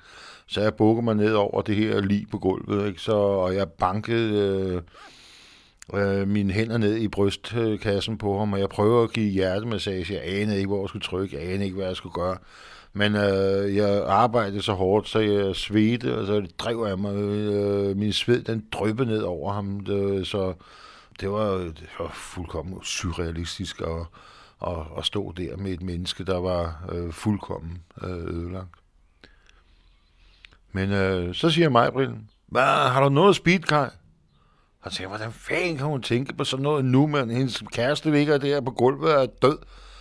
Ikke? Og, øh, jamen, jeg skal, bruge det, jeg skal bruge det speed der. Og jeg tænkte, hun skulle, nu skulle hun lige pludselig have fik speed midt i det hele. Og, nu kunne hun ikke. og det hele, det kørte rundt over hovedet på mig. Jeg var fuldkommen ud af den.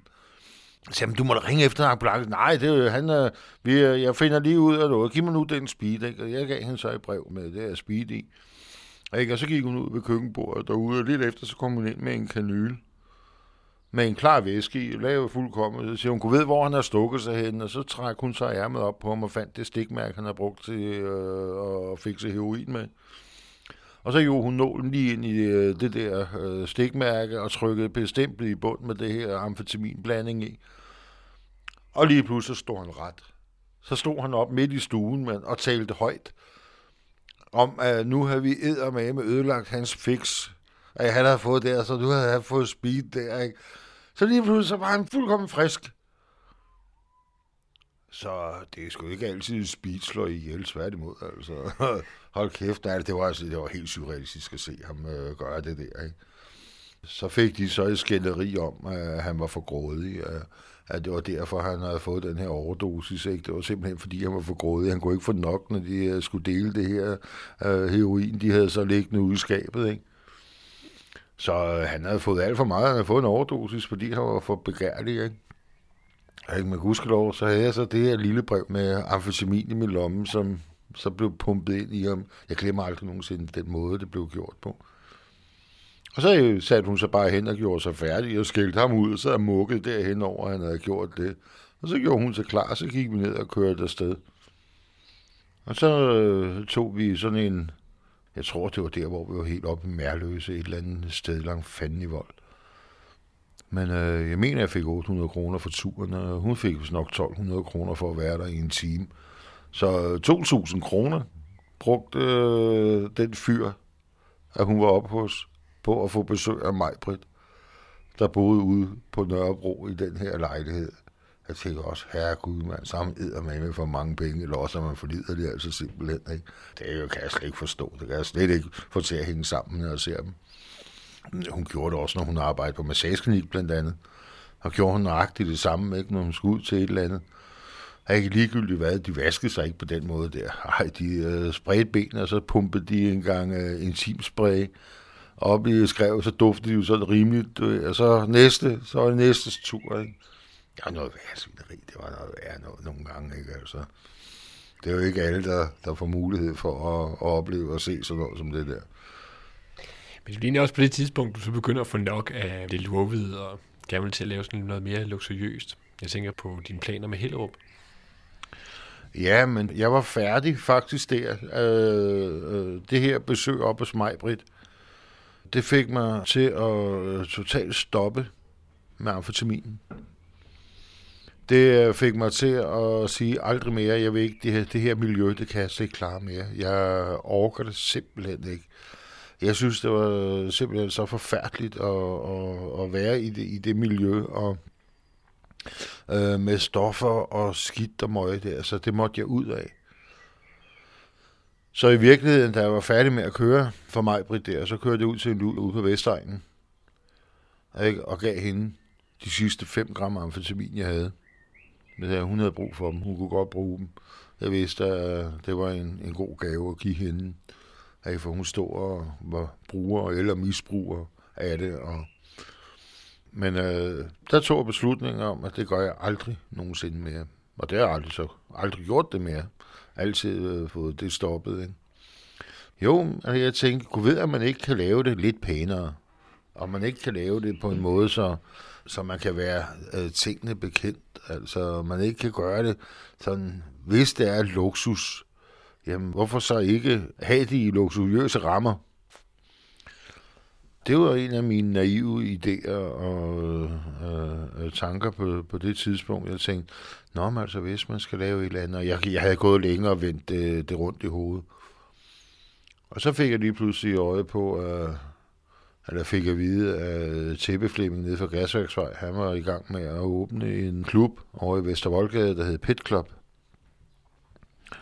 Og jeg tænkte også, gå ved, hvor han får sin luder fra, og gå ved, at han kender ikke en skid, han har noget med tæpper at gøre, han aner ikke noget om luder, men han ved ikke noget om det, men. Så jeg øjnede måske en chance der i at kunne gå ind og lave en skilling, ikke, eller to. Så efter jeg var færdig med at køre hyrevognen i nat, ja, der ventede jeg så til han åbnede på kontoret op i tæpforretningen klokken 9, så gik jeg op og sagde til ham, at han havde brug for min hjælp til at starte det her op. Altså, hvis han ville starte det her op, så havde han brug for min hjælp med at, at få piger til at, at være i baren og få det til at køre, få dem til at sidde stille. Altså bare det at få dem til at møde op, det var et øh, kunststykke. Ikke? Og så få dem til at være der, ligesom kende pigerne. Altså, de går jo ikke bare, de har jo deres faste pladser og deres faste steder, øh, når de er for eksempel på Wonderbar, eller på Vortelue, eller på Kakadu Bar, eller hvor de nu måtte sidde og, og sælge deres kroppe. Ikke? Så har de jo en, en aftale med dem, der ejer de her steder. Ikke? Så du skal ligesom bagom det for at, at, at kunne få et ben indenfor og få fat i de her piger.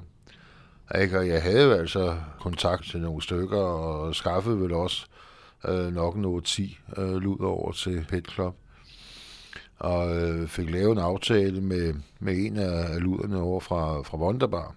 Men hvad sagde Tippe Flemming der, den dag du var oppe hos ham? Jamen ikke, han, han var fuldkommen enig i, at han ikke rigtig kendte nogen, og øh, han var en amatør på området, ikke? og jeg kunne øh, vældig godt lide Tippe Flemming på det tidspunkt. Jeg synes, han var en frisk fyr, og han var et øh, øh, meget jovial. Og, altså, hvis man tager tumlingen, ham Kurt Thorsen der, og så Tæppe Flemming, så er de meget ens. Både i øh, øh, udseende og statur og sådan en lille prop. Men øh, fandt jo så hurtigt ud af, at Tæppe Flemming han var en beregnende saten. Så øh, der gik jo et stykke tid med det selvfølgelig. Og vi lavede så også en aftale, ikke? Og, øhm, Hvad lyder aftalen på? Ja, men jeg lavede en aftale med, at jeg skulle, øh, at jeg ville øh, skaffe piger til, til de her, øh, den her natklub, ikke? Og for det, der skulle jeg så have 15.000 kroner om, øh, om måneden. udbetalt. Og de blev så konverteret til en ejendom, en villa ude på Søjden Allé ude i Hellerup, øh, som han så lige nøjagtigt skulle have 15.000 kroner for at lege ud til mig om måneden.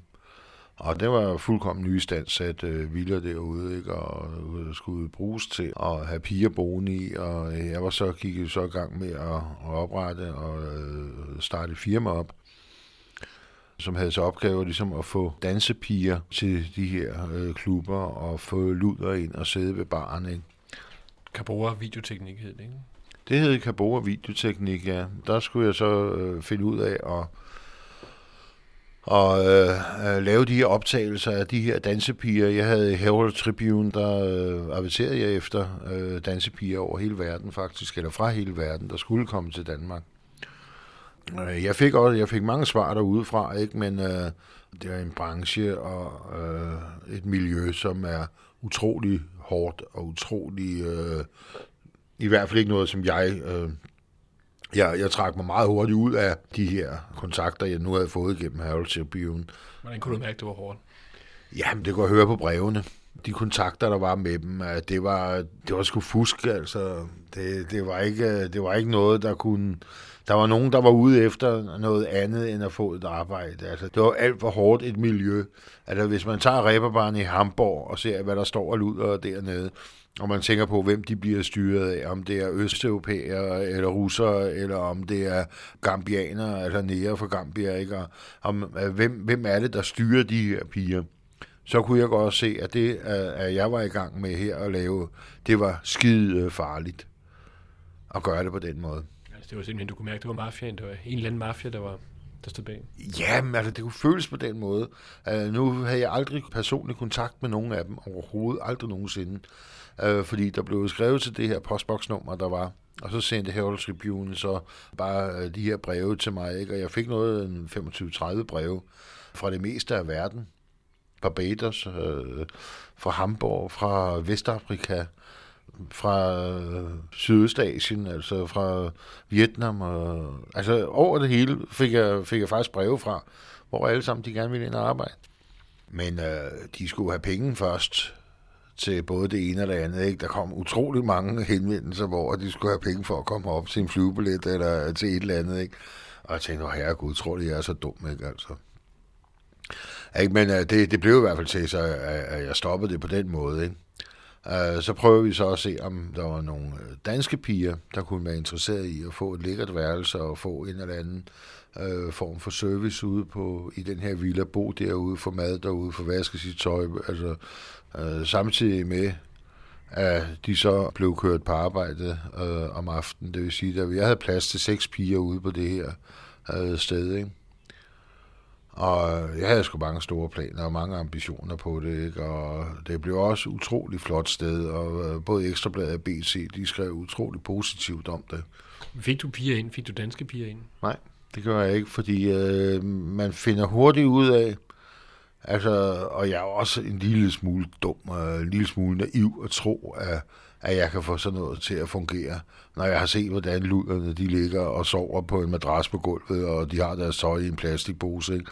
Uh, de er kun interesseret i, at de kan få sig en pizza, og de har ikke den der stil, der skal til. Der er ganske få, der har stilen, der vil sige, åh, oh, det ville da være fedt at vi kunne øh, betale så og så meget, og så har vi et sted, hvor vi, øh, vi kan bo, vi bliver forvasket vores tøj, vores værelse bliver gjort rene, vi bliver øh, kørt på, på job hver evig eneste aften, og vi har beskyttelse, og vi har, om ikke andet, øh, eller også, øh, så havde man også et sted, hvor man siger, jamen, I bor her, i den her villa, så var det min mening, at de mennesker og de piger, der så var inde på natklubberne og sad derinde på stolene, lavede jo aftaler med nogle mænd.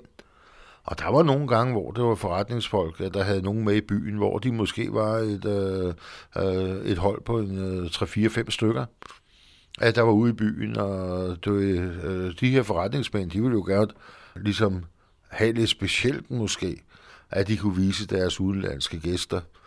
Ikke? Og så kunne man jo så min tanke var, at man så havde sådan en øh, pige der, der var bindeledet. Hun sagde jeg, jamen, så med mig hjem. Vi har et sted, hvor vi har øh, lækre møbler. Chesterfield øh, sofaer og øh, Sippendales øh, spisestuer, ægte tæpper på gulvet og kunst på væggene og øh, nogle lækre værelser, seks lækre værelser, som øh, de kunne træde tilbage til, og hvis det var, det var det, det var. Øh, de kunne få noget øh, lækkert mad, de kunne få en flaske champagne derude, og øh, køkkenet var jo åbent altid derude. Det var, der var en service, der var, hvis sådan noget skete. Øh, så var der øh, både til laksemad og lune øh, fiskefiléer, eller en halv hummer, hvis du ville have det. Men for inden, hvordan kører egentlig hans tæppeflemmings øh, natklub der? Fordi du, hvad får du fat i af piger? Jo, men dem, jeg kendte jo nogen i forvejen, og jeg havde så, fik jeg så et, øh, et kontor ovenpå. Og jeg sad deroppe og øh, lagde strategier. Og, Så oven på natklubben? Oven på natklubben, der var et kontor, der hørte til øh, selve den her natklub. Ikke? Så, Og hvor lå den henne? den lå inde i øh, Vestervoldgade på hjørnet af hed Løvstræde, tror jeg det hedder. Ikke?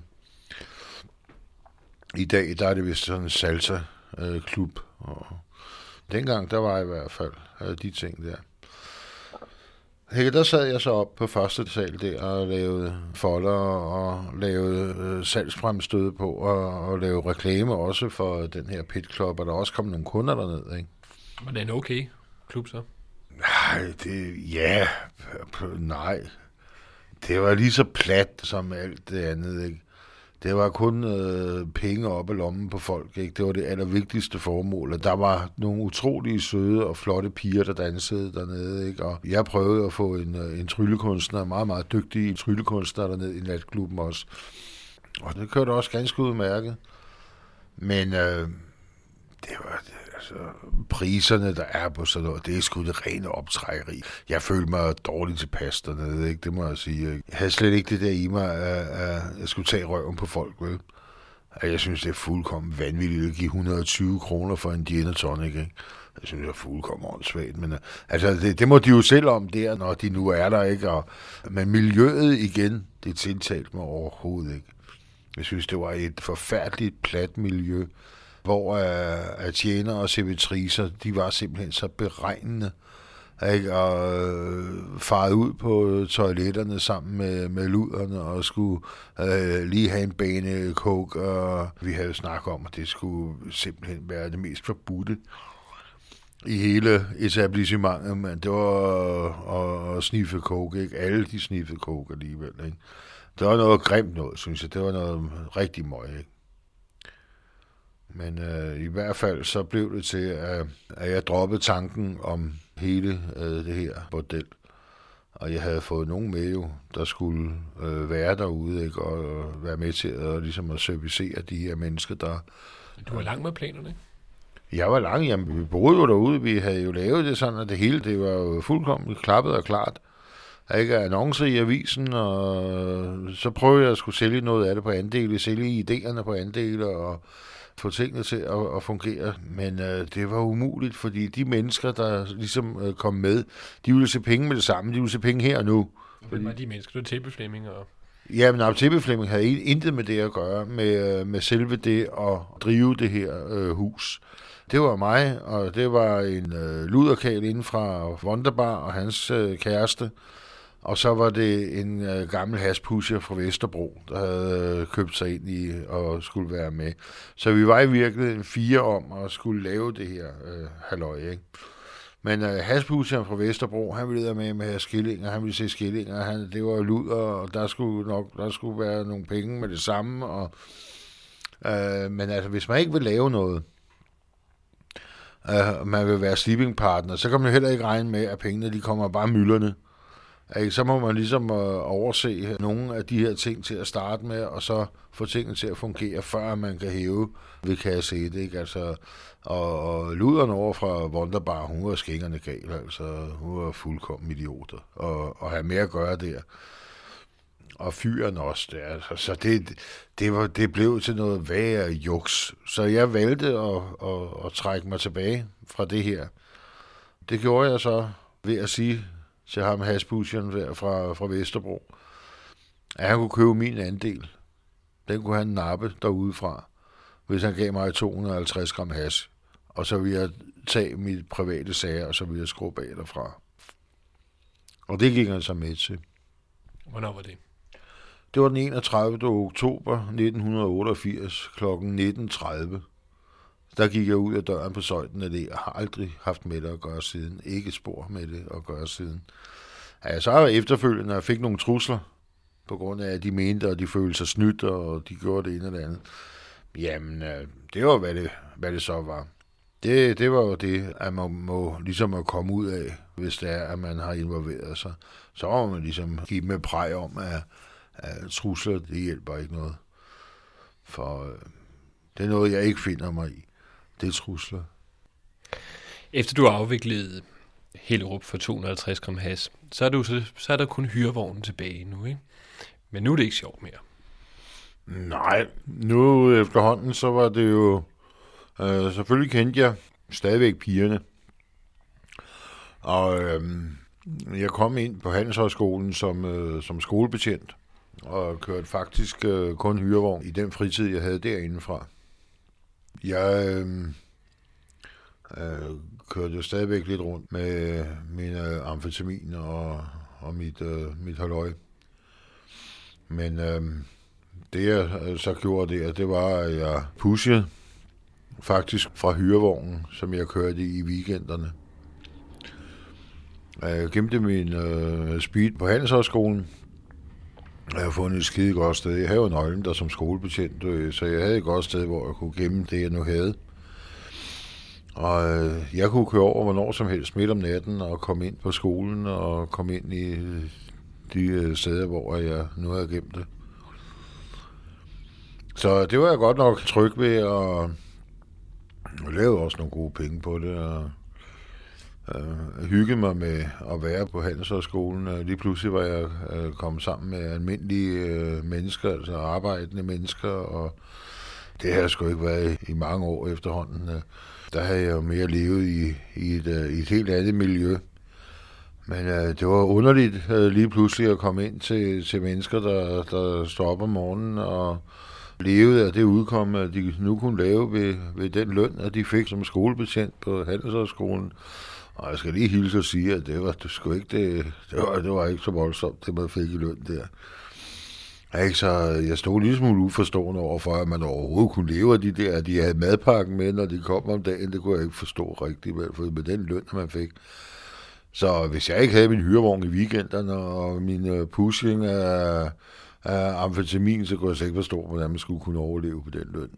Men det kan jo være, at det var en eller anden øh, brist i min opdragelse, og at jeg øh, har brugt mange penge og, og har været vant til at øh, fylde lommerne. Men du begynder også at bruge amfetamin meget selv, ikke? Jo, men altså, ja, efter, efterhånden, så blev jeg afhængig af det møg. Og øh, det gjorde jeg jo i næsten halvandet år. Altså fra 88 der, og så til omkring øh, 91, januar 91. Der, der var det det sluttet med, med den historie med, med, med Vestegnen og, og eskortpigen, der boede derude, som, som så fik det sidste. Men hvorfor, hvad, du siger også, at altså, det var svært at slippe ud fra miljøet også. At du var jo reelt ude af miljøet, øh, efter du havde afviklet det i hele Europa, ikke? Jo, men jeg var ude af miljøet sådan, at øh, jeg var ude af, af, af miljøet med de her øh, luksuslud og Wonderbar og tæppeflemming og haspusherne på Vesterbro og de ting der, dem, var, dem havde jeg jo øh, kottet simpelthen. Jeg gad ikke have mere med dem at gøre. Det var for lavsigt, altså. Det var sgu for lavt at, at være med i det. Det, det, det, det gad jeg ikke. Men øh, jeg havde jo stadigvæk øh, mine escortpiger. Jeg havde jo stadigvæk dem, der skulle ud og køre øh, ture, og det var nogle, nogle dejlige mennesker, som jeg altid siger. De var del med nok nogle af de sødeste mennesker, jeg har mødt. Men øh, de her luksusluder, der sidder på, på værtshusene, de er forskruet oven i deres hoveder.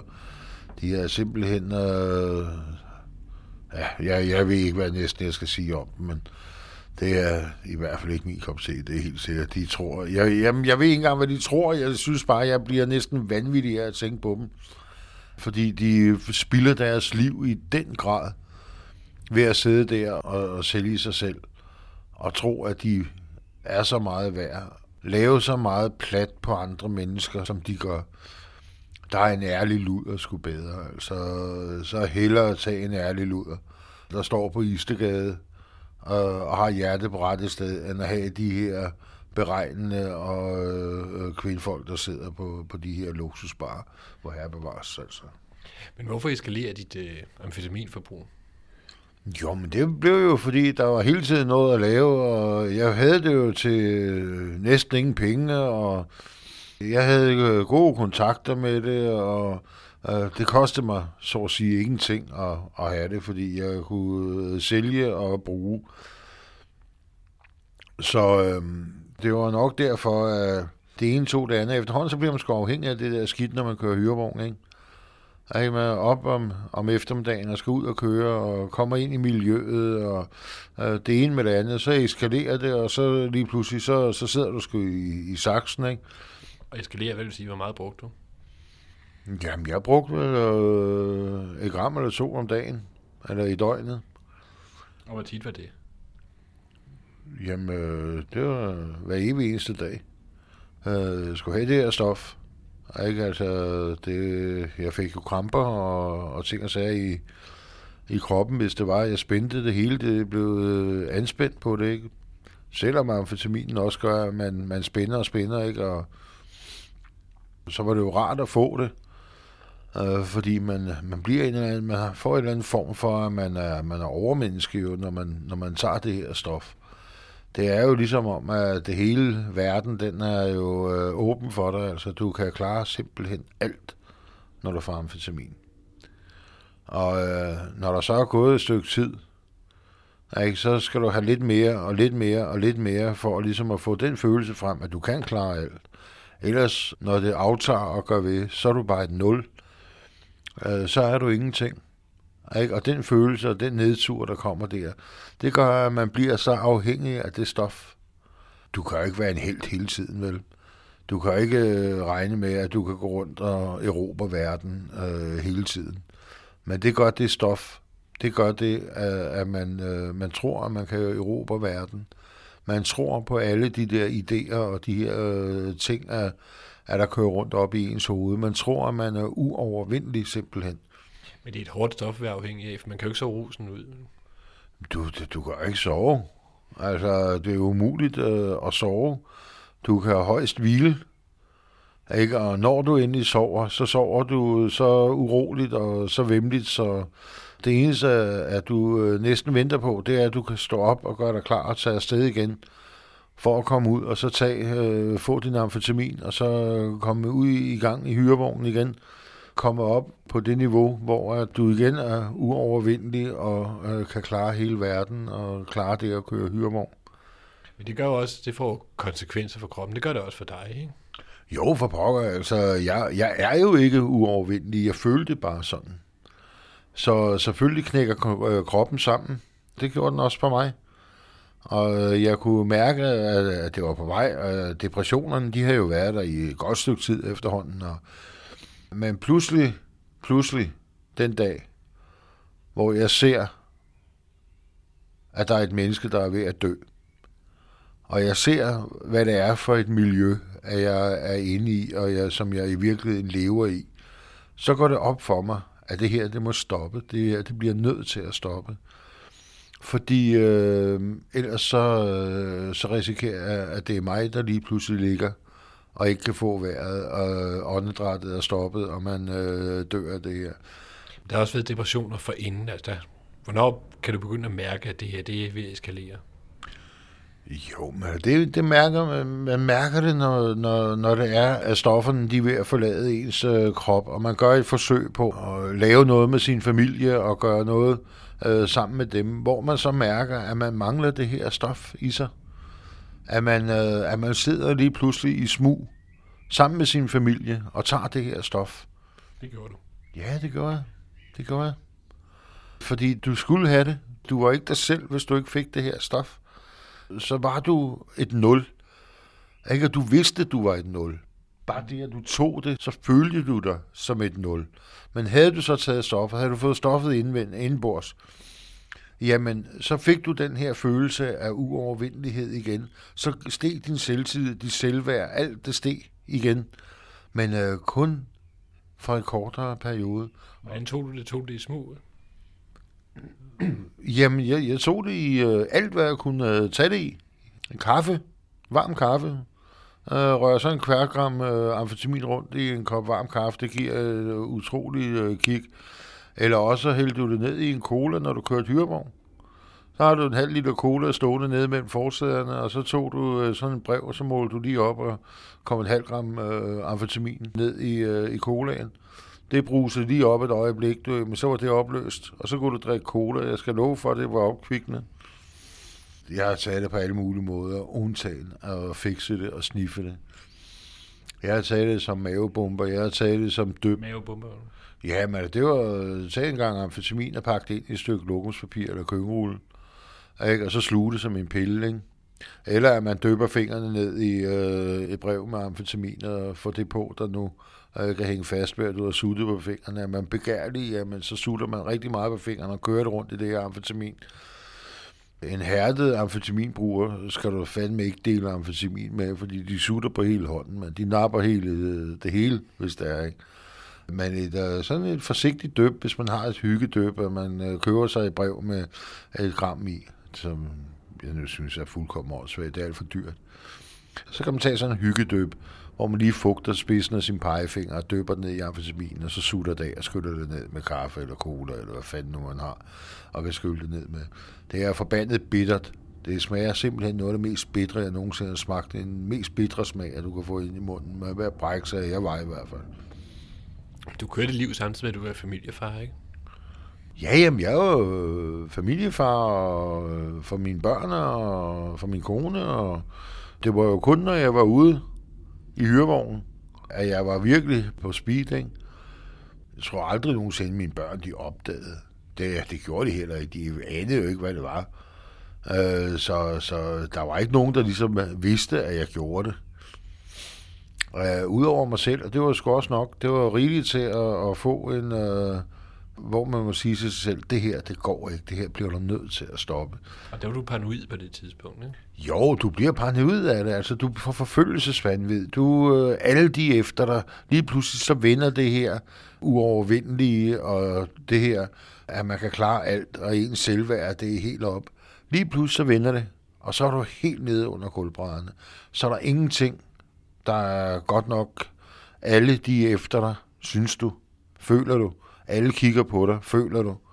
Alle er kun ude efter dig, alle kigger på dig, alle de er meget fokuseret på dig. Så du får en forfølgelsesvandvid. Øh, du stopper op på gaderne og kigger i vinduesruderne, jeg gjorde i hvert fald. Kigger i vinduerne, om der var nogen. Jeg brugte det som bagspejl for at kigge og orientere mig om, hvem det nu var, der fulgte efter dig. Der var sgu ikke nogen, der fulgte efter dig. Så interessant er man ikke. Men man står der som et vrag af et menneske, og tror, at, at folk de er efter en hele tiden. Det er de ikke. Og det fik også konsekvenser, at du begyndte simpelthen at sove med våben, ikke? Jo, men det var efter nogle... Øh, altså, nu har jeg altid sagt, at trusler, det er noget, man får af mennesker, der ikke ved, hvad de skal gøre. Ikke? De, de truer, det er, det er en form for afmagt. Hvis man virkelig ville gøre noget, så gjorde man det. Altså, så var man konsekvent, og så kom man ikke med trusler. Trusler, det true folk, det er fuldkommen håbløst, og i hvert fald er håbløst over for mig.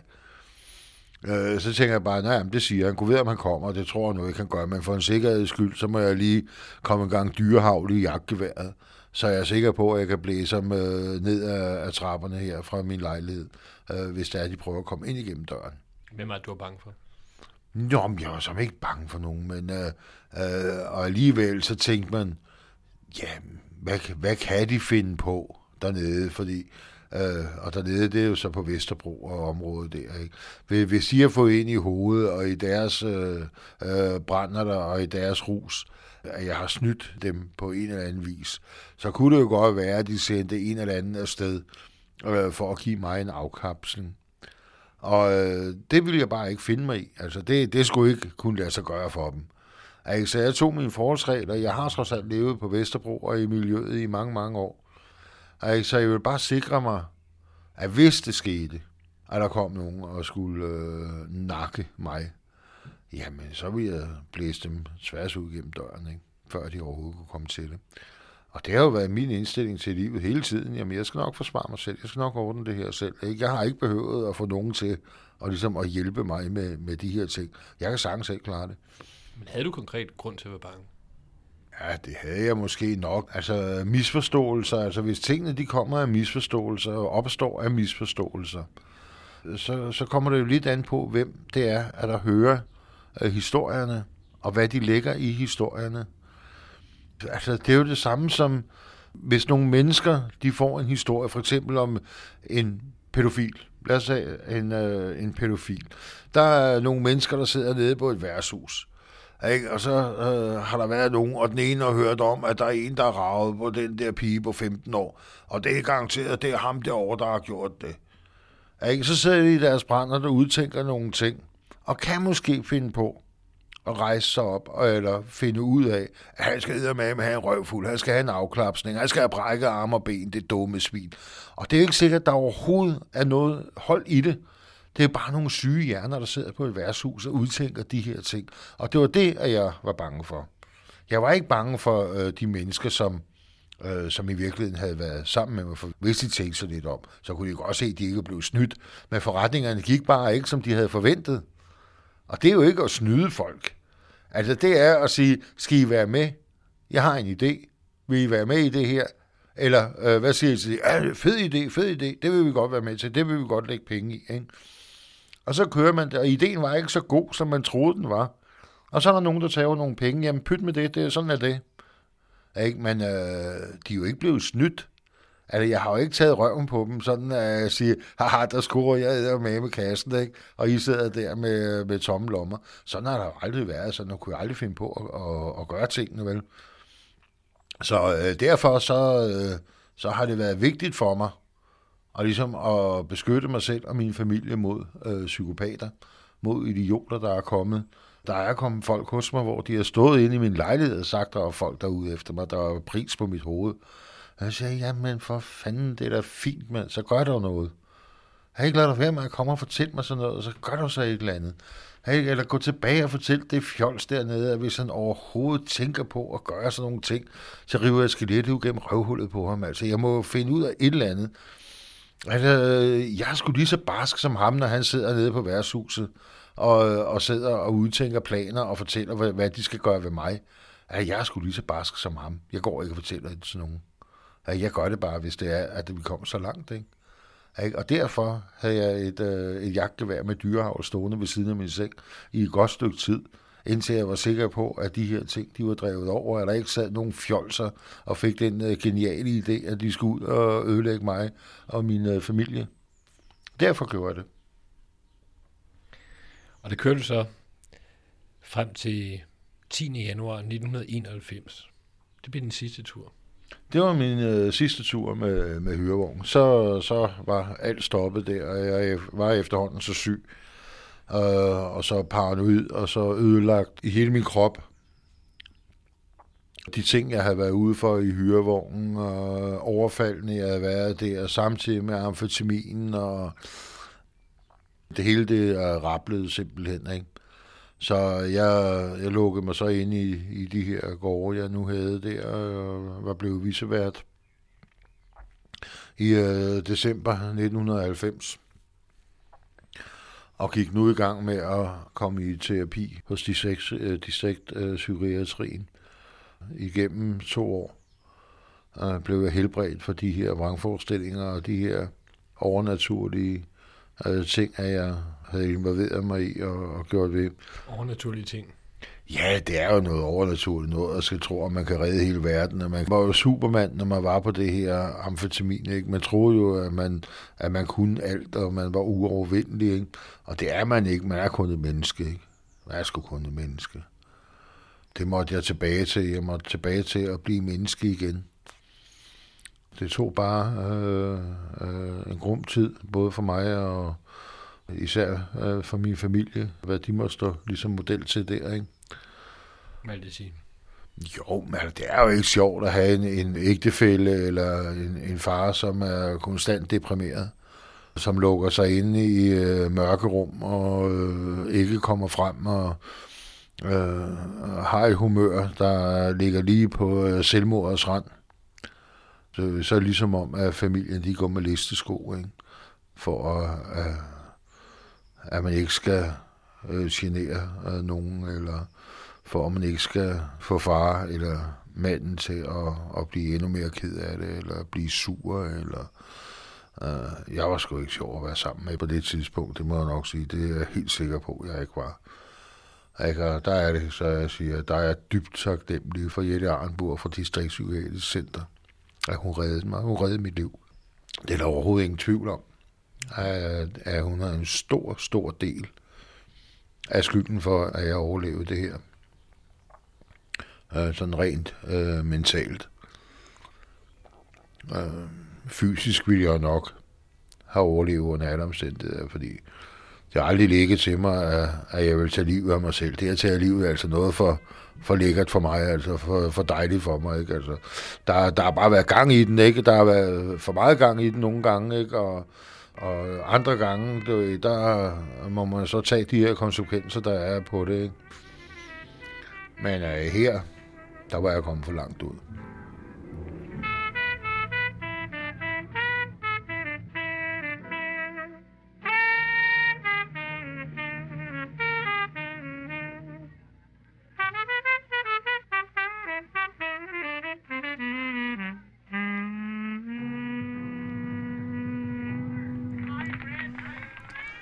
Det var den sidste udsendelse i serien Kejs Historie. Det er Søren E. Jensen, der har tilrettelagt programserien, og han har også skrevet bogen Røde Kaj og hans kriminelle karriere, udgivet på Gyldendags forlag.